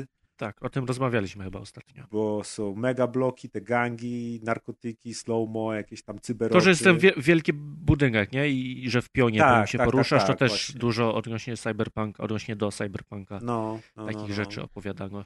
No, yy, tak samo zawsze będę to powtarzać w takich przypadkach. Pamięć absolutna z 2012 roku, ta z Colinem Farelem. Można się spierać, czy jest lepsza, czy gorsza od oryginału. Wiadomo, że jest gorsza, bo nic nie może być lepszego od filmu z Arnoldem Schwarzeneggerem. Ale miasto tam pokazane też jest takie, wydaje mi się, dosyć w podobnym stylu zrobione. Też jest taki yy, brutalizm betonowy połączony z Y, deszczem, neonami i tak dalej, ale właśnie nie w takim Blade Runnerowym stylu, tylko tam trochę, trochę innym. Y, Ghost in the Shell, ten nowy ze Scarlett Johansson, bardzo podobne miasto też mi się wydaje, szczególnie, że w Ghost in the Shell też się działo sporo w dzień, więc to taki cyberpunk w świetle słonecznym można powiedzieć. Plus samochody, też wydaje mi się, że auta właśnie z tego Ghost in the Shell'a bardzo są w tym klimacie 2077. Y, Yy, ze starszych rzeczy, no to Johnny Mnemonic, technologia, hakerstwo, gogle, y, plus oczywiście Kianu. O, rzeczywiście, patrz, a nawet o tym nie pomyślałem. Kurna, ale no tak. się spina z Cyberpunkiem. No, upadek I też spina się z nowymi konsolami, bo on tam dysk twardy przynosi w głowie, no. a nowe konsole dyskiem twardym stoją. A nawet dyskiem miękkim. Miękkim, tak, szybkim. No, Czy coś, co jest miękkie, może być szybkie? Johnny Mnemonic... A, zdziwiłbyś się! Adek szybki jest! A jak spałeś i się obudziłeś, to co? Eee. Dobrze, dobrze. Y, jeszcze polecę Elysium. Dobrze, dobrze. Elysium moim zdaniem też mega pasuje, bo jest, y, co prawda tam jest stacja kosmiczna w Cyberpunku, tym oryginalnym też już były stacje kosmiczne, ale, ale, ale tam też jest super rozróżnienie między bogatymi, którzy sobie żyją w willach, a tą biedą, która została na Ziemi. Y, Strange Days sobie przypomniałem, czyli Dziwne Dni. Oglądałem tam ze dwa tygodnie temu. Bardzo fajny film, bo to jest film chyba tam z 92 czy, czy 5 jakoś tak, opowiadający o tym, jak wygląda Sylwester y, z 1999 roku. I to jest super oglądać ten film z jednej strony, bo tam prawie w ogóle poza takimi rzeczami jak właśnie coś, co jest odpowiednikiem cyberpunkowego braindance'a, czyli zakłada się na głowę urządzenie, które cię przenosi we wspomnienia nag- nagrane przez inną osobę, to tak naprawdę bardzo tam mało jest takich cyber, cyber rzeczy, typu jakiś super internet, albo jakieś roboty, albo broń, ale super jest y, oddany klimat cyberpunkowy ze względu na to, że można tam znaleźć postacie solo, fixerów, którzy za, załatwiają różne sprawy. Są zamieszki na ulicach, walka z policją, skorumpowana policja, która działa na, na, na siebie, a nie dla prawa i tak dalej, więc jakby nie ma tam za dużo technologii czy jakiejś architektury, takich widoczków. Ty dalej ale... mówisz o cyberpunku? Właśnie czy o Polsce teraz, bo Dobrze, szanuję, szanuję. Jest tam mało takich może wizualnych atrakcji, ale. ale no, ale, Wszystko się spina. ale klimat jest Wszystko się naprawdę rdzennie cyberpunkowy. Są tam rzeczy, które są w To naturze cyberpunka. E, I na koniec y, Battle Angel Alita, ta nowa komputerowa, bo O. anime nie oglądałem. Ona jest mega spoko. Ona jest Ja mega spoko, ja do niej niedawno. podchodziłem niepewnie, a byłem zaskoczony bardzo pozytywnie i było tam parę rzeczy, na przykład y, scyborgizowany robot zabójca, czy tam facet zabójca, który był praktycznie całkowicie scyborgizowany. Ja, ja na niego patrzyłem i myślę, kurna, on jest wyjęty z cyberpunka. Wiadomo, że ta estetyka jest bardziej taka młodzieżowa i lightowa, ale ten film jest mega cyberpunkowy i mi się Jak ci podobał Christopher Waltz w płaszczu? Super był, szczególnie jak się potem okazuje, kim jest. I to też znowu myślę, wow, kupuję to, nie? Więc tak. ja jestem, nie wiem, jakiś jestem może zbajasowany na ten film, ale mi się spodobał, a, a na pewno bym go do Cyberpunka podrzucił. No i tak, nie będę już A- tam wspominać o jakichś klasykach typu Akira, Blade Runner i tak a widziałeś może Altered Carbon, ale tą wersję anime? dalej. Nie. Bo ja jestem gdzieś tam po 30 minutach, bo ja oglądam filmy na raty, ale też mi się dość mocno z Cyberpunkiem kojarzy. Mhm. Głównie przez kolorki. Więc chciałbym, żebyś obejrzał. Teraz. Na I- jutro. I, i teraz i zaczekamy tutaj. Aha, a to dobrze, okej. Już. Nie, ale polecam, żebyś sprawdził, bo, bo wydaje mi się, że to też będzie w twoim klimacie. Okej. To tyle ode mnie. Jakby. Grzegorz, a ty grałeś w Somę? Nie, a co to Soma?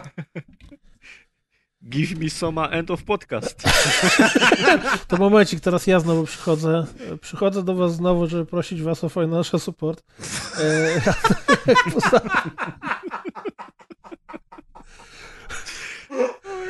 jest klasyk. Maciek, ale Maciek, chodź tu, bo tu pytanie mamy do ciebie w związku z tym Ach, to financial jest support. jedyny komentarz, który jest do mnie. Tak, komentarze premium mamy. Zmieniliśmy providera, bo tamten nas oszukał. To nie Złodzieje! winy. Nic To nie strasznie Jak się ta firma Ale nazywa? Wie, tips and donations, Jebać, wiecie, to jest strasznie tips! smutne, Jebać, że my sobie, my sobie Nie, tą wiesz, kaskę, Odjeb się od my nie sobie tego to- tipsa. tipsa. Te, co tam nam się, to, co tam nam się yy, kapało od was, nasi drodzy słuchacze, to sobie zbieraliśmy, żeby potem Zajebali! przeznaczyć na przykład na Mhm. spotkanie redakcyjne czy coś tam. Po czym jak w końcu uznaliśmy, że to wypłacamy, to chuj. Więc to jest piękna Wiecie, co z nimi zrobić. paralera, pa, para, ja, dobra, No, pararara im zrobimy. Pararara. zrobimy im Pararara. pararara średniowiecza. E, Natomiast dlatego z tego właśnie powodu, jak ktoś regularnie zagląda na zakładkę premium naszej stronie, to teraz otwiera go zupełnie inny provider. E, Słyszałem, że podobno oni nie są złodziejami, więc może tym razem nie zostaniemy znowu wyruchani bez mydła. No ale czas pokaże, więc zapraszamy serdecznie do y, programu komentarzy premium, czyli możliwości wysłania nam wiadomości, które się potem znajdzie w podcaście. Czy to w formie e, po prostu pozdrowień, czy to w formie pytania. I tu mamy pytanie od Brecio. Przysłał nam pytanie. Siema, Brecio. Maciek. To jest pytanko, jako do Brecia. Maciek. Maćku. Maciek, Maćku. Co się stało? Czemu 13 37 95 nie działa? To była najlepsza strona internetu i mimo braku aktywności często ją odwiedzałem. Smuteczek. Jak nie działa? To jest, proszę Państwa, żywa audycja, na żywo. Nieważne, że nagrywamy tydzień wcześniej przed tym, czegoś słuchacie. Audycja adres? zarejestrowana na żywo. No powiedział 1337. Nie działa! Kto mi skasował z FTP-a? Brecik! Brecik! Ruchali nas! Ruchali nas! Nie działa! To nie było na moim FTP-ie. Jak to nie? To było na moim FTP-ie? No? Ale ja tam, ja nic nie kasuję z tego FTP. To jak to jest możliwe, no działa? ktoś skasował. Kto ma dostęp jeszcze do twojego FTP-a? No ty i Grzegorz. Grzegorz! No ja nic, no ja nic nie kasowałem, no gdzie? Wykasowali. Nie ma Brecik.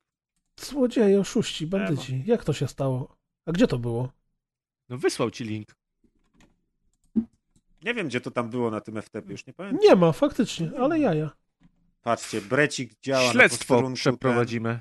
Ten. Przeprowadzimy, osoby zostaną pociągnięte do odpowiedzialności. Ale masz, masz y, offline'owy... Mam, mam. A, to brecik, może jak tego słuchasz, już działa. Nie obiecuję, bo to Maciek sprawa, Cholera, ale wiesz. Czyli nie działa. prawdopodobnie tak. Oj, To Maciek musi się postarać dla brecika teraz. Ojej, no dobra, pomyślimy. Dla brecika to się chyba postara. Dla Brecika się nie postarasz. No dobrze. E, To co jeszcze chcemy zareklamować? E, ja jeszcze jeden komentarz. Kenteja napisał, że ja tylko siedzę i mówię e, jebać gówno gry Xboxa i PC. I ja bym chciał podtrzymać to zdanie, że jebać gówno gry Xboxa i PC. Swoją drogą właśnie też, jak ktoś jest, nie, nie odwiedza naszej strony regularnie, to sekcja komentarzy pod odcinkiem I Love Men, swoją drogą, nie wiem kiedy pobijemy ten odcinek, y, jest bardzo ciekawa i warto tam się zapoznać, napisać na przykład to prawda, albo coś pod jakimś komentarzem. Ja ja chciałem, chciałem też odnieść, ten- odnieść się do komentarzy. Odnieś w się, trochę, inny, Grzegorz. inny, w trochę innym e, tonie niż, niż Adrian, e, ale, ale... Już się boję. Nie, myślałem, myślałem jak odpowiedzieć na ten, na ten komentarz, ja wam go przeczytam, bo ja odpisałem na ten komentarz, niestety nigdy nie, nie doczekałem się kolejnej odpowiedzi, więc Nabla pisze tak. Dzięki za podcast, jak zwykle super się słucha Kuldana, Atka i Razera, ale niestety też jak zwykle ciężko się słucha Preza. Wyciągając wnioski z podcastów daje o sobie znać jako osoba zadufana w sobie, a pod płaszczykiem swojej tolerancyjności jedzie innym. Dodatkowo ma bardzo ograniczone pole widzenia, nie stara się nawet spojrzeć na różne aspekty z nieco innej, być może świeższej perspektywy.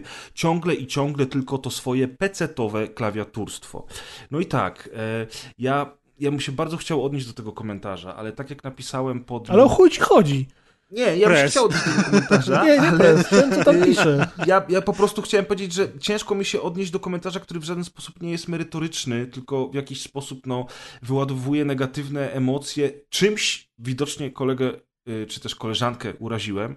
E, No i generalnie rzecz biorąc, y, y, ja pracuję w social mediach. E, Zarządzam communities i tak dalej. I nauczyłem się jednej rzeczy, że bardzo często te, ta, ta rozmowa w internecie ma taki wydźwięk negatywny, kiedy jedna strona myśli sobie, że ta druga strona powiedziała coś złego, skrzywdziła, że bierzemy do siebie bardzo często y, bardzo osobiście rzeczy, które w ogóle nie są osobiste. To jest jedna rzecz.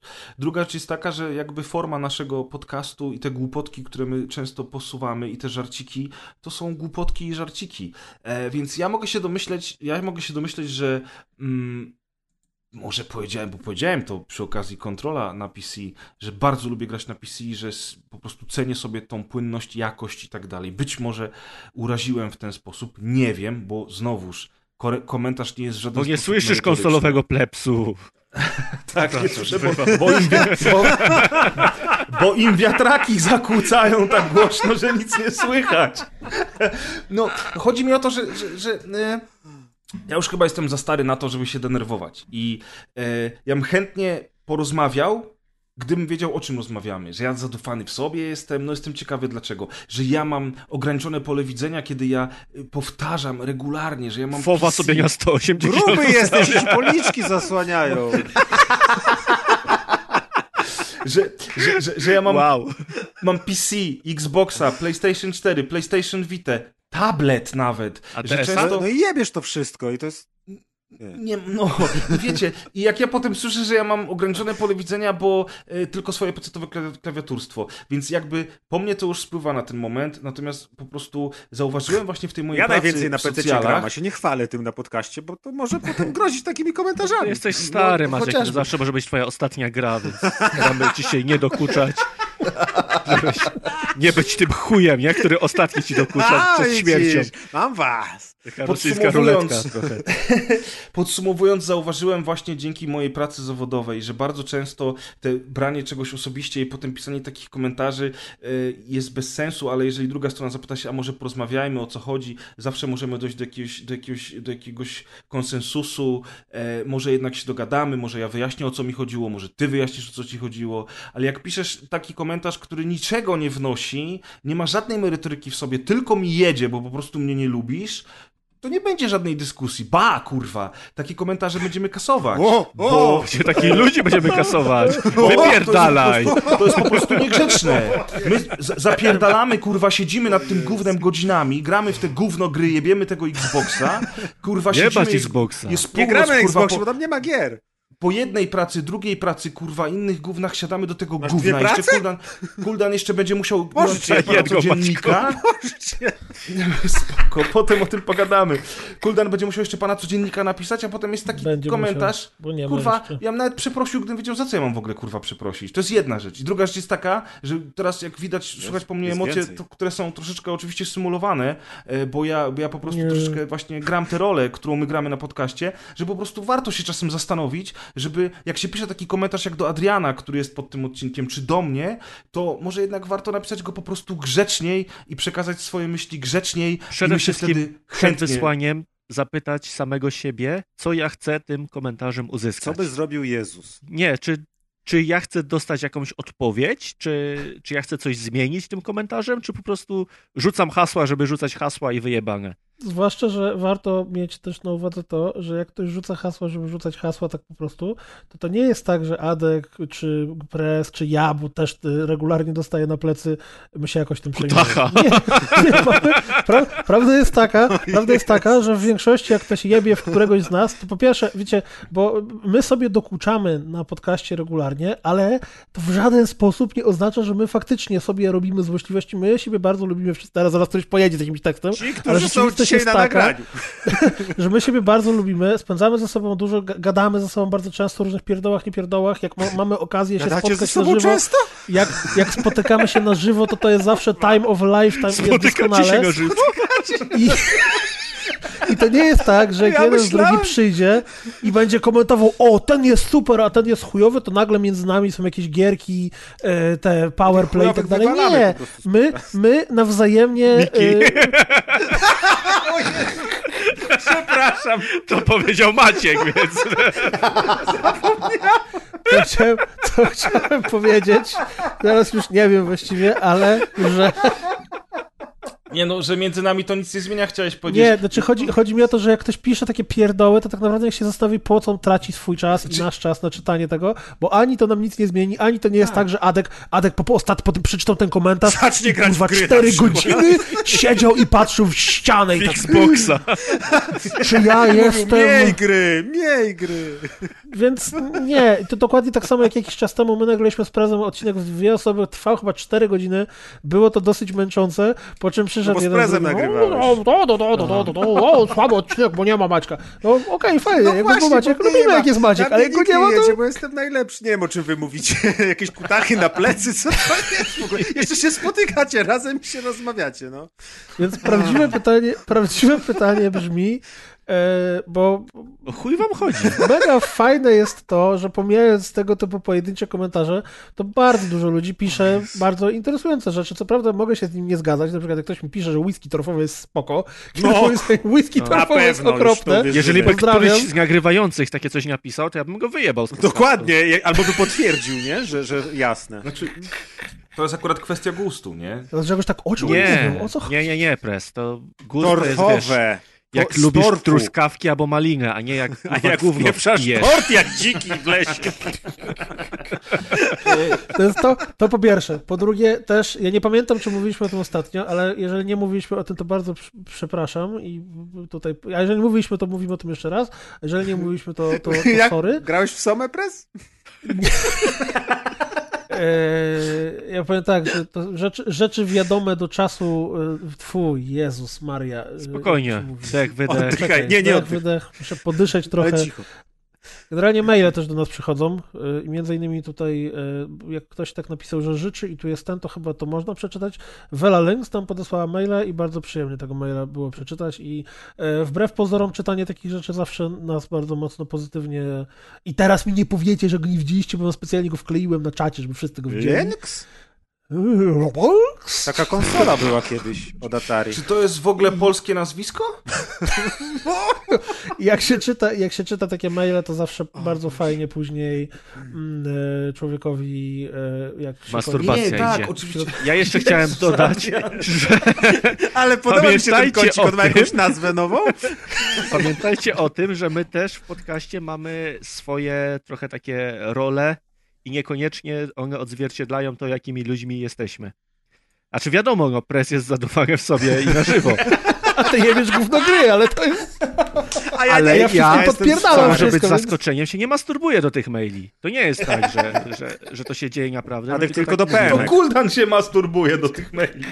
Z udaje na takiego- On tylko, on tylko udaje takiego poważnego, Ale- żebyście widzieli, jakie on nam ten wysyła. overflow na rozgrywce. Nie Ale wiem, ja chciałem się zauważyć, stało. Grzegorz, ja chciałem zauważyć, razem. że jak mówisz, że masz własnego kutacha na twarzy, to tak naprawdę się chwalisz. Panie! No właśnie, o, o, proszę bardzo. Słuchajcie, bo w ogóle z A drugiej nie wiadomo, czy on jest oczywiście taki, gi- może jest taki gibki, że potrafi No ale bycie jest- gibkim też jest Albo że jest zajebiste. niski. Jest, jest, y, jest masa pięknych Bardzo komentarzy, które otrzymujemy. To jest cudowne oczywiście, tak jak Kuldan mówi. W ogóle odpowiedź, odpowiedź nawet pod tym Jak się komentarzem. kładzie, to zawsze sobie oko podbije. Nawet pod Mów, tym mów, komentarzem. Ja chciałem, ja chciałem tutaj dodać, że jak, jak zauważyliście, ten odcinek jest wyjątkowy, ale y, pewne My frustracje, które pary są, sobie, tak. pre, pewne frustracje, które wzbudzają w nas warunki zewnętrzne i to jest wielowątkowa, W y, y, 218 odcinkach. wielowątkowa rzecz, to, Wyjebało. to po prostu czasem y, Szambo. trzeba sobie y, Razem z upuścić, żółwiami ninja. y, I to nie perfumeria. Tak jest, tak jest, oczywiście. No, y, chyba wszyscy muszą sobie tro- czasem trochę, y, trochę puścić Ulżyć. pary. Y, dziękuję Nie, bardzo. pres, pres, nie rób tego. Nie teraz. Ja wiem, że lekko nie tolerujesz, ale...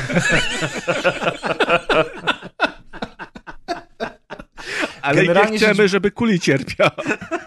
Generalnie rzecz biorąc, oczywiście dziękujemy jak zawsze za wszystkie miłe rzeczy. I to nie jest tak, że my jesteśmy księżniczkami, których nie można tutaj skrytykować, bo absolutnie, wręcz przeciwnie, my lubimy dyskusję, krytyka czasami jest potrzebna, może czasami zwrócić jakąś uwagę na rzeczy, w których my się mylimy, albo spojrzymy na coś z innej strony, tak jak ja na przykład nie będę już takiego miał wąskiego spojrzenia, tylko ten PC i PC.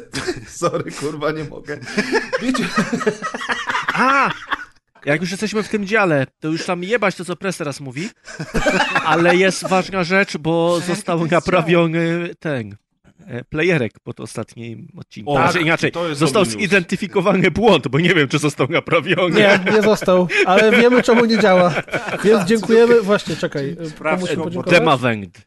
Demowen, bardzo dziękujemy za słuszną diagnozę, na pewno jest prawdziwa, ale przecież wiadomo, że nie sprawdzają tego, żeby to poprawić. Ale wiemy, że, wierzymy, że jest tak, jak z powiedziałeś. Wiedźmina. On słucha rozgrywki?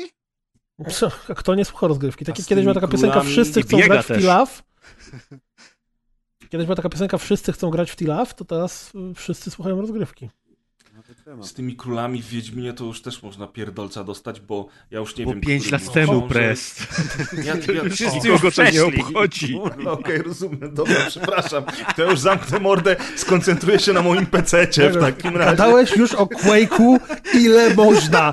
Wiesz, z którego Jezu, roku jest. Quake? Jezus Maria, ja naprawdę tylko pecety i pecety. Zobaczmy, w jakie gry dzisiaj grał Grzegorz Tak. w tym odcinku. Lonely Na czym? Mountains, Downhill, no to na PC. Prodeus na PC wiadomo. Pumpkin Jack, na co? Na PC Na grałeś. PC. W grę z PSX. No i bardzo ładnie. Amnezja, na czym? Na PC. I Quake, no to już Dwa nie dodatki, wymaga komentarza. na. A w Wiedźmina na czym grasz? Na Switchu pewnie. No Na chuja tam na. Switchu, na PC grasz. I Jeszcze Więc- modami się bawić. I teraz ładnie widać, że to wszystko, co było w komentarzu o prezie, to się zgadza. A jak mnie zapytasz, na czym ja grałem w Survivalista, grałem na Na Xboxie. Jeden, że gówno gra, to jeszcze na konsoli, do której nie lubisz. Jestem No, wycieńczony psychofizycznie. czemu jesteś? No taka Polska, no co mam zrobić? Taką Polskę dał nam Bóg i trzeba ją kochać. Nie, Albo nie. nie. trzeba, nie zamierzamy. Nie taką. Ale was kochamy, drodzy słuchacze. A jak kocha, to bije, także Bo to łobuz! Było blisko, a i wszystko jasne. Dobrze, to teraz y, tak, y, jak, jak ten podcast się pojawi, to jest 30 października, chyba że już siedzimy w więzieniu, to więc wtedy nie. jutro Więc jutro, 31 października jest co, Adrianie? rozgrywka show, tak odcinek jest, 2. bang! Odcinek 2, Dwa? a w niedzielę? Tak, A nie trzy? dwa, dwa. Dwa. W niedzielę jest streaming Niedziela. i w kolejną niedzielę Riming. jest... Jezus, kuli. O, Bo później, bo później przychodzimy na spotkanie i są znowu niedomówienia. Ludzie czekają na coś innego, a potem mówią, co to ma być? Streaming. A streaming! To nie, i logout. Cofają streaming, subskrypcje, To wiesz. podciągnę gacie jednak. A w przyszły wtorek, czyli 3 listopada, wtorek czy środa? Nie pamiętam teraz, ja się Daj, zbłaźniłem. trzeci to jest wtorek, a środa to jest... Wtorek. Po pierwszy to jest niedziela, więc trzeci to jest wtorek. A co Nie, ale ja pytam cię, Szósty jest to jest piątek. Coś się dzieje. wtorek. Grube rozmowy pojawiają się w pierwszy wtorek miesiącu, czyli nowe Tak, grube rozmowy trzeciego. pojawią się 3 listopada. To za Mam nadzieję, że to będą takie grube rozmowy, że wam czapki z głów spadną. No, I powinno gacie z być. tyłku. Tym bardziej. I będzie Przecież streaming. to może źle brzmieć teraz w konwencji tego, co chcemy Ciekawe, zrobić. co by było, Nieważne. co by się wydarzyło. jakby Maciek, zastanów się, co chcesz powiedzieć. Przykład... Faktycznie, bo to możemy kosztować posadę, ale co by było, gdyby na przykład Ale gdzie? Moją jedyną miejscu, obecną tak? posadę, tak. Aha, okej. E, Gdyby na przykład ktoś... Krzesło nazywasz posadą. Krzesło to dostanę za to, co by się wydarzyło, ale co by się stało, gdyby na przykład 28, y, czyli w środę, wyciekł ten y, odcinek rozgrywki jeszcze przed premierą? No zesrałbym się. Kurde, by się zesrał. I chuj z rimingu.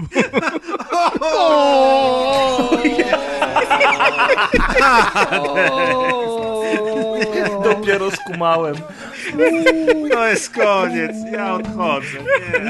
Nie, ja nie mogę. Jeszcze się śmieje. to są role.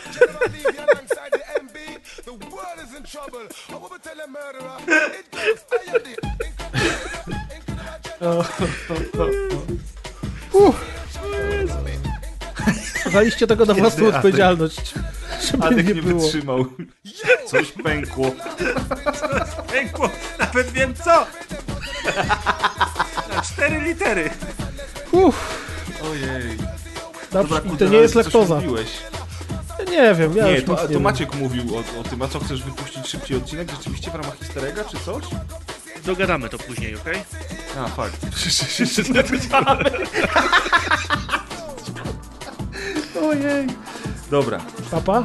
pośmialimy się. Papa, trzymajcie się tam Para. wszyscy ciepło w tej Polsce. Pa, do następnego. Booyaka, booyaka, when the general pass. Booyaka, booyaka, MB run the dance. Booyaka, booyaka, we no take back no talk. Booyaka, booyaka. Incredible.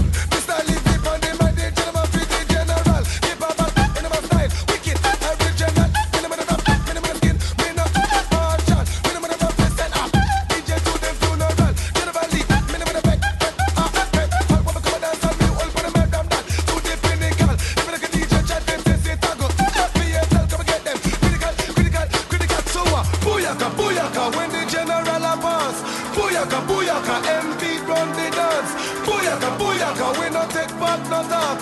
Booyaka, booyaka.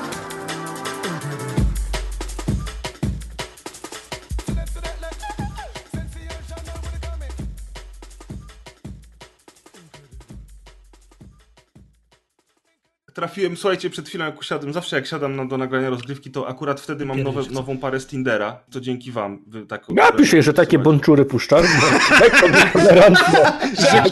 Ku- Kupel w Warszawie się zwija po prostu. I słuchajcie, Jak wiatr poniesie. słuchajcie, ładna dziewucha w ogóle, 27 lat. Ale To takie bączury puszcza. Ale nie, ale słuchaj, opis, opis, to jest żona, jest żona. Słuchajcie, pisze tak, robię dobre pierogi, dbam, aby zawsze piwo było w lodówce, a gdy masz gorszy dzień, dam ci pograć w spokoju na konsoli. No, No. i kurwa, dziękuję. I masz jeszcze... Zapytaj, czym te pierogi. Bo jak z twarogiem, to puszczasz takie bączury. Bo masz lekką nietolerancję laktozy. I prawaku. odcinka, lekko Tylko ja zacznę, wtedy muszę A zrobić ja wtedy muszę wstęp. Oczywiście- cyberpunkowy Dobrze, gdzieś wstęp. jeszcze dodać. Albo jebać Dobrze. gównionusy, to tu dodam. Jebać gówno newsy? No, ktoś będzie opowiadać o tym. Referat jest na temat jebania gównoniusów. A, przygotowaliście się, mam nadzieję. No, ten, co wpisał, to się przygotował.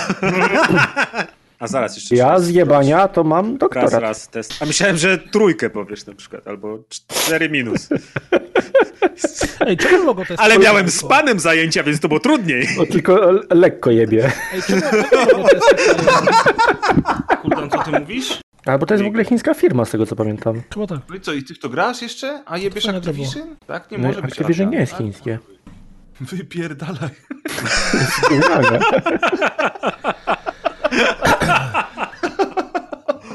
Trochę, Boże, dobrze, że rozmawiamy, trochę kurwa śmiechu nam się przyda, bo ja już, już mam dosyć. Dobra chłopcy, gdzie jest rozpiska?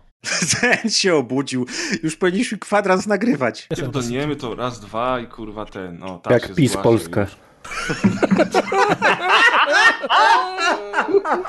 Takie wstawki chcesz? Wkleiłem wam na rozgrywkę. Komiks. Ojej, taki długi. Nie. Jezus Maria. Maciek, ale nie mówimy o twoim penisie, tylko Dziękuję. Już kurwa. PlayStation nie ma gier, kurwa. Jeee, to, to, to ja miałem temat, czekaj. No to dawaj, do Kurwa, kurwa, Sony kurwa, kurwa. O chuj, przyjebałem łokciem. I kurwa, chuj, Kurwa. Ktoś ma gry w Nie. ogóle? Był ból dupy ostatnio, o co był ból dupy? Ojej. Coś zmienili. A jego Kurwa. Ajajaj. Ajajajajaj. Faceplate'y PlayStationowe, Ajajaj. Coś zmienili. liczenie trofeów, Nie, nie, nie, nie, nie. ale kto coś zmienił? Gamescore coś mieli zmieniać. tak. Kurwa. Ale w Sony? Prowadź nas jakoś. W Sony? W Sony? Ciepło? Nie.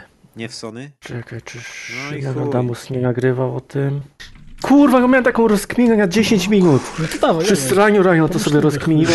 Pomyśl sobie, o czym Ja Maciek strałeś dzisiaj. Xbox, Co tak ma śmierdzi, myślę. Wiem, wiem, wiem, wiem. E, e, wrócił ten temat, tylko kurwa nie wiem jaka jest geneza. E, że jakiś tam deweloper się rzucał o to, że za streamowanie gier powinna, znaczy powinna być specjalna A. licencja do To streamowania ty, gier. oglądałem tego, Sterlinga. Skąd ten typ się rzucał? Bo to z jakiejś dużej gry było. A czemu myśmy się Kuldan nie obserwowali? Bo ja bym się cię pytać wcześniej o to, bo Adek... Pierdoły wie, a- piszesz, kurwiu. Kurwa, cię nie chce obserwować. wszystkie moje polityczne walki, które uskuteczniałem na, na Twitterze, Adek dwa lata temu. Piszesz takie rzeczy, które mnie nie interesują, ja tam nie będę zaglądał. Adek dzisiaj, kurwa, y, SS. Jebać! No, kurwa, Adek dzisiaj, ja nie będę cię obserwował, bo No, ty dorósł w końcu. nie Nie, interesuje. bo ty cały czas pierdoły piszesz. No czekaj, zrobimy sobie przegląd na żywo. Okej, zrób. Pre XX. X. Akurat Ale teraz- pamiętam teraz- moją ksywę doskonale. Tak, bo muszę na... że mi się strasznie podoba to, co Pret wrzuca te, te y, vibesy, gdzie Proszę. muzyka, Gówno filmik z Wiedźmina. O Boże, ten Wiedźmin Tam rzeczy, nagra. postal, kurwa. Pamiętam, że jak był postal, to Kuli się prawie zesrał, jak mieliśmy to recenzować, to nie, to Dobra, rzucasz Adrian, filmik. okej, dobra. Adrian, Quake, no Postal był w 97, kurwa. kurwa. Słuchajcie, bo miło jest, ale... Ale wypierdalaj. To Ja, ale mnie coś, też coś w brzuchu zaczęło tak mulić. Pewnie To- piłeś to pąki bąk preza. pasi. Piłeś boki prena? Chryste, panie! Ob- a obserwować na Twitterze to nie, nie, bo to obrzydliwe. Głupoty wypisuje. O, bączek, bączek. Chodź, muminki wyjaśniają kajegodek. Dobra, Kuldan, też cię będę obserwował w takim razie. Ty kutesi, kuści, tasi synu. Tasi synu to jest złoto. Makaroniarzu. Ale patrz, Podcast rozgrywka, odcinek. 219.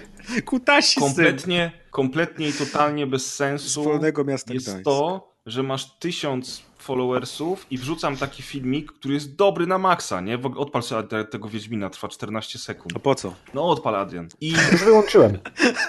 Muzyka w tle? Wyłączyłem już Grzegorz, twój ja nie wiem, profil. czy ty znasz zasady. A. Wielką księgę Twittera, nie wiem, czy znasz. Nie znam. To jest najważniejsze przed Twittera. Jestem hamem. O co chodzi? Że co? Że bardzo istotne jest proporcja obserwowanych do obserwujących, bo to jest jak KD ratio w strzelaniu. Wcale nie. No ja wiem, no ale ja mam bardzo mało obserwowanych. Mam tylko 100, 150 Wow, 160 Adrian, żart obok ciebie przeleciał tak bardzo. Adek na przykład wypierdala ludzi, którzy chcą go obserwować. A to prawda.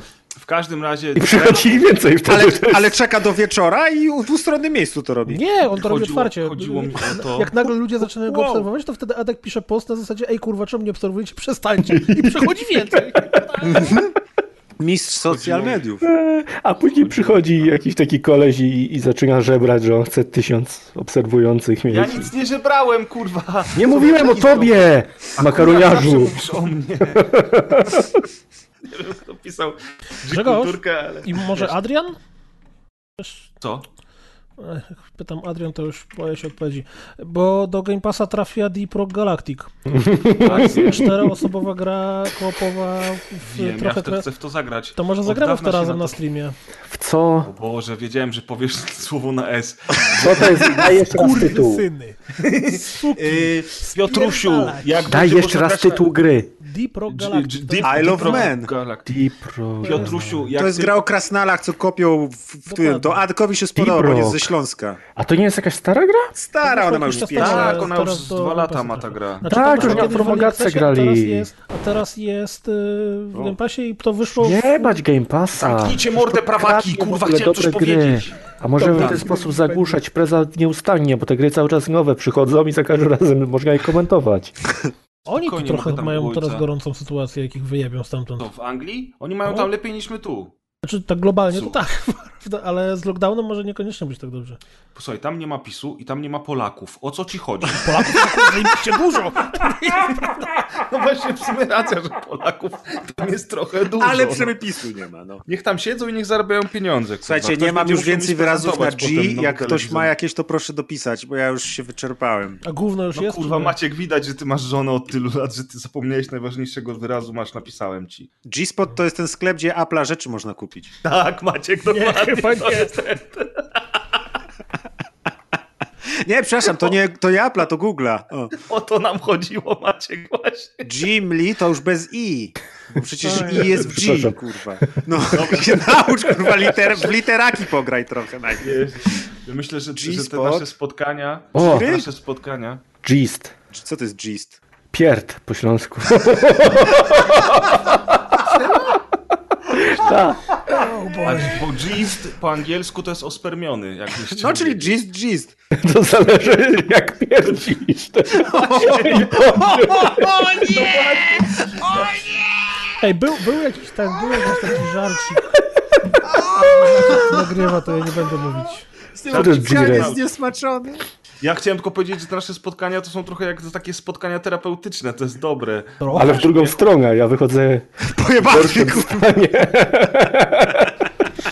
Już prawie, już prawie układał sobie życie, ale zapomniał, że co dwa tygodnie nagrywa rozgrywkę. I chuj. Taki reset mam nowo. życiowy. Chuj wielki. Taki jak w fabrykach, nie? Zero dni od ostatniej rozgrywki.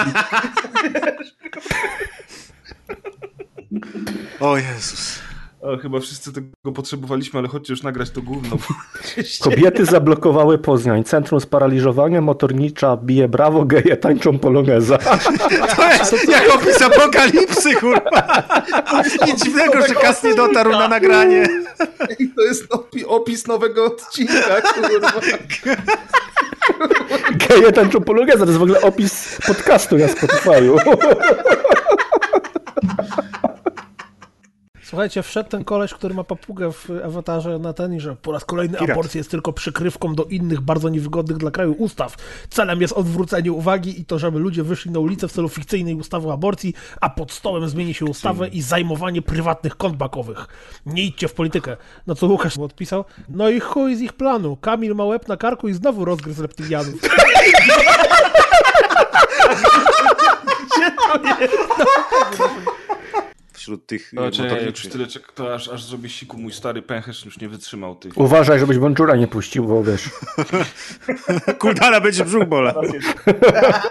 To jest Ciebie też, Alek, do mnie nie doleci. motyla. Efekt Bonczura. Na jed... Gdy na jednym końcu świata ktoś puści bąka, na drugim końcu świata kogoś może Kurwa, boleć boli brzuch. A, Ja mogę powiedzieć, że gdyby to było złe, to Bóg by inaczej świat stworzył. Wy jesteście wszyscy z dala od centrum miasta, pewnie u siebie w miastach, nie? U mnie nie ma Nie. centrum miasta. Tak, A ja mieszkam No. 3 km od a Kaczyńskiego. ja przy obwodnicy. I tak samo Ciebie 3 też od Kai. A i nie, nie słyszałeś, jak chodzili, czy słyszałeś? W trójkącie spierdolenia. Ja jestem centrum trójkąta spierdolenia. Ja jestem jak Spider-Man w tym Homecoming, jak trzyma ten most z dwóch stron. Trzymam całe spierdolenie w Warszawie. Ja pierdolę, pierdolę. sobie taki handel na Twitterze ustawić. Adek w centrum spierdolenia. I on ma założonego tego long sleeve'a ze Spider-Manem i tak czerwony na twarzy, stoi, przez okno się wypina i trzyma te liny obie, nie? U mnie Giełk. kierowca prawie potrącił protestujących, także pozdrawiam. Widziałem, ale ja pierdolę, ty. Znaczy, ale widziałem, bo są, są różne incydenty i u mnie tak ruszył, a później wyszedł i z ryjem wyskakiwał do wszystkich. to nie, to ja widziałem gościa, który A pierdolał. co tam Ryj robił? dalej. Pozdro Ryju. Pierdolę. Oho, czekajcie, ktoś zgłosił. O, Maciej zgłosił komentarz jebać PiS. Zostaw komcia. Zostaw komcia, dobry komć. Masz tu troszkę dobre, smaczne, jedz, jedz. Wyrośniesz na dużego komcia kiedyś. Tam na komentarza. No tak, ale czasem się też pierdoli, wtedy zawsze lepiej jest kiedy drugie, zapomniałem. Nie, mi się pierdoli, jak, go, jak zamykam TS-a bez stopowania chyba. To zastopuj teraz od razu, żeby... Tak. Nie, nie, poczekam, bo zaraz Adek coś jeszcze powie. Nie, bo ja do kibelka muszę skoczyć. pasuje. O to chodziło! pasuje. Więc jak jeszcze będziecie, to zaraz wracam, a jak nie, to nara. Maciek, a co ty, to cześć, cześć, jakby co? Maciek, a co ty Nie wiem, chciałeś no. z tą środą?